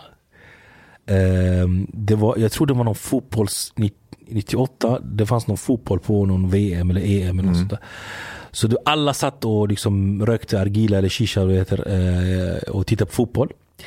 Och jag var där, de, de flesta var poliser som jag kände, min pappas kompisar och så. Min moster var också gift med en polis. Eh, så det var så tråkigt för mig. Du vet. De satt och rökte och tittade på fotboll. Och jag ville liksom gå till moskén, du vet. för jag hör ju böneutrop. Det fanns typ en moské där någonstans. Och du vet, det är många kändisar som går dit skådespelare, sångare och sådär. Så jag lämnade dem och gick till moskén för att be morgonbönen. För det var, liksom, det var fortfarande liv, du vet hur det är, folk sover inte. Så jag går in och moskén, det var som en spökstad. Alltså det var helt mörkt. Inga lampor på, helt tom. Du vet, inga människor där. Och så hade jag med mig då en av mina släktingar. Så jag sa kom, gå in och be med mig. Så han bara, han ville inte. Jag märkte det på han och jag försökte typ, varför vill du inte be? Alltså, vad, vad är problemet om man ber? Jag fattar inte liksom. Och då sa han, ja, jag har eh, korta kläder. Eller shorts. Och ni kan inte be med shorts och så. Så jag bara, okej, okay, ta på dig en handduk då om du liksom. Han bara, gå in du, jag, jag ska be hemma sen. Så jag bara, okej. Okay. Jag gick in. Personen, imamen, jag tror han var imam och bönutropare. Jag tror han gjorde allt. När han såg mig, han sprang och kramade mig. Jag svär, han bara... För att så chockad var han över att någon gick in i moskén. Yani. Det är som när jag går in på solarium. på sommaren. Förlåt, fortsätt. Jag för. Så jag tänkte, det var bara jag och han. Vi var tillsammans, och du vet, och sen var det det. det Men det förstår var... ni kontexten? Varför är det konstigt? Eller inte? Att någon går till moskén? Ja, där. Varför är det konstigt? För att folk är inte praktiserande på samma sätt, eller? This place, Marina, is like it's like a party resort where people go and like you know it's mostly like more upper class people they go and party drink things like that so it's considered like a place of decadence Mm. Uh, it's not it's not reflective of Egypt at all. Mm. So that someone would, would go would be there and would go would choose to go to a mosque. That's like very La- strange. och- So there's och- like one imam, Ah. just like there. It's like, Och inte bara det också, och, och morgonbön, men i fajr också. Fajr, alltså morgonbönen är ett svår bön. Inte många går och ber den, ens alltså i vanliga ställen. För alla är bakis. Ja, det det är inte där. Men i vanliga Egypten så att säga. För det här är ju inte Egypten. Man kan inte säga att Marina är Egypten. Alltså det, det är det ju inte. Men jag menar, och, och plus att jag var ung. Liksom ung, fajr, alltså morgonbön. Alltså du vet för honom, han blev nästan galen. Uh, och han sa kom igen. Och så. jag tyckte synd om honom. Det. det var en gammal man så här, han bara satt där själv. Och visst, jag tror nog de har mos- moskén mer symboliskt där. Att det finns det ändå ett muslimskt land så att säga. De, de hade kyrka också, men jag tror den var lika tom den med and I'm imagining like you going there and he's like, "What are you doing here?" And you're like, "What are you doing?" Exakt alltså. jag, jag frågade också, jag bara, var är alla människor? Så han, han typ sa, typ, typ ah, Gud vägleder folk och så, något sånt där. Så jag, jag, det här var den bilden jag fick med mig från Egypten gällande muslimer och islam, att, liksom, att de bryr sig inte. Det, det var fel bild, för det finns de som bryr sig, men det var ändå den bilden jag fick. Så när jag kom tillbaka till Sverige, då liksom bestämde jag mig då, året efter att träffa den här imamen. Så vi åkte ju ner till Egypten sen eh, och träffade honom. Och han, eh, alltså... åh, den här upplevelsen, den är alltid lika jobbig att berätta. För att det, det var ju där på riktigt allting ändrades liksom. Och du kallar ju honom för salafisternas Justin Bieber. Ja, han är ju... Vad heter han nu igen? Han heter Mohammed Hussein Yaqub. Och han är ju... Under den tiden, han hade precis släppt ett album. Om vi ska använda Justin Biebers språk. Ett kassettband. För det, det var liksom...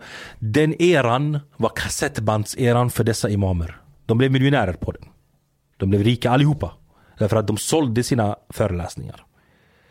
Eh, de gjorde en föreläsning exempelvis som handlar om jag vet inte, andlighet. Låt säga något som inte är kontroversiellt. Andlighet. Hur man ska må bra när man är stressad. Så han spelar in den och så finns det bolag som håller på med kassettband. Du vet, de spelar in och sen du vet, vad heter det, reproduce yani. Och han sålde den för mycket pengar helt enkelt. Eh, och eh, de gjorde en karriär på det här såklart. Omar Abdelkafi uh, var väldigt känd också. Gaddafi Den- var ju också med rika. Han var med de rika i Egypten. Han liksom satt med ministrar, han satt med eh, skådespelare, skådespelerskor som liksom lämnade det här och tog på sig hijab istället och sådana saker. Så att han var liksom, och han var ju mer åt Muslimska brödraskapet hållet och lite sufi i vissa saker. I hans andlighet var han åt sufi-hållet och i politiskt var han mer åt brödraskapet. Vad jag har förstått. Nu bor han inte i Egypten, alltså han bor i jag tror, Emiraterna eller något sånt där. Och, eller nu bor han i Europa tror jag, han bor i Schweiz eller Tyskland nu tror jag. I used to listen to his uh, cassette tapes, Ja, jag me and, också. and his, uh, my family. Mm, Dar al-Akhira, han hade ju så här eh, föreläsningar om domedagen och sånt. Väldigt du vet, duktig, karismatisk, berättar jättebra och sådär. Och han är också välutbildad. Yani. Han, jag tror han är utbildad i biologi eller något sånt där. Marinbiologi eller något sånt. Hur som helst, så när jag, när jag liksom, eh, de här imamerna, det var ett kassettband, det här som jag lyssnade på som hette Varför ber du inte? Det är rubriken på kassettbandet som jag lyssnade på. Varför ber du inte heter den. Den blev så stor i Egypten. Alla hade den på liksom i, i marknaderna, i taxibilarna, i de här små mikrobas, de här små. Och de lyssnade, du vet, och den gjorde en revolution nästan där med folk liksom. För att hans, hans metod, hans retorik var annorlunda. Förstår du? Han pratade väldigt egyptiskt och liksom Och salafi-imamer, de, de var väldigt Alltså i språket, de använde ofta det här klassiska arabiskan och de var ganska strikta Och det var känt att eh, man, man brukar säga att det här är de hårda, liksom de här eh, I Egypten de kallar dem för sunni Men eh, det betyder ju inte att de är shia annars Utan det liksom betyder bara att de håller fast hårt vid, liksom, de är strikta Um, så, så jag typ jag visste inte någonting om det här när jag kom till Egypten. Jag var bara 15 år från Sverige. Med uppenbarliga identitet och tillhörighetsproblem antar jag. För att det vet ju det när man reser till sitt hemland. Man är, antingen, man är varken det eller det. Och så kommer vi dit. Eh, och han hade ju... Bara för att beskriva lite hans popularitet, den här imamen. Hans, hans fredagsbön Exempelvis han hade en gång han och Mohammed Hassan En annan imam också som jag studerade hos en kort period eh, 250 000 personer ungefär som kommer dit liksom och lyssnar. Alltså vi snackar om folk som gick dit en dag innan och övernattade och sådär. Alltså det var, de, jag, jag, var med honom en gång när, ehm, eh, när, han, när vi satte oss i bilen. Så, så lyfte de bilen du vet. Så fansen, folket. Så populär han är liksom och liksom vill att han- man ska eh, touch me typ. Du vet, mm. välsignelse, lite baraka. Eh, De inte sina barn. Du vet, det är mycket okunnighet, mycket gahli. Mycket hämta barn och kasta barnet på honom. Alltså kastar sin unge på, på imamen. Typ att han ska pussa honom eller röra honom. Och, och för mig som ändå jag är ändå muslim och så, men du vet jag, jag är svensk och lite sekulär, du vet. Jag tycker sånt där är, eh, varför gör ni så? Ja, precis. Och sen typ, också en annan grej, typ att jag minns när vi kom in för första gången, liksom jag går in i en, det här är min första källarmoské kan man säga. För att han, han hade ingen moské, han hade, han, han hade en byggnad, han bodde i ett område i Kairo som heter eh, eh, Al-Mu'tamadiya eller Mu'tamadiya eller något sånt där. Och det, han hade ett höghus där typ längst ner fanns en källare kan man säga. Ovanför det fanns det en plats för eh, tvagning där man tvättade sig innan bönen och sånt. Och sen var det en moské. Det var som typ en lägenhet som blev dom till en moské. Och sen var det hans första fru, hans andra fru, hans tredje fru och sådär. Och sen hans son högst upp och sen högst upp på taket var det typ djur. Ungefär. What? Varför? I'm telling it. Varför är djur på taket? slakta dem. Varför på taket? Where will you put them? Vad ska jag... jag, jag, jag, jag, jag, jag, vad ska jag lägga dem? Alltså för, jag tror... För att Some gatan- pigeons, uh, some chicken. Ja, precis, ja, precis. Hur tog de upp dem? Det fanns ingen hiss kan jag säga. Det fanns ingen hiss. Det fanns ingen hiss, nej. Då, jag kan bara se bilder framför mig hur de promenerar med massa hönor upp du vet i trapporna så här och Jag får och... And I like that every wife is taking a floor. Ja, precis. the first. Men det, blir mycket bråk, det är, det är bra. Det är sant. första frun, det var hans äldsta. Han är den första första. Och sen för varje ny så blev det så här. Hur som helst. Så jag, det, här visste, det här visste ju inte jag när jag kom dit såklart. Utan jag kom ju dit och såg en byggnad. Det var ju allt för mig som 15-åring. Och jag kom dit med, jag hade på mig, jag brukar kalla Irankläder med all respekt till mina bröder och systrar från Iran. Men så här finkläder. För att iranier brukar ofta komma med finkläder till skolan. Av någon anledning, jag vet inte varför. Ah, gjorde du det Ashkan? Under 90-talet var det så. Jag vet inte, var det så? Vad hade du för kläder Var det föräldrarna som tvingade på det här? Alltså lågstadiet så tänkte inte jag på kläder. Då var det föräldrarna. Ja, men då var det mycket kofta Ja. och fint. Ja, men det var lågstadiet. Det var lågstadiet för sig, men det här, det här var högstadiet. Din, nej, nej, nej. då pappa är väldigt finklädd. Nej, Ja, alltså. Jack and Jones och sånt. Alltså, såna kläder, alltså vi, vi köpte inte kläder från Jack and Jones sådana när vi var unga. Utan vi hade ju, jag vet inte, vi var ju typ ja, skatare och hiphoppare och så, det kanske lite annorlunda. Men, så jag hade på, men jag hade börjat anamma den stilen, du vet. Så här, finkläder och så. Så jag hade på mig finkläder. Och jag hade, eh, jag hade skägg, men typ jag vet inte ens om han sjunger längre, Craig David. Du vet Craig David? Ja, sjunger han nu eller han, hans Han har karriär? blivit kass senare tid. Jag tror att han släpper ibland men ingen som lyssnar. Han hade Jaså? Seven Days och eh, För att han Walking var, Away. Han var populär då, 99, 2000 där. Och Craig David skägg hade jag. Så här du vet. Jätte så här. Lite sliskigt kände man. Men det Fan vad sliskigt. Ja, vet, det var riktigt, så här, riktigt, så här, riktigt smal. Ortenskägg. Är det så? Jag vet inte. Nej. Ortenskägg. det- Alltså om det är jättefint och... The super, mm, the super, Super thin. thin, ja. Really? Har de det i orten? Ja, ja. Alltså, här i Stockholm eller? Eller inte, i och för sig, inte längre. Okej. Nej men då, då i alla fall var, var, tyckte jag att jag var extremt eh, snygg alltså. Så då går jag in där, jag försöker bara måla upp en bild här till lyssnaren så att de inser att jag såg ut så. Min pappa, typical arab, mustasch, inget skägg alls. Vanliga kläder, civil, det var civil, eh, västerländska kläder om man ska säga så. Och vi går in. Det första jag ser när jag går in, det är en tom plats, väldigt ren. Väldigt ren, liksom väggarna är jättevita och så här, och mycket böcker. Allihopa i moskén hade exakt samma kläder. Vit eh, särk heter det, eller den här vita långa, ni vet, ni har säkert sett. Galabia. Galabia, ja. Det ser som Lucia lite, de här långa. Och eh, salafister blir jättearga när jag säger så. Jag, sa, jag, jag hade en, en föreläsning på YouTube, ofiltrerat min, eh, min serie. Och då, vi pratade om att salafister är så himla, du vet, man får inte efterlikna kvinnor, man får inte efterlikna kvinnor. Tashabuh bin man får inte efterlikna, man får inte. Och du vet, jag säger mannen, ni snackar om inte efterlikna kvinnor och ni går runt med kvinnokläder, ni går med klänningar. ni går ut med klänningar och med smink, du vet det här kohl.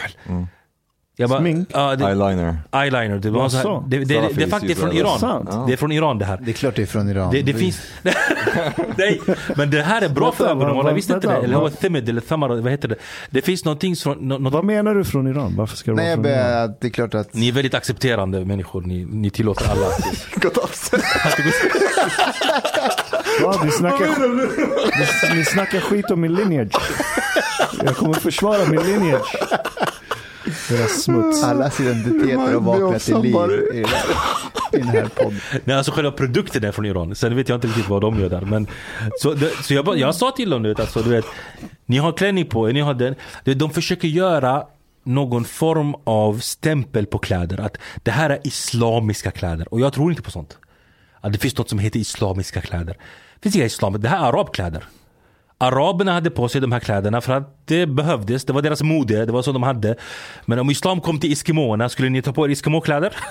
Salafisterna då. Eh, eh, då på eskimo. Är salafister väldigt fåfänga av sig? Fåfänga. Ja men alltså om man lägger så Fan, jag mycket måste tid. bildgoogla salafist. alltså. Om man lägger så mycket tid på att klä sig rätt och se rätt och ha, det är en slags fåfänghet. No, yes, but I, I would say it's more uh, some kind of like, again, an attempt to to be pure.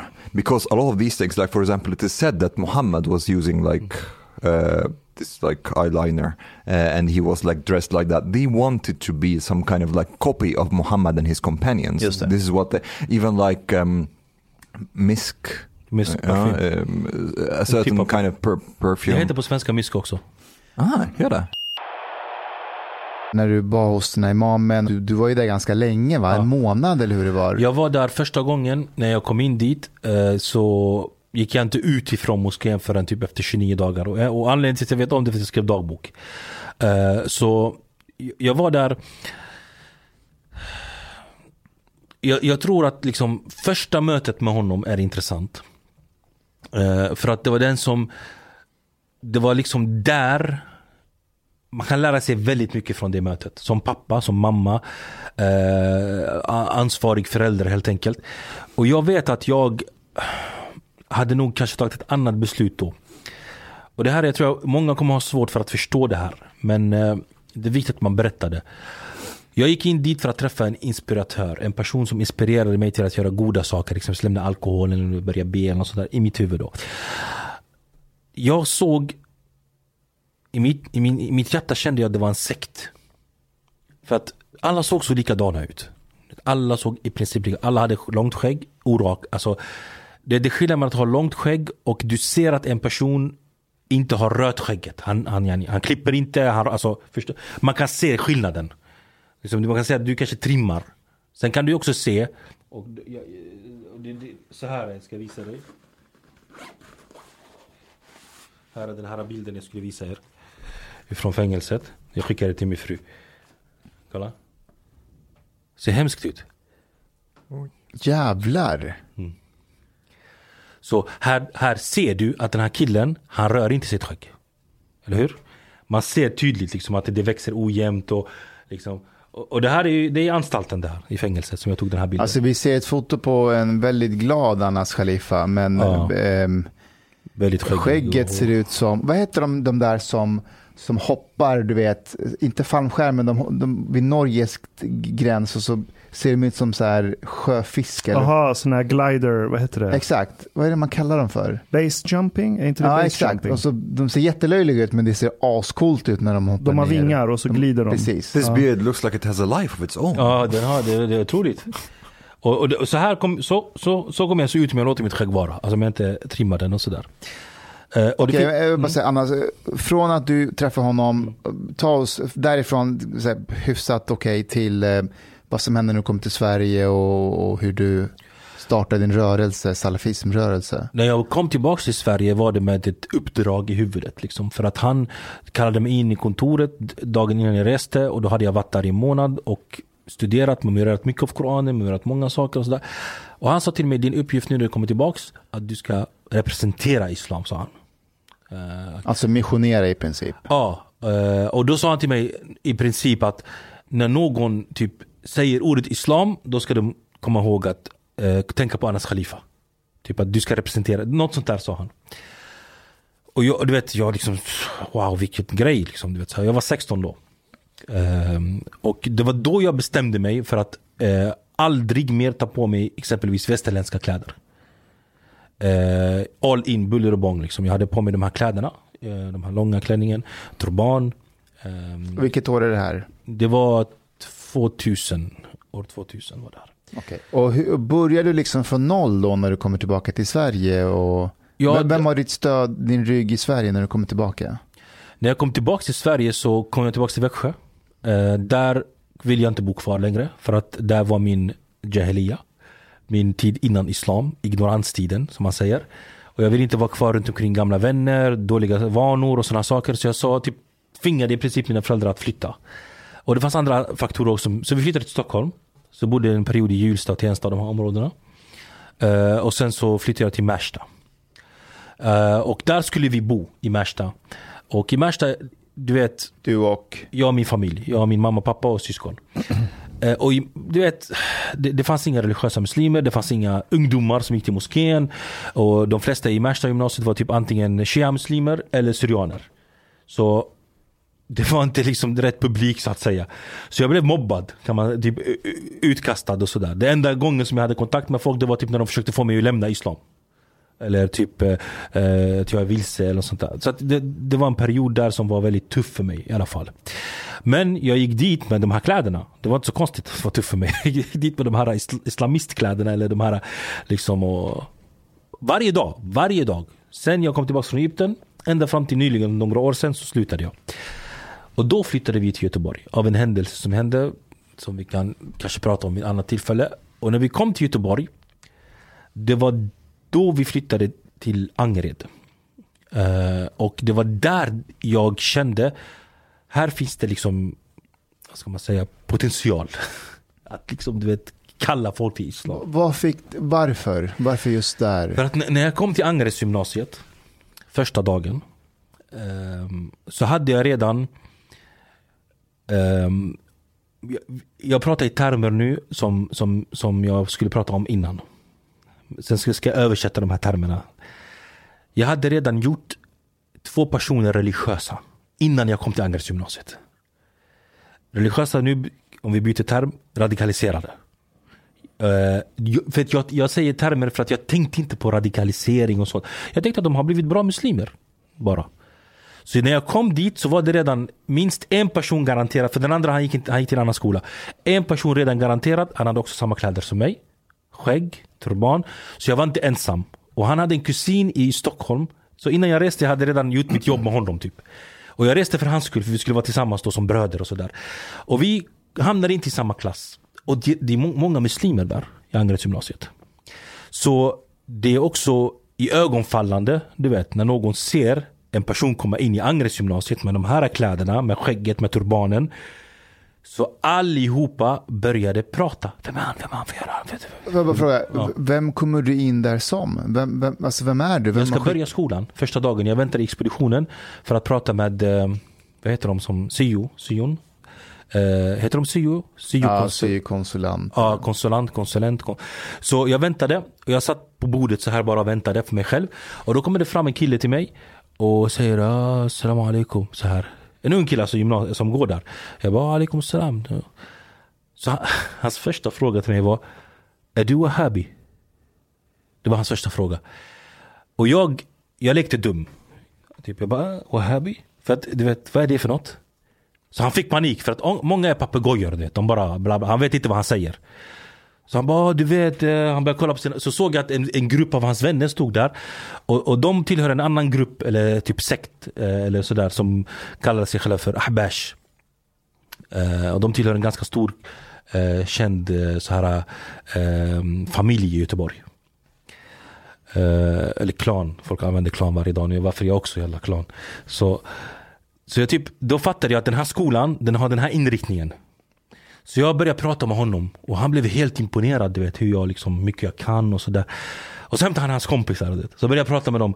Det, så, så hade jag i princip en föreläsning där. Sen blev jag inropad till syon och tilldelad en klass. Jag kom in i klassen, så, så fort jag kom in i klassrummet, direkt, eleverna som såg mig.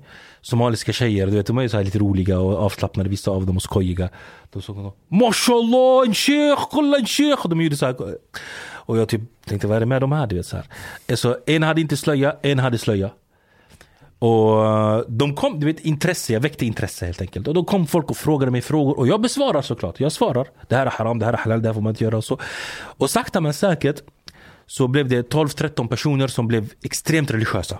Hur lång tid snackar vi? Ish. En och en halv månad, två månader, så här, det går snabbt. Och inga är- lärare har är, kommit dukt, jag är och... Duktig på att övertyga.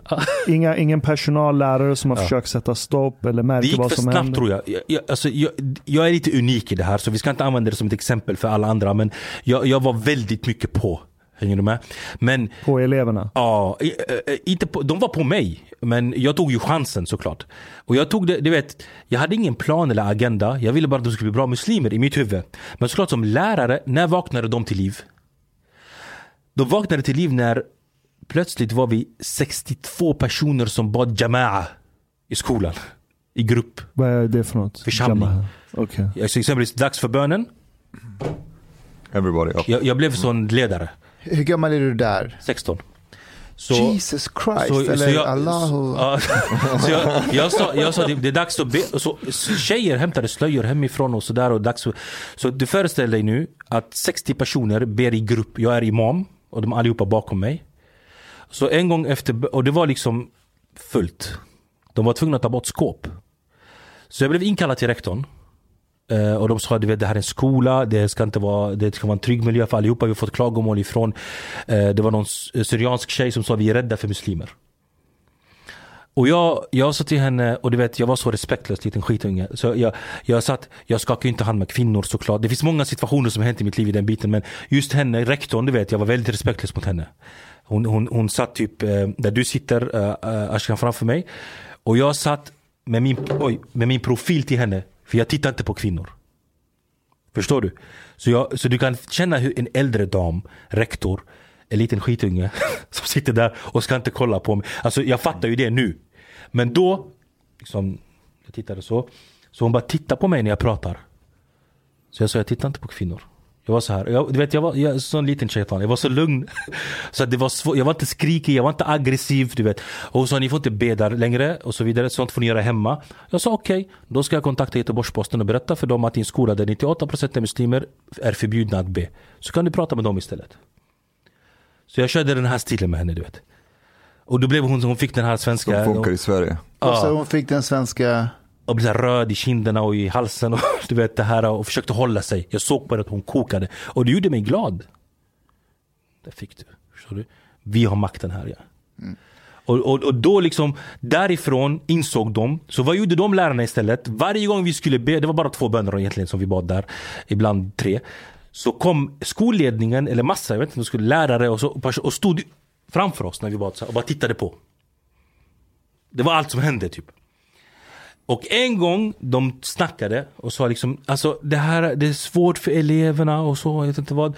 Och jag var tyst. För att de andra blattarna och muslimerna bakom mig, de flippade. Hej! Vadå får vi inte be? Man! Det är sånt här.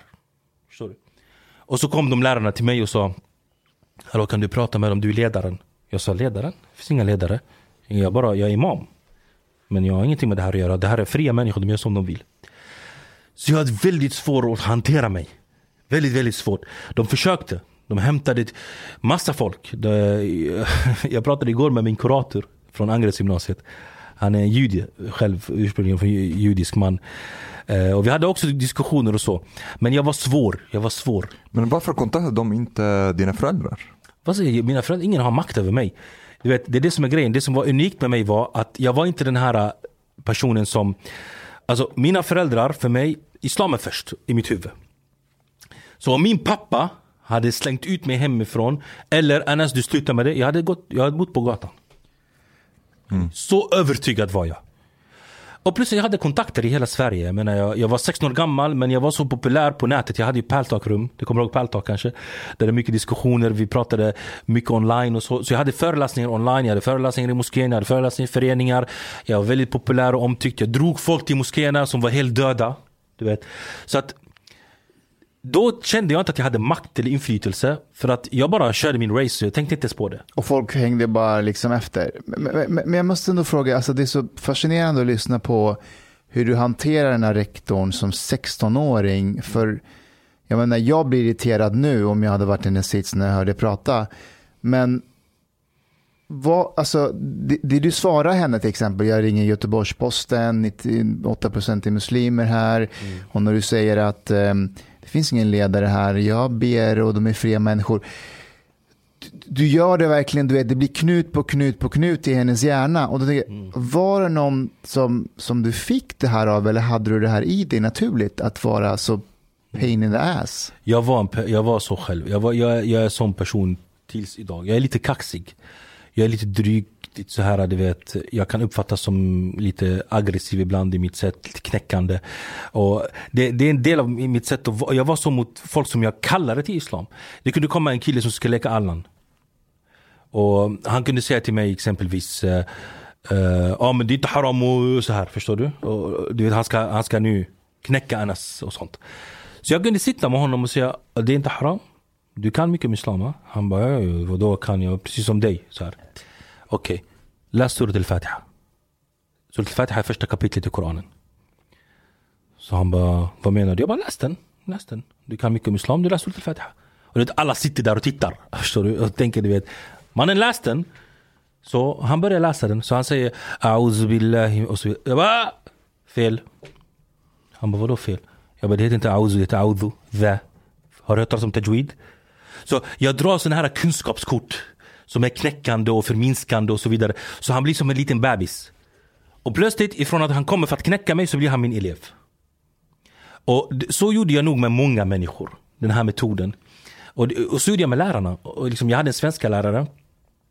Och det var det som var problematiskt. Att jag kunde bra svenska. Jag var ganska intelligent. Jag kunde läsa och skriva liksom. Jag var inte så här du vet, många tänker kanske en salafi är en sån person, eller hugga bugga och sånt här. Så det, så det är den här liksom stereotypa bilden av en salafi, du vet. Eh, och det är farligt att ha den bilden. För de, de, är inte dumma. För då har man låga förväntningar på dem. Ja, precis. Liksom. Man underskattar dem nästan. Och, och man ser ner, man och i Sverige har vi den här kulturen också att man liksom ser ner redan på religion. Att liksom, om du är religiös, då är du per automatik dum i huvudet. För då tror du på Gud och Gud är sagor och tomte. Så man föraktar och se ner på det. Och det kan man göra om man vill. Whatever, I don't care du vet, om du gör det. Men underskatta inte. Äh, underskatta inte. När du kommer till skolan det här och de här unga tjejerna och killarna dras till dig. Om du bara analyserar så här, vad finns det för du vet, push och pullfaktorer att de här unga killarna alltså dras till dig och vad det är som knuffar dem in hos dig. För du kan ju inte göra så på en skola i Lidingö. Mm. De kommer bara ignorera dig. Vad tror du sker i den här miljön? Att de kommer fram och bara, vem är du? Vad gör du här? Jag vill lyssna på dig. Vad, vad är det för människor? Vad är det, för, vad är det de går igenom? Jag tror att många av dem som jag har haft med att göra, speciellt under min angrettstid, för det var ändå tre år, ganska lång tid. Jag blev ju som en storbror, som en pappa, jag blev som en rådgivare, psykolog. Alltså jag fick så många roller plötsligt. Men det hade inte funkat om inte jag var samtidigt en av dem. Jag hade karisma, glimten i ögat. För det, du kan vara så grov och säga helt sjuka saker. Men så länge du har glimten i ögat, du vet så folk de, de gillar dig. Du vet, vi kan sitta och prata om saker och ting som jag har sagt i mina föreläsningar. Där eh, en journalist säger till mig, du vet, han säger till mig, du har suttit framför barn och predikat jihad. Och sagt till barn att det största man kan offra är sitt liv för Allah. Och när han frågar så, jag, jag, jag blir så här, jag får gåshud av det. Förstår Oh my god, har jag sagt så? Men när jag sitter och pratar om mitt sätt att förmedla det, det låter inte så såklart. Att jag sitter och säger till dem med det här retoriska så här, utan jag skämtar och skojar och liksom, du vet det, det är just det här liksom. Det var en del av budskapet. Det, alltså för mig, jag vet inte, jag menar, jag, jag, jag, jag har lyssnat på salafister idag, predikanter, för det finns ett par stycken i Sverige som är ganska populära. Eh, och de kör ungefär samma stil. Nu var jag först med det här. Eh, för att innan, när salafister föreläste, ni, alltså jag, jag, jag hade inte kunnat lyssna på dem. För att de var för grova. De hade inte arf, eh, vad heter det, fennedawa. Det är konsten, det är en konst. Det är en konst, att, att prata är en konst. Att liksom, så, och jag har inte studerat den konsten, det är, bara, jag, det, jag med, det är medfött med mig. Men jag tror att de behövde en förebild, verkligen. De behövde någon att se upp till. De behövde människor, någon som kan liksom vägleda dem. Liksom, och det är samma sak idag. Hade många av dem daddy issues? Daddy Alltså, issues. alltså hade de frånvarande fäder? Exakt. Ja, jag, jag, jag, jag, jag förstod daddy issues, men det är ingen fara. Ja. Det, ja, jag tänkte lägga ett finare ord bara. nej, det, Tjejer har väl daddy issues, fast skitsamma, förlåt. Jag vet inte. Jag, jag, jag kom in hit, det var bara grabbar. Or identity crisis. Jag tänkte säga bara brudarna. Vad sa du? Ja. Identity crisis maybe. They had identity crisis. De Eller? behöver inte ha något problem alls. Det kan vara helt vanliga, bra mamma, bra pappa, allting. För det fanns de som hade helt normala föräldrar. Och, eh, Men liksom. identitetssökande? jag, tror, jag tror att när man är ung och eh, ser någonting som imponerar dig. Eller, för, för dem var det väldigt modigt också. Du vet, det här är en kille, han är 16 år gammal. Han bryr sig inte om världen. Han går runt med en klänning, liksom i Sverige, med turban på huvudet och säger som det är och bryr sig inte om någon. Du vet, det, det här är en del av liksom styrkan i det lite. Att han, han vågar, han pratar. Jag förstår, men det, du hade ju inte funkat på en skola i Lidingö. Med helt homogen, vit svensk, svenskar. Det- jag- Inte, kanske på samma sätt alls. Men de var inte, de var muslimer. jo, jo, jag, jag, det, hade, det, funkar ju, jag- inte- det funkar inte i Märsta. Jag menar, eh, Funkar det inte i Märsta? Nej. Varför inte? i Märsta gymnasiet, för jag gick också där i gymnasiet ju. Eh, och där var det ju för att, där, det liksom, för det första det var syrianer, många syrianer som, som, som gick i Märsta. Eh, och där finns det redan en clash. Det finns en historik du vet, mellan syrianer och muslimer och vad som hänt historiskt och massmord, folkmord och sådana saker. Och de kopplar väldigt mycket, speciellt till den som ser ut som mig Eh, då. Eh, och eh, den andra delen var en del shia-muslimer. Jag blev vän med några av dem på det sättet men jag blev bara vän för att få dem att lämna shiismen. inte, inte för att vi var kompisar. För att vägleda dem typ. Så jag hade ingen mark. Jag hade ingen, alltså, och de som frågade om islam, det var inte, du vet, det fanns ingen känsla för att de ville gå vidare. Så de, folk var redan i sina bubblor där. You need a place with a overwhelming majority of Sunni Muslims. Ja, det är klart. Uh, och, det, och, det, och, det, och det är liksom i Angereds gymnasiet, det är väldigt många från, uh, från Somalia, från liksom, uh, exempelvis araber, Kurdistan och så vidare. Och det, det är ju sunnimuslimer de flesta av dem. Det fanns ett par shia-muslimer också. Men, och det fanns också exempelvis kurder som var PKK-kurder. Du vet, som vi brukar kalla det, eller peshmerga-kurder och så vidare. Och de är väldigt anti-salafist och anti, du vet. Så, här. Det är fel att säga att de är anti-islam. För att jag vet många som är religiösa. Peshmerga-kurder och så här som ber och fastar och går till moskén och så. Men så om det finns en historik som har med nationalism att göra, eller historik, då blir det svårare såklart. Eh, det blir mer så här, för det, vi clashade ofta. Eh, och vi clashade med andra grupperingar inom islam också. Och det var ett annat problem som skolan skulle ta hand om. Så jag ser det som att dessa unga killar och tjejer, det är som att de blev så fascinerade. Att det finns en kille som pratar bra svenska, är rolig, är en person och har kunskap om islam. Eh, och det, det fanns inte. Men kör sitt eget race, skiter i, i Ja, ja, anpassar sig inte till majoritetssamhället. Ja, ja, eh, ja. Skiter i dem, kör sitt eget race bara. Och, Och, det, och det, det är klart att många av dem är ju redan i, i någon form av utanförskap. ja. på något sätt i dessa områden. Så, eh, och det som är intressant var, jag växte ju upp med, liksom, här i Sverige med, med det vanliga svenska. Jag menar Magnus Härenstam, Jeopardy, du vet så här och eh, Bolibompa och sådana här saker. Alltså att i- en del av det var ju väldigt svenskt hos, hos oss. Vi firade jul under en viss period, jag och min familj, när vi bodde i Växjö och sådär. Eh, så att vi hade det var mycket svenskt, sen plötsligt blev det mycket blatte och sen plötsligt blev det mycket eh, islam, sen blev det mycket salaf. Så det, mina e- samlade erfarenheter gjorde att jag var också ganska duktig på att läsa av folk. Och, ve, och veta när jag ska vara tyst, när jag ska prata, när jag ska vara på, när jag ska backa.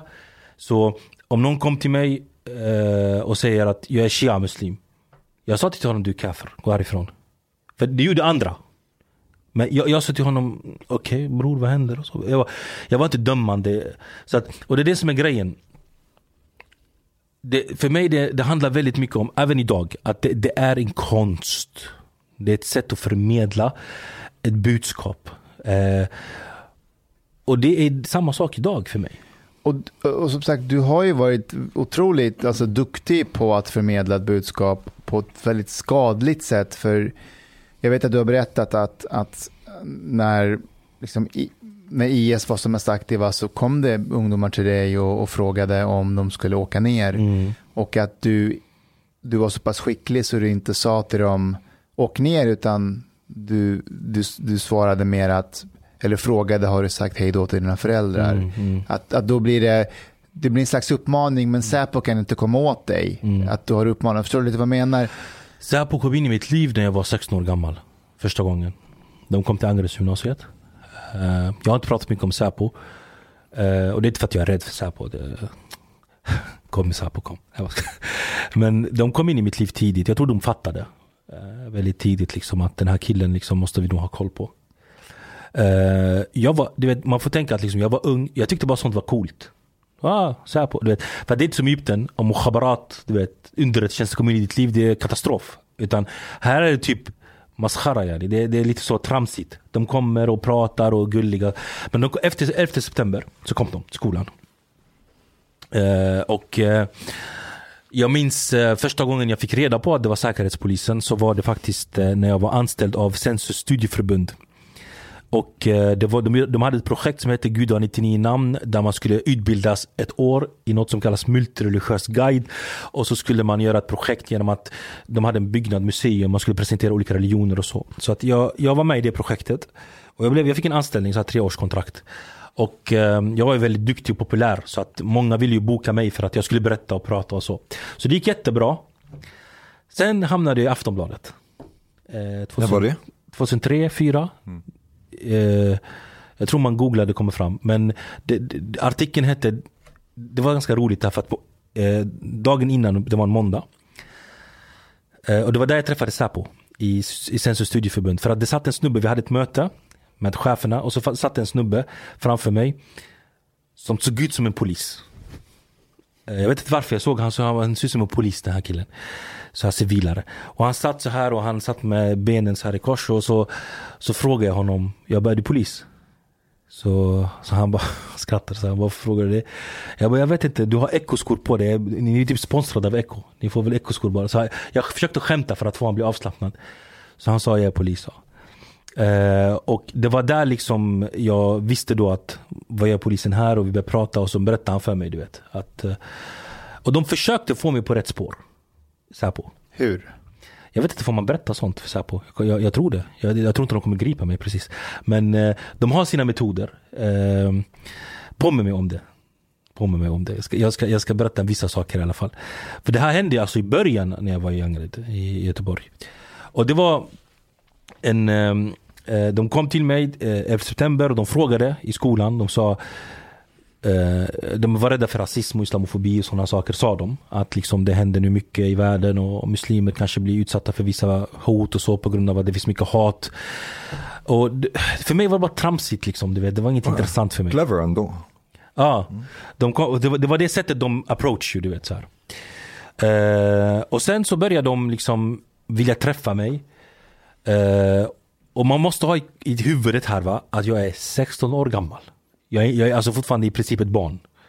Så, och min, min mentor, eller min typ lärare, eller de människor jag såg upp till, eh, de liksom behandlade inte mig som ett barn. Eller 16 år, utan behandlade mig som en vuxen Men, men 16, är vi inte vid 2003, 2004 nu eller? Eh, Det här var efter 11 september var det i alla fall. Det är jag säker på. Jag har jättesvårt för datum för det har hänt så mycket grejer. När, ja, när, när jag träffade dem då eh, så sa de till mig helt enkelt att liksom Behöver du hjälp med någonting och sådär och de, de försökte hålla igång kommunikationen du vet hela tiden. Och mina, mina, jag var öppen med alla mina åsikter, även med Säpo. Jag berättade för dem när de frågade frågor. För att jag pratade ju öppet om det i mina föreläsningar. Så jag, jag kände inte att jag hade någonting att dölja. Det att jag var övertygad om att jag var bra för samhället. Alltså jag hade ju 100% övertygad om att jag är en god kraft i samhället.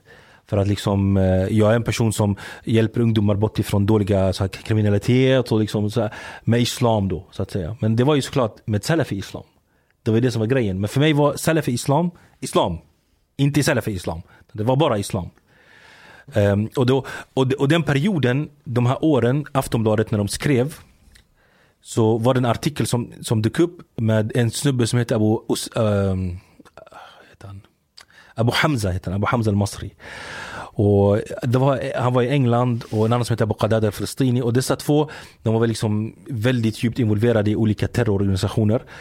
Eh, och han Abu Hamza al-Masri har typ en krokhand, han, han förlorade sin hand i krig och i jihad och sådana saker i Afghanistan på 70 eller 80-talet. Så Sen stod det så här då i Aftonbladet. Jag läste artikeln.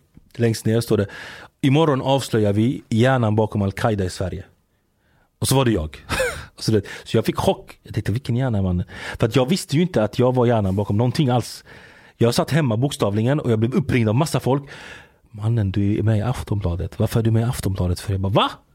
Och då, det som hade hänt var att jag hade en föreläsning i det som kallas TUFF. Troende unga framtida förebilder som det heter, så gulligt. Bildades efter Göteborgsbranden. Och det var en bra förening som kidnappades av salafister. Bland annat jag. Och tills idag vissa är arga på mig för att vi tog föreningen ifrån dem. Vi gick dit och satte oss och började föreläsa och prata. Och så här, liksom. Vi tog över den helt enkelt, sakta men säkert. För att du, vet, du är övertygad att du är det rätta, liksom och alla andra typ är vilse ungefär så. Och vi tog över den här föreningen, det var en turkisk moské egentligen. Och du vet, turkar har varit i Sverige hur lång tid som helst, de har aldrig problem med någon. Så vi kom dit och direkt vi tog över den. Och plus att de har Hanafi, och Hanafis är lite lugnare när det kommer till vissa saker. Så det kom dit en journalist från Aftonbladet som heter Wolfgang, av alla namn också. Wolfgang Hansson heter han. Han, han, han existerar fortfarande och skriver i Aftonbladet. Um, och eh, och en, en, han var främmande du vet. Vit man, gubbe. Och alla andra är ju muslimer som sitter och lyssnar på min föreläsning.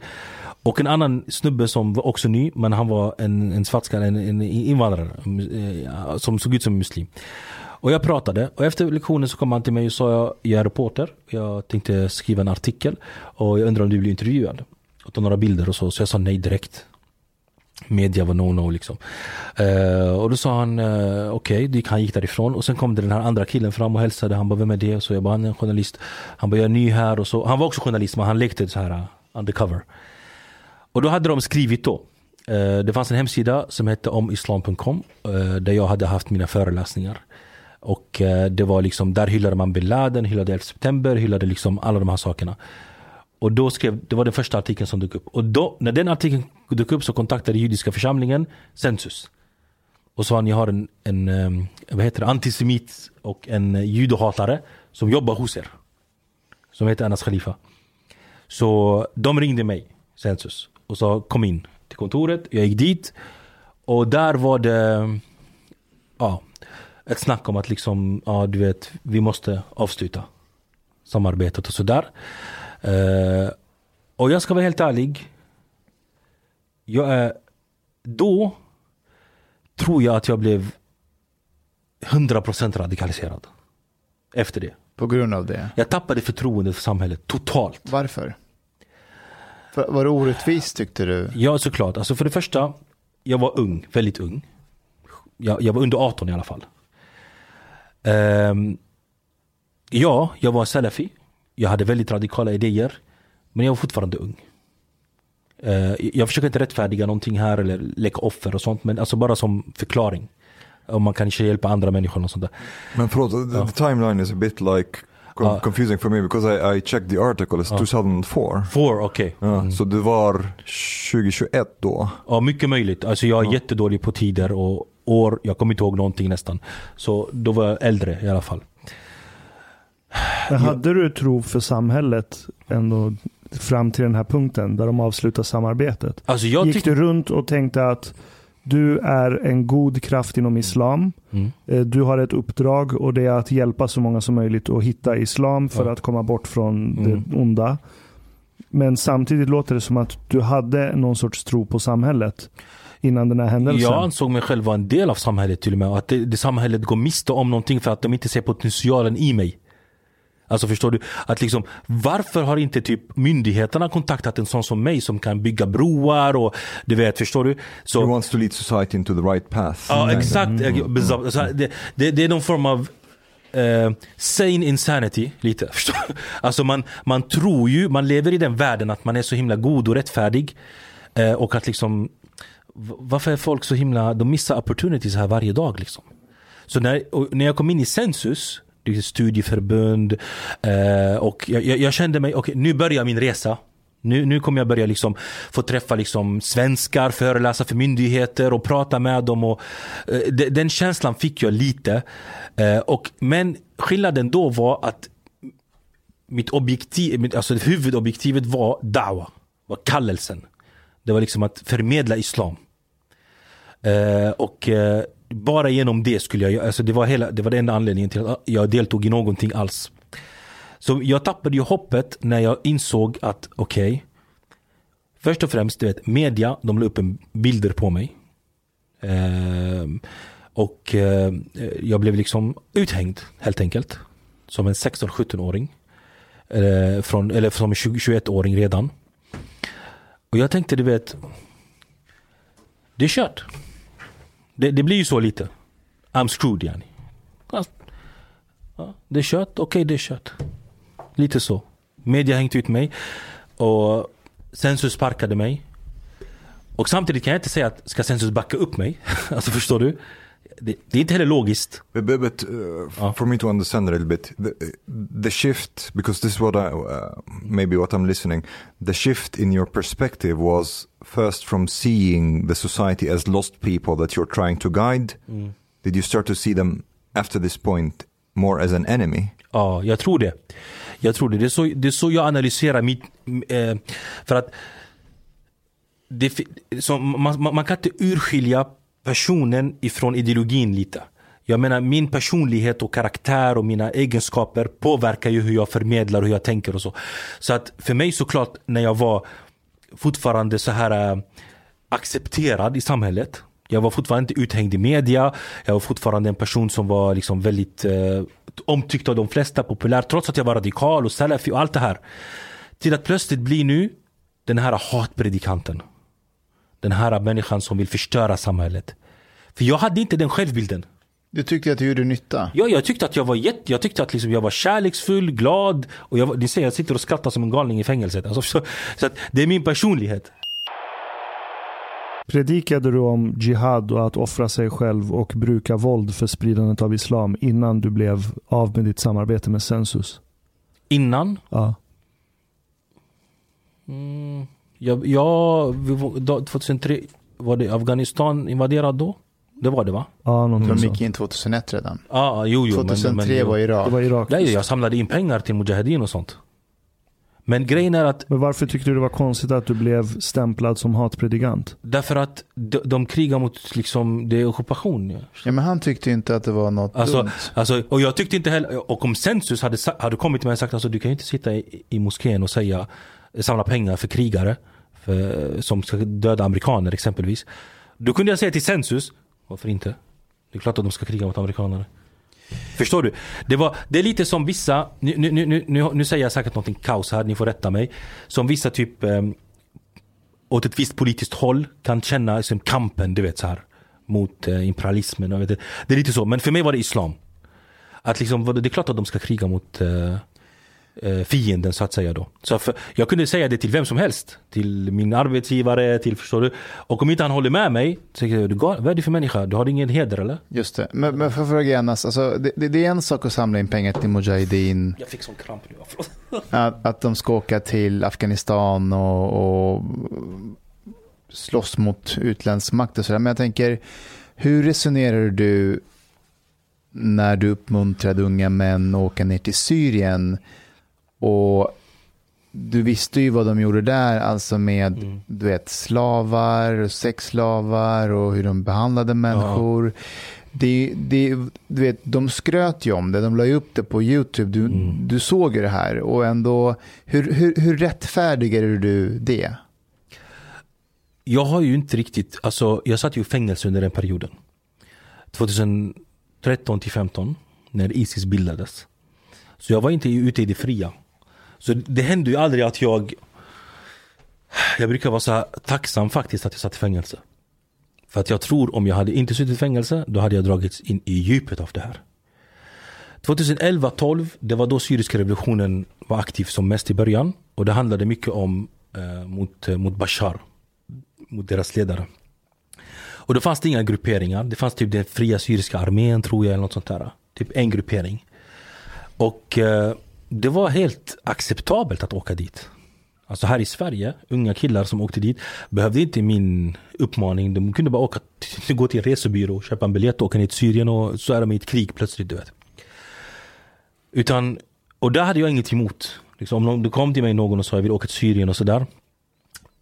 Det handlade väldigt mycket om vem personen var. Om det var någon man kunde lita på. För att det är väldigt känsligt det här. Eh, så att det var inte så att jag sa till vem som helst. Utan det måste ha varit någon som har kanske varit mina föräldrar väldigt länge, känner till honom, hans familj och sådana saker. Och då brukar jag ofta säga typ, använda som argument att bin Laden hade en utbildning. Gå, gå och utbilda dig först. Och inte, bli inte en börda på folk. Dit, du vet, vad vet du om krig? Vad vet du om så här? Men det har hänt däremot 2003, eh, innan vi, för Isis-grejen, jag var i fängelse. Jag kom ut till kaoset. Då hade vissa redan åkt ner och jag kände ju många av dem såklart. Och många har passerat mig. Jag kan säga så här, för att du vet det här med blod på händerna som har diskuterats väldigt mycket i media. Uh, jag, jag, jag, jag förstår att liksom man kan känna så eller tänka så. Men jag känner inte igen mig själv i det här med blod med händerna. Därför att jag var ingångsport till radikalisering, ja det erkänner jag. Men jag har aldrig sagt till någon att gå och döda någon eller Alltså det har varit mer att jag, det började hos mig, sen gick det vidare till Anwar Aulaki exempelvis. Det är en känd predikant. Men sa du inte att när folk frågade dig om de ska ner och kriga så sa du inte ja, men du sa har du sagt hej då till dina Ja, det, det här var i GP tror jag, eller, eller Svenska Dagbladet. Uh, jag sa, det var en kille som kom till mig. Och den killen, han hade redan bestämt sig för att resa. Det var inte så att han kom för att fråga mig om lov. Och han, var, han, skulle, han skulle inte till Syrien. Uh, just, hon, just den killen, han skulle till ett annat ställe. Inte.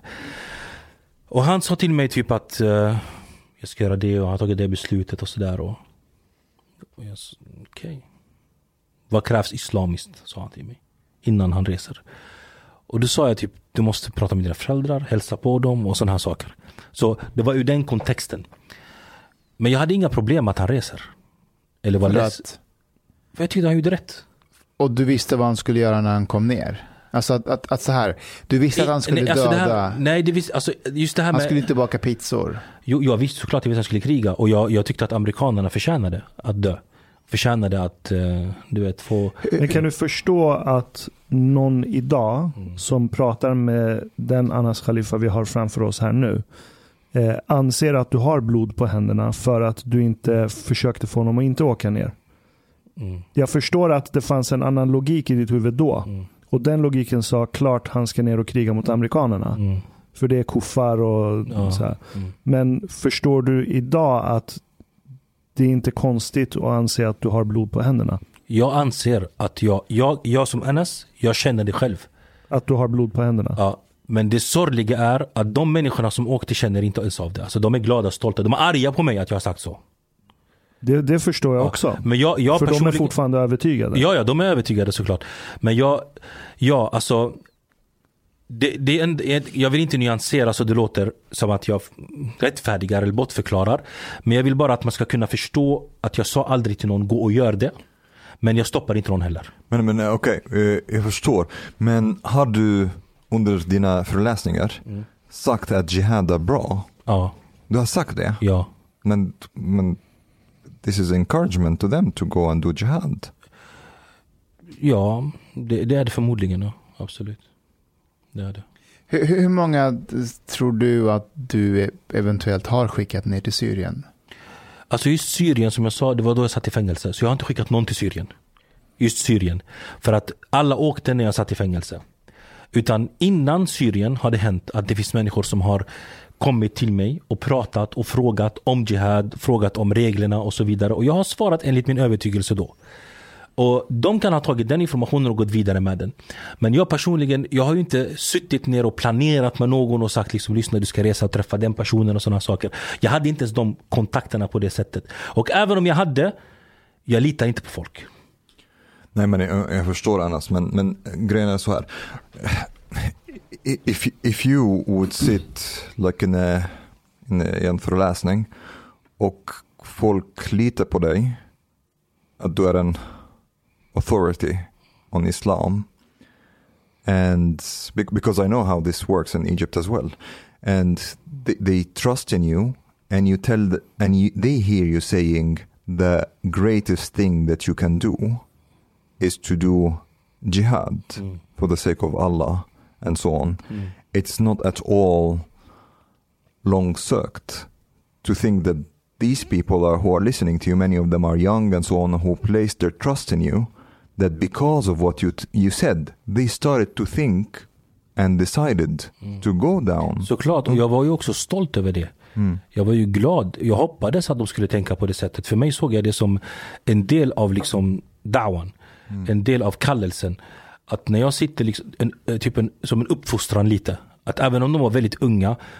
Så, men i mitt huvud då så tänkte jag inte på att de kommer resa och göra jihad eller något sånt där. Utan det var typ att jag ska, jag ska ge dem rätt islam. I, I mitt huvud då. Att det här är rätt islam och det här är det korrekta. Och om de liksom väljer sen att resa. Det är ännu bättre. Jag får mer belöning. Förstår ni? Okay, but I have a question now. Yes.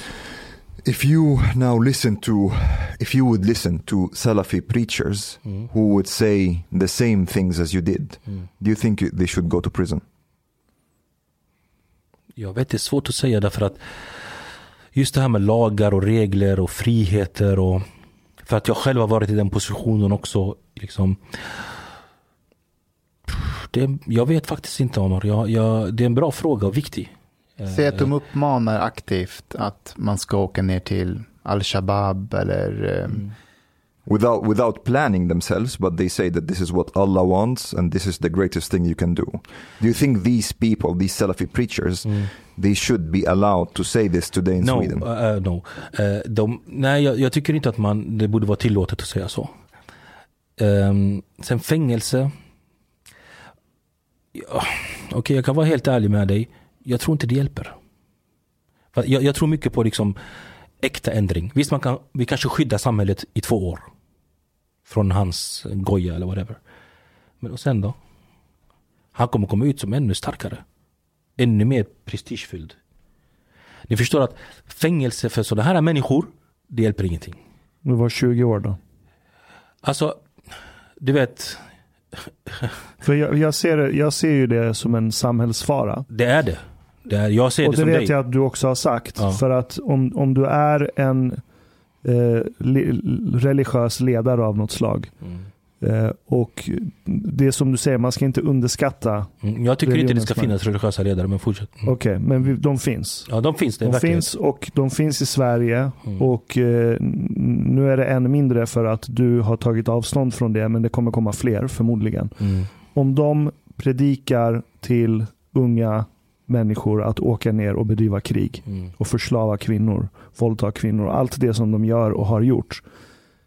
Ser du inte att det hjälper samhället att de spärras in i sig 20 år? Mm. Men du sa ju, det blir lite, med all respekt såklart för din ståndpunkt, men det blir lite motsägelsefullt. För att om vi spärrar in dem 20 år samtidigt säger du att det kommer alltid komma nya. Du vet, han går in, det dyker upp. Det finns en historia från Egypten som en imam som predikade jihad på, på, mimba, äh, eh, på heter det, predikstolen. Eh, och myndigheterna sköt honom. Eller något sånt där. Det, jag vet inte om det är sant eller inte men det är en historia. Och han dog. Så kom det fram en till efter honom upp och fortsatte samma predikan. Så min poäng är att man, bekämp, alltså man bekämpar inte Det är ingen lösning. Alltså, anti, alltså om det är lösningen vi är ute efter så är det ingen lösning. Jag, jag håller med Ja. eh, och eh, jag vet inte riktigt om det är min ståndpunkt än. Utan Ja, jag tänker högt. mine actually. Eh, Men jag, men jag tänker att om, om, vi, om, om vi upptäcker att en person har en cancertumör så vet jag att smärtstillande inte är lösningen. Mm. Men det kommer inte bli sämre för personen. Jag kan säga så här, vi måste få tyst på det. Sen hur? Det är där jag har svårt att säga vad som är rätt och fel för att jag är ingen expert i polisiär, rättslig. Jag, jag vet, det är svårt för mig att tänka på det högt därför att jag vet inte men För du satt ju själv inne i två år Ja. när Isis höll på. det hjälpte mig kan jag säga. Det hjälpte dig, men du sa ju indirekt också att eh, du, var, du kunde inte vara där ute och övertyga fler att gå och göra någonting. Ja men jag var där inne och övertygade ganska många också. Inne Eh, på anstalten menar du? Mm, jag hade ju föreläsningar varje lördag, jag hade fredagspredikan, jag, hade, jag var som psykolog. Alltså då var det muslimer, icke-muslimer, nio stycken blev muslimer i fängelset och så vidare. Du vet, en religiöst driven människa, alltså du vet, vad du än gör, han kommer tolka det till du vet, någonting som är till hans fördel. Typ fängsla mig, det är för att jag är på sanningen. Och då liksom, det här inspirerar hans anhängare. Att nu är det vår tur att dyka upp här och eh, liksom ta över rollen och liksom sprida budskapet och liknande.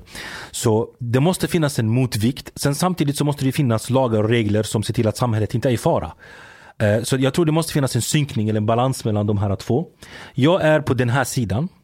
För att jag har ingen kunskap eller erfarenhet på den sidan när det kommer till det rättsliga, polisiära och så vidare. Så jag vill inte ens uttala mig om det. Jag kan ha åsikter. Typ det är cancer, lås in dem, kasta, ut, kasta nyckeln och sådana saker. Sen om vi ska göra verklighet av dessa åsikter, jag kan säga jag vet inte faktiskt. Well, the thing, the thing is, actually, I don't think they should be in prison. Uh, I don't think the state should I punish think- speech at all. But but at the same time, they shouldn't fucking get money. this is a bit too much. They, sh- they shouldn't get money. Kolla, they shouldn't You get. know, där- you, you know what they should be doing? För mig vill du verkligen, alltså, det var en salafi, bara som ett sånt här konkret exempel. Han sa någonting öppet, där han pratade om hur duktig han är och han gör en stor grej för samhället. Genom att vara den han är. För ungdomar och kriminella och så här. Och han är en salafi, 100%. Och eh, då så var det någon bloggare jag vet inte vem som hade eh, så just det, han salafin han sa så här Han sa ah, det är så synd, hur kan dessa ungdomar kasta stenar mot polisen som försöker hjälpa dem och sådana här saker. Så då var det någon som skrev du vet, Ja men du tycker det är okej att stena kvinnor. Så vad är liksom, förstår du? Och nu du klagar på att man kastar stenar, förstår du vad jag menar? Ja. Och då sa han den här salafin då, då sa han Kolla islamofobin. Kolla hur de använder, kolla hatet mot, kolla, kolla. Och jag tänkte, men det är sant ju. Hur kan det vara islamofobi när det är sant? Är det för att han inte vet reglerna för stening exempelvis? Är det därför det inte, okej, vi- jag kan berätta reglerna för stening. Istället, vi, du vet, det är det som är grejen bror. Jag, det kan vi kalla det bror, jag, det är en yrkesskada. Jag kallar folk bror hela tiden och en gång jag sa till en kille bror, han, bara, han blev så här irri- irriterad. Så, men jag är van vid att säga det. Det, det går bra idag. okay. Så jag, om du träffade mig när jag var salafi, jag hade sagt till dig ja, stening är bra. Och jag skulle stena min egen dotter också. Om jag, om jag var övertygad, förstår du? Yani, men jag var konsekvent. Men jag gillar inte den här lömskheten. Att du leker så gullig och fin och hjälper människor och du är sådär och sen du har de grövsta, hårdaste, strängaste, mest frihetsberövande åsikter som finns. Men ingen vet om det. Säg, därför att om du inspirerar ungdomar, vet, folk vet inte vad dessa människor gör i sina slutna grupper. Mm. Ja, Omar, du har en poäng där. Alltså just, eh, jag är inte heller för bannlysning av symboler, idéer. För samma sak, det finns vissa i Sverige som vill bannlysa nazisymboler. Mm. Men all, allt förtryck av övertygelse eh, gör att det bara växer. Det blir martyrskap. Drive it underground. Exakt, ja. exakt. Men, Men- men, just där, they shouldn't get fucking money. Mm. Yeah, exactly, and, and like places to to. But, but uh, should we get on with the story so so that we? Jag, jag, jag bara ställer frågor. Annas, vad, vad vill Annas Khalifa göra idag? Det är en bra fråga. Alltså det ärliga svaret är att jag vet inte än. Eh, jag, I februari så gjorde jag min första offentliga avståndstagande från salafismen eh, på min YouTube-kanal. Och jag sa liksom, de, om man lyssnar på de första tio minuterna på det första avsnittet. Det första jag sa till folk, förlåt, jag ber om ursäkt, jag har gjort fel. Och jag liksom, jag gör vad som helst för att fixa det i min makt, alltså det jag har i min makt. Och jag sa också att liksom, och jag har pratat med myndigheter, jag har, liksom, jag har haft kontakt med Säpo såklart, jag har haft kontakt med eh, polisen. Eh, det har kommit in en anmälan, de har tagit mina hårddiskar. Så det är inte så. Och jag har sagt mina åsikter öppet. Så om det finns någonting brottsligt så är jag också, jag tar ansvar. Jag, du vet, förstår du vad jag menar? Alltså jag, jag har försonats med mig själv. Jag har, in, jag har inga problem att ta ansvar för mina handlingar och vad jag har sagt, vad jag har gjort och så vidare. Sen nästa steg. En del har gett mig rådet att eh, de tycker att jag ska backa undan. Eh, liksom, skaffa ett vanligt jobb, du vet. Och, bry dig inte om, lev ditt liv normalt. Andra har sagt liksom tvärtom, du måste synas mer. Så jag har fått råd ifrån många olika håll. Sen finns det såklart de som drar, de som vill tjäna pengar på det här och så vidare och drar i mig och vill göra massa projekt och grejer och så.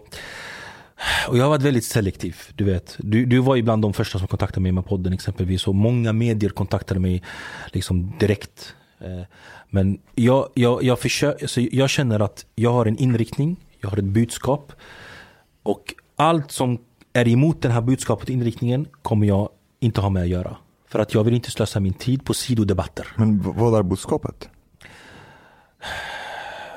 Det kommer låta lite, lite tramsigt det här. Men det är faktiskt så på riktigt. Jag vill, det enda jag vill just nu, förutom min egen resa såklart, jag vill att människor ska vara glada och lyckliga. Och må bra. Och religion ska inte vara en hinder. Det ska inte finnas ett problem med att vara religiös muslim eller inte religiös muslim. Jag hade ett klipp, jag sa exakt så. Islam kan inte vara ett hinder för din framgång. Så för mig, det är det enda jag bryr mig om. När jag ser en ung kille eller tjej, jag ser mig själv nästan som en liten pappa till de här unga killarna och har, tjejer. har du blivit som den här imamen du träffade när du var ung och gav dig mesiga svar om religionen? Ja. Det är mycket, Alltså, det, är ingen, det är inte något negativt, Nej, nej. tvärtom att han var pragmatisk. Han, han, han, du är inte svartvit längre. Nej, det är jag inte. Men skillnaden jag tror är att han var tråkig. Med all respekt till honom. Jag älskar honom. Han är en fin person. Han lever tills idag. Eh, Så om man hör det här han kanske blir så här. Men han, han, han, var, han har bra distans till sig själv så han kommer inte illa upp. Men han var väldigt så här tråkig. Och, Han kan inte prata det språk som du kan prata med unga. nej, jag tror också att han, liksom, han är född och uppvuxen i ett arabland. Han kom hit. Alltså förstår du? Det finns många skillnader. Eh, som jag tror. Jag tror att, sen vill jag, nästa steg. Jag, jag tror att jag kan vara till ganska stor hjälp. Från just det här inifrån perspektivet. Ehm, och jag tror faktiskt att senaste månaden så har jag fått jättemånga meddelanden. Du- Och det kommer hela tiden. Nu är Från, från vilka då? 37 739 står det nu. Som du ser där. Sociala medier. Jävlar. Och, och där är det liksom Majoriteten är såklart inte folk som, det är så många salafister finns det som vill hoppa av. Men tack och lov, utan det är folk som vill ha hjälp. För att många kvinnor speciellt, och många män också, muslimer, de går inte till myndigheter. De går inte till polisen. De går inte till eh, kuratorn eller psykologen eller whatever. De går till där de känner sig eh, trodda och att man kan lita på någon. Så jag får extremt många meddelanden från folk som behöver hjälp med olika frågor om islam. Och det här är ett bevis på, Omar, att dessa människor, de kände inte ro i den islam som de hade innan. If I could give give my opinion on some or some constructive Please. criticism, I don't think it's about being black or white. Being black or, white is not good, but at the same time, I think you need to perhaps eh, you, you will realize at some point that you need to be clearer with your message. Uh, it- because like I kind of like followed you a little bit on, on, on social media and so on. And if you're like, for example, if you comment on niqab, I see that you're saying, oh, it's an interesting question that I have a lot to say about, and then you leave it there. Uh, about Sharia, for example, also, you, you don't really, I think you need to get in there and speak your thoughts. You, you mm. don't have to make it black or white. But you can say what you were saying to us now. There are people who are saying this, there are people who are saying that, Exact, and, and, exakt. and so on. Because I think Det blir vilseledande annars. Ja, Ja. if you are too obscure, Ja, ja. first you will Man vet inte vad man har. Ja, man you will lose the people. Ah, you will Nej, lose the alltså, people and people will not trust you as well. Det, det är så jag känner. Och du har så rätt i det här. Och det, det exemplet du gav är perfekt. Och det är väldigt eh, fint av dig också med den här kritiken. Och jag, jag tror också att plattformarna spelar roll. Uh, idag är det så himla mycket, det ska vara en minut, det ska vara kort, det ska vara du vet så här. Och det här är väldigt komplexa frågor. Uh, och sen också finns det min muslimska publik så att säga. de muslimer som följer mig fortfarande och, och de ökar uh, och de följer och de läser. Och jag kan inte riktigt tro att de kommer att acceptera ett språk som kanske ni är vana vid. Så för mig, så som jag var innan när jag var salafi, så visste jag vilket språk man ska använda för att dessa människor ska åtminstone börja lyssna och liksom provocera fram tänkandet hos dem. Så ibland när man, eh, och så extremister och andra salafister kommer att använda det här emot mig, mot dessa muslimer. Så om jag exempelvis går och pratar om sharia exempelvis. Vad är min tro om sharia? Och jag skriver det väldigt kortfattat på Twitter eller kortfattat på någon TikTok-video eller något sånt där. Och det kan tolkas på exempelvis att han är emot sharia. Okej? Och det kan tolkas att han är för sharia. Då blir det som att det kommer användas fel av båda. Så jag behöver mer tid helt enkelt. För det är så komplext. Om jag säger att sharia för mig är någonting som är pragmatiskt och inte fast och heligt. Alltså det går att ändra. Aha, du vill ändra Guds lagar? Kolla han, staghfarullah vad han säger. Förstår du? Och jag, och jag därför, jag låter inte folk, jag hamnar inte i den fällan. Så jag ger ut mitt budskap, kärnbudskapet först. Jag försöker få folk att bli avslappnade med sin religion. Att kunna ställa frågor, ifrågasätta, kritisera, undra och så vidare. Till och med om Guds, min egen son kommer från, jag, han pratar om paradiset till helvetet och så. Och vi pratade om, och han, han var typ, han barn som trodde på Gud. Alltså. Han bara, jag vet inte. Jag bara, okej, men vi får se vad som händer. Du, så, alltså när jag hör dig prata nu och jag förstår att du måste brottas med dig själv ganska, väldigt mycket på hur ditt budskap ska fram och som du säger att du, du, du kan inte vara så enkel utan det är komplicerat. Kan du sakna ibland att det var lättare att vara salafi? jag kan till och med sakna fängelset. Ja, jag menar, du alltså. hade ju alla svar då. Institutionaliserad. Ja, nej alltså man, det, du vet, det, det, inte bara alla svar utan jag var en person som det var så lätt att leva som eh, en detaljstyrd liten robot. Men samtidigt, man blir till slut, man blir lite hycklare. Jag menar, jag känner Salafis exempelvis som, du vet, det blir för mycket. För att det är inte humant, det är inte mänskligt att leva så detaljstyrt. Liksom varenda liten del och steg i ditt liv, det ska finnas en detalj som hoppar in och styr den.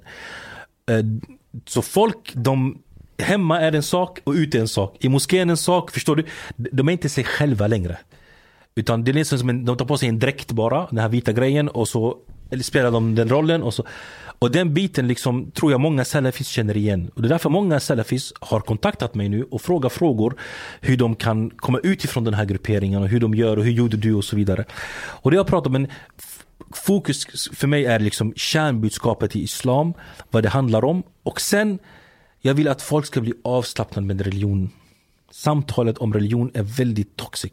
Du, alltså att, att religion inte är en del av allt i livet, utan Åtminstone man kan prata om det. Okej, om du vill, alltså, jag, jag vill bara att vi ska prata. Först och främst. Alltså, det är därför jag är media mycket. Jag vill sätta igång det här samtalet om att liksom, man får prata. Man får prata. du, du vill alltså bli muslimernas Navid Modiri? Jag vet inte vem det är faktiskt, men det låter Det- som ett fint namn. nej, nej, nej, han är, det är en vän till oss. Det är han som har den här Hur kan vi? Ah, jo, nu, jag vet vem han är. Jo, jag vet, ah, förlåt, han, det är, namnet han bara. kallar ju sig för samtalsextremist. Aha, okej. Han vill samtala med alla. Men du, uh, Anas, jag, jag tänkte nu, nu har jag lärt känna dig lite och jag, jag, jag, jag ser några mönster här. Uh, och du gav några detaljer, till exempel att du tror att du har någon sorts damp, säger du. Du, så här, du. Du vill göra saker hela tiden och det känns som att du hela tiden söker stimuli. Mm. Det måste hända grejer, det ska vara spännande och jag kan dela lite av den. Jag, jag har det också. Okej. Och, ehm, och sen tänker jag också att liksom under din barndom, du var, du var hustlern. Du hittade tillfällena här. Ja. Att du, du, det var cigaretter och alkohol. Du listade snabbt ut vad folk vill ha. Och där efterfrågan var hög, supply låg. Du fixade det. Och du drevs av det. Och, eh, och jag, jag- tänkte på det speciellt mycket när du snackade om Växjö, liksom, eh, International School. Att, här, Ja. hur, hur kan jag tjäna pengar på de här? Och då tänker jag att nu, nu när liksom Isis-vågen har dött ut ganska hårt och, och nu har du tagit avstånd från salafismen och nu kommer du ut och erbjuder ditt inifrån perspektiv. Blir du chockad om folk tänker så här, tänk om Anna ser oss som de här eleverna i Växjö nu? Mm. Nej, jag ska inte bli chockad. Nej. Okej. För, för, förstår du vad jag menar? Trovärdigheten. Ja, men att Ja. nu, nu svenska samhället som sitter med den här soppan. Mm. Som heter islamism och extremism. Och så tänker du så här. Hur kan jag hustle some Det, det finns ingen annan som du där ute. Nej. Och det är det som är intressant. Du vet, Demand är hög, supply är low. det, för, mig, ja, för mig handlar det ju om Det här är en personlig resa för mig. Eh, det här är väldigt viktigt att, eh, att, man, att man tänker på. Det liksom har tagit lång tid för mig att komma till den här eh, biten där jag, jag är i just nu. Men jag kan förstå att islamisterna misslyckas, nu ska han ta det här vägen och sådär. Jag vet inte, alltså grejen är att människor kommer nog aldrig bli nöjda eh, oavsett vad man gör. Så tror jag personligen. Jag menar, låt säga om han lämnade salafismen för att tjäna pengar, skriva en bok, göra en film eller whatever det är för någonting. Eh, nu känner jag mig själv, jag kan ändå göra det fastän jag är salafi. Jag har inte problem med min potential när det kommer att göra saker. När kommer din bok? Eller hur? Det, nej, jag har blivit kontaktad såklart. Och, jag Och du har det? Ja, det är klart. Alltså, Ja. det menar, det, alla förstår ju att det är en intressant historia och sådär. Men jag har tackat nej än till alla. Jag har blivit kontaktad tror jag av alla era förlag, ni som skrivit böcker. Men eh, för mig, du vet. Om jag, låt säga jag gör en bok. Jag tjänar, jag vet inte hur mycket man tjänar när folk gör böcker. Men typ Inte så mycket. inte mycket. Okej, men då gör jag ingen Ja. bok. Jag hasslar. Nej men alltså, låt säga att jag gör en bok och jag tjänar pengar på den, typ säger jag mm, 100 000 kronor eller en miljon till och med, de ska överdriva. Och så ger jag bort det till Röda Korset. Och säger, ser ni? Jag är inte ute efter pengar, jag går bort till välgörenhet så att säga. Då kommer ändå folk säga att ja, man kollar, han försöker leka fin han blåser. Alltså, det, jag, jag vet inte riktigt vad som krävs. Och sen är det så, islamism och våldsbejakande islamism. Det var inte så att jag grundade det här idén. Eller att jag typ, för att många tänker att jag har blivit den som nu bara för att jag syns så Ansiktet mycket. utåt. Ja, han, är, han är orsaken till all skit vi har i hela det här landet. Och för att han var den som, så är det ju inte sanningen. Utan jag var en del av det och det erkänner jag. Men, och sen en annan sak. Forskare, myndigheter, journalister som har träffat mig. Jag tror inte jag har suttit med någon som inte efteråt har kommit, liksom, och till och med vissa har skrivit det öppet, att liksom, vi, vi tror att det här är äkta. Och sen så har jag erkänt saker Ashkan. Man kan säga att ja, men du erkänt för att ge extra så här till detta. Jag menar, jag har sex barn bror. Alltså förstår du? Antingen är jag en psykopat, alltså helt galen för att liksom kanske tjäna pengar på det här. För det kanske misslyckas också. Det är en väldigt stor risk och du vet så här Charlie Hebdo, 11 september, du vet, alltså det, jag har blivit hotad, jag har blivit mordhotad eh, av flera salafister, av eh, Isis-terrorister. Jag har polisanmält hoten såklart. Hur stor är den hotbilden mot dig idag? Det, det är enormt. För Men det, vet- det, det grejen är att det är inte så mycket man kan göra åt saken. Och jag är, inte, alltså jag är beredd att betala priset, tro mig. Jag är inte rädd. Men jag tycker inte att mina barn ska få liksom Nu exempelvis, de har inte kunnat gå till skolan, du vet. För att eh, de måste byta skola så de inte går i vissa ställen och sådär. Och, så att det, jag tänker så här. Om jag någonsin skulle tjäna pengar, för att jag antar att det handlar om pengar i i det här fallet. Eller, Or if you have really changed or not. Ja, precis. Och det, jag menar, eh, jag har inte ändrats. Alltså jag är fortfarande en, en, finns en, en mini-salafi där inne som gömmer sig. Eh, Vad, vad betyder det? Typ, jag vet, alltså att jag fortfarande, Att om det skulle vara så. om det skulle vara så, att jag, jag fortfarande är en person som är salafi inombords, men jag fejkar det så att Okej, säga. okej. Vad, vad är mitt mål exakt? Vad- Alltså vad är det jag vill göra? Ska jag typ plötsligt säga Allahu Akbar och spränga mig själv någonstans? Alltså förstå, vad, vad, och sen, Mm. But this is, uh, I think, we had this discussion several times about intentions and actions. And this is where, where we differ, you and I, Mustafa. But the thing is, I actually, I don't care so much about your intention, Anas. As long as I see that the message that you're sending out there is a good message, I don't really care. So, as long as I see that, I think it's good. Och det, men jag, jag har gjort hemska saker och sagt hemska saker bror eh, eh, Omar. Och jag, jag är en sån person som Min fru exempelvis, hon, hon, hon gillar inte att jag har tagit på mig så mycket skuld. Hon, hon tycker inte det är hälsosamt. Det är inte bra. Men hon är min fru. Det är klart att hon måste tycka så. Och jag har sagt till henne nej, jag tycker det är viktigt. Det måste komma ut det här. För min egen skull och för andra människors skull. För att jag vill att, jag vill att folk ska kontakta mig och skriva till mig och säga till mig Anas, du förstörde min dotters liv, du förstörde min sons liv. Har många gjort så? Har Det finns en fått- del som har gjort det, ja. Och jag har kontakt med dem. Men då handlar det inte om krig och sånt. Det handlar exempelvis om att jag sa att de inte får ta CSN-lån. Så de, kunde, så de vägrar gå till skolan. Förstår du? Så de slösade kanske flera år i sitt liv på grund av att något jag sa. Men det här som jag sa, sa tusen andra. Så att jag, jag, jag tar ansvar för att jag sa det. Men det finns där ute i samhället. Så min roll nu är att den andra rösten måste bli hög och synlig. Någon måste också säga att nej, det är inte haram. Förstår du? Och det finns ju inga som säger det. Eller? Finns det? Jag vet inte. Det kan nej, finnas. n- Nej, det, kanske inte. But like, like I said, for this to be a good message, Mm. you will have to be more clear in your messaging. Men det går inte att bli more clear nu. Den här fasen, du vet, man måste vara smart bro. Man måste vara smart. Man får inte, vara, man får inte underskatta extremister. Jag var en av dem, jag vet. De, de kommer använda varenda grej. Jag, jag, man ska inte ha bråttom. Liksom, jag, jag vet var jag står. Jag vet mina, liksom, vad jag har för vad ska man säga, övertygelser. Men jag ska inte ge frikort, free passes till vissa människor och använda det mot mig i deras publik. För jag vet att de gör det. Jag har folk som är undercover hos Salafis. Som skickar till mig, du vet. Vad de säger i privata samlingar. De tar screenshots på vad folk säger och så vidare. De följer mig intensivt i varenda sak jag säger och gör. Och de använder det mot mig i deras samlingar för att avskärma och skrämma bort unga killar och tjejer och speciellt muslimer. Och du vet, för mig, jag måste vara smart. Okay, i fair enough. Fair enough. Tactically, strategically, I can I can see the point. Ja. So you want some kind of like that they would go through a transition period, maybe. Jag vill att människor ska kunna se att det finns ett alternativ. Jag är ensam Omar. Jag, jag är en one man show. Okay? Jag har inga eh, resurser, jag är inte rik eller något sånt där. Eller har arvt. Alltså eh, jag, jag, det här, vi snackar om folk som har 15-20 olika föreläsare. Som har föreningar som drar in miljoner. Som sitter där med det senaste equipment och tekniken och föreläser 24 50 000 följare på nätet, 300-400 000 på TikTok. Det, det här, jag, jag, jag är själv. Och jag säger inte så för att du vet, Åh, snälla hjälp mig. Jag är ingen fara, jag kan vara själv. Men jag måste vara smart då. Jag kan inte, du vet, för de, är väldigt många. Och människor tror att det, det är islam, det där är islam. Så om jag, förstår rätt, di- din, din farhåga är att om du tra- råkar trampa snett enligt dem så kan de använda det för att sänka din legitimitet Exakt, trovärdighet, legitimitet, sellout. hos de muslimer som faktiskt lyssnar på dig. Ja, jag har, jag, jag har exempelvis på TikTok 60-70 000 följare.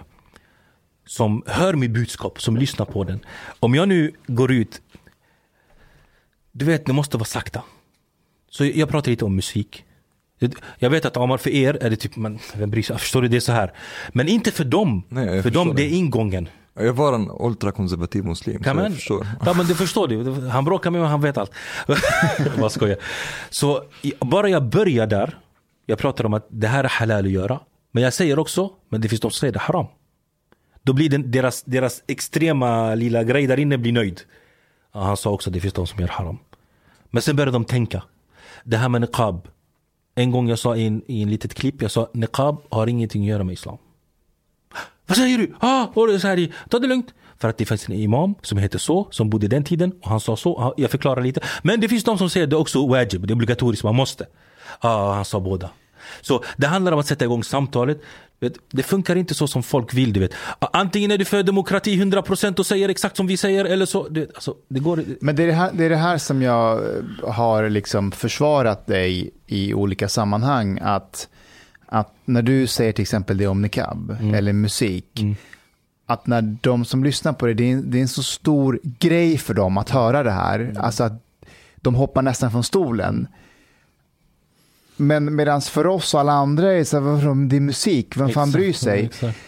Tänk dig då om Anna skulle säga så här, men jag har lämnat salafism bakom mig, nu kommer jag gå med i Pride-tåget. Ja. Alltså, vad, vad, vad kommer dina följare göra då? Alltså, Förstår du vad jag menar? Det, det, det är alldeles för långt hopp. Jag, jag förstår det, but at the same time, again, like we, we talked about this, there is two audiences in a way.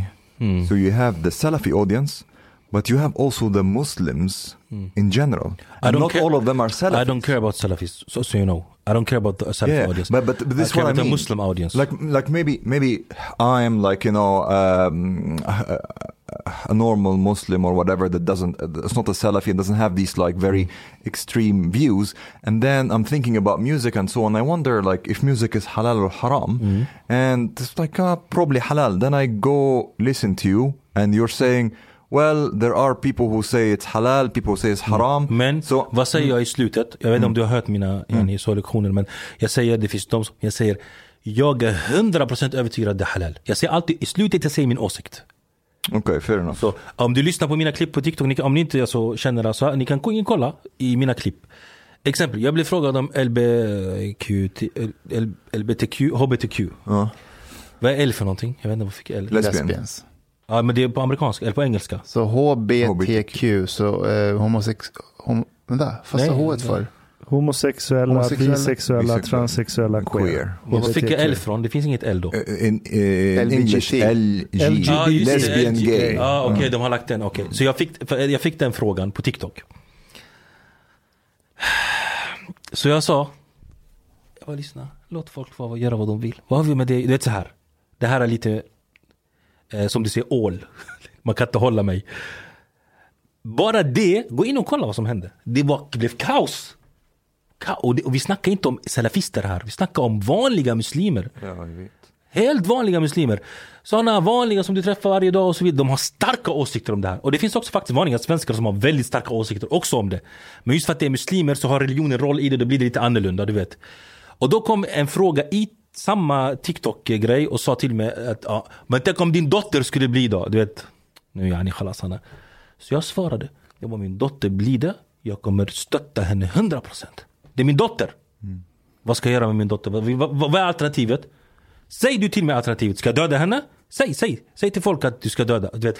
Så när man, när man kör den stilen, då börjar de, ja just det, det är sant. De, jag kan inte kontrollera vad min dotter känner och inte känner. Och förstår. Så vad ska jag göra på riktigt? Alltså du tar, du tar myrsteg, men, men du påverkar mycket och jag kan förstå det. Och än en gång, så här, det här med att han ska vara tydlig i sitt, i sitt språk ännu mer. Jag, jag fattar, jag, jag, jag tror att de annars gick ut och sa, nu tar jag det här exemplet hela tiden, men att om man gick med Pride-tåget till exempel. Jag tror att hans media och journalister och politiker skulle älska Annas. Han skulle ha noll eller väldigt lite legitimitet hos sin publik. Och där, och där finns pengarna förresten, på tal om trovärdighet. Jag menar om jag ville göra de riktiga pengarna och riktiga böckerna och dokumentär och så. Jag hade gått, gjort massa grejer som gör folk nöjda i den här PK, fina, gulliga, du vet så här. Och, och jag, jag har blivit bjuden, så du vet, till stora program i tv. De största du kan tänka dig. Men, men, men jag är selektiv. Ett, jag har respekt för människors känslor. Att jag ska sitta exempelvis hos Skavlan och gulla där och du vet så och släppa en tår och du vet jag hade det tufft, jag var också offer och du vet så här, Jag hade vunnit många människors hjärtan. För du vet bror, jag, jag, jag, om jag vill, jag kan vara fake också. Jag kan spela och jag kan leka dum, för jag är duktig på det jag gör. Men jag försöker vara äkta så gott jag kan. Jag är mänsklig, jag har fortfarande problem, bekymmer. Det kan vara allting ifrån eh, att man mår dåligt ibland, deprimerad. Det kan vara det här, eh, det, ekonomiskt, det kan vara massa saker. Men jag ska inte gå där och sätta mitt ansikte i svenska folkets ansikte ifrån. För de tror att han var salafi igår och idag är han plötsligt, sitter han där och gullar. Förstår du? Det är jätteprovocerande. Det, här- det, här, det här som du, som du ändå går igenom, jag, menar nu, jag, jag, jag kan förstå att det kan upplevas som att varje samtal du har om det här, att, att, att du blir nästan lite attackerad, alltså till och med av oss här nu och, och på olika sätt. Vem, vem pratar du med om sånt här? Är det, är det frun? Eller så, Det är vem, min fru, min fru, bara min fru just nu. Psykologer och sånt, du vet, det är till en viss grad. Du vet. Och sen liksom blir det stopp. Den här pressen du har ändå på dig, att du vet, jag, det är många som måste vara på dig, så här, gör så, gör så här, nej, nej, gör så här. Otroligt. Ja. Kan det bli överväldigande med den här pressen? Jag är också diabetiker, du vet. Så det, det påverkar mig fysiskt. Och därför exempelvis när jag sa till dig jag måste ha en övernattning. Eh, för jag sitter och pratar med er nu och jag kan typ bli hög eller låg i blodsockret och det påverkar ju också mitt psyke och, stress och hormoner. Men du vet, alltså jag ska vara helt ärlig med dig. När jag var salafi bror, alltså jag sket i. Mannen kämpa. Så för mig nu är du ännu hårdare, ännu starkare. Och jag menar, jag kommer hamna, i, snart, ni kommer se nästa vecka, jag kommer vara med i en intervju. Den ses av många människor, den kommer vara ganska hård. Och jag har redan sagt till honom, du kan vara hur hård du vill. Han kommer göra det. Han sa till mig, jag har klipp, ansvarsutkrävande och jag sa lyssna, jag vill get by det här nu. Jag vill liksom komma till nästa steg. Så när jag var med på radion, samma sak. Jag säger till dem liksom, alltså ni får ställa precis vad ni vill. Och ni kan fråga Sofie. Jag Lövenmark Ja, Sofie. Lövenmark. Jag, jag, ni kan fråga henne. Jag, jag, jag, jag, sa, jag sa till henne, det enda kravet jag har på dig Sofie det är att du får inte skriva att jag har lämnat islam och sådana saker. För det har inte hänt. Jag är fortfarande muslim och jag är imam och det ska vara en nål i deras öga. Ingen ska komma här och liksom ifrågasätta min religion. Sen fråga vad du vill. Och jag säger till er också, fråga vad ni vill. Vad ni, det finns inte en enda fråga som skrämmer mig. Hej på dig, min vän. Lyssna på mig nu. Du är mycket fin människa. Du har betalat bilet på klubbzista måltid. En mycket fin radioprogram i Sverige. Tack vare dig så är det möjligt för grabbarna att shoppa kaffe latte ute på torget. Betalar kningar. Shoppa blodpudding till familjen. Åka tunnelbana. Eller dricka en kall Norrlands guld på uteservering. Ibland. Dit bidrak gör grabbarna mycket glada. Dit stot gör sista måltid möjlig, helt enkelt. Tack, min vän.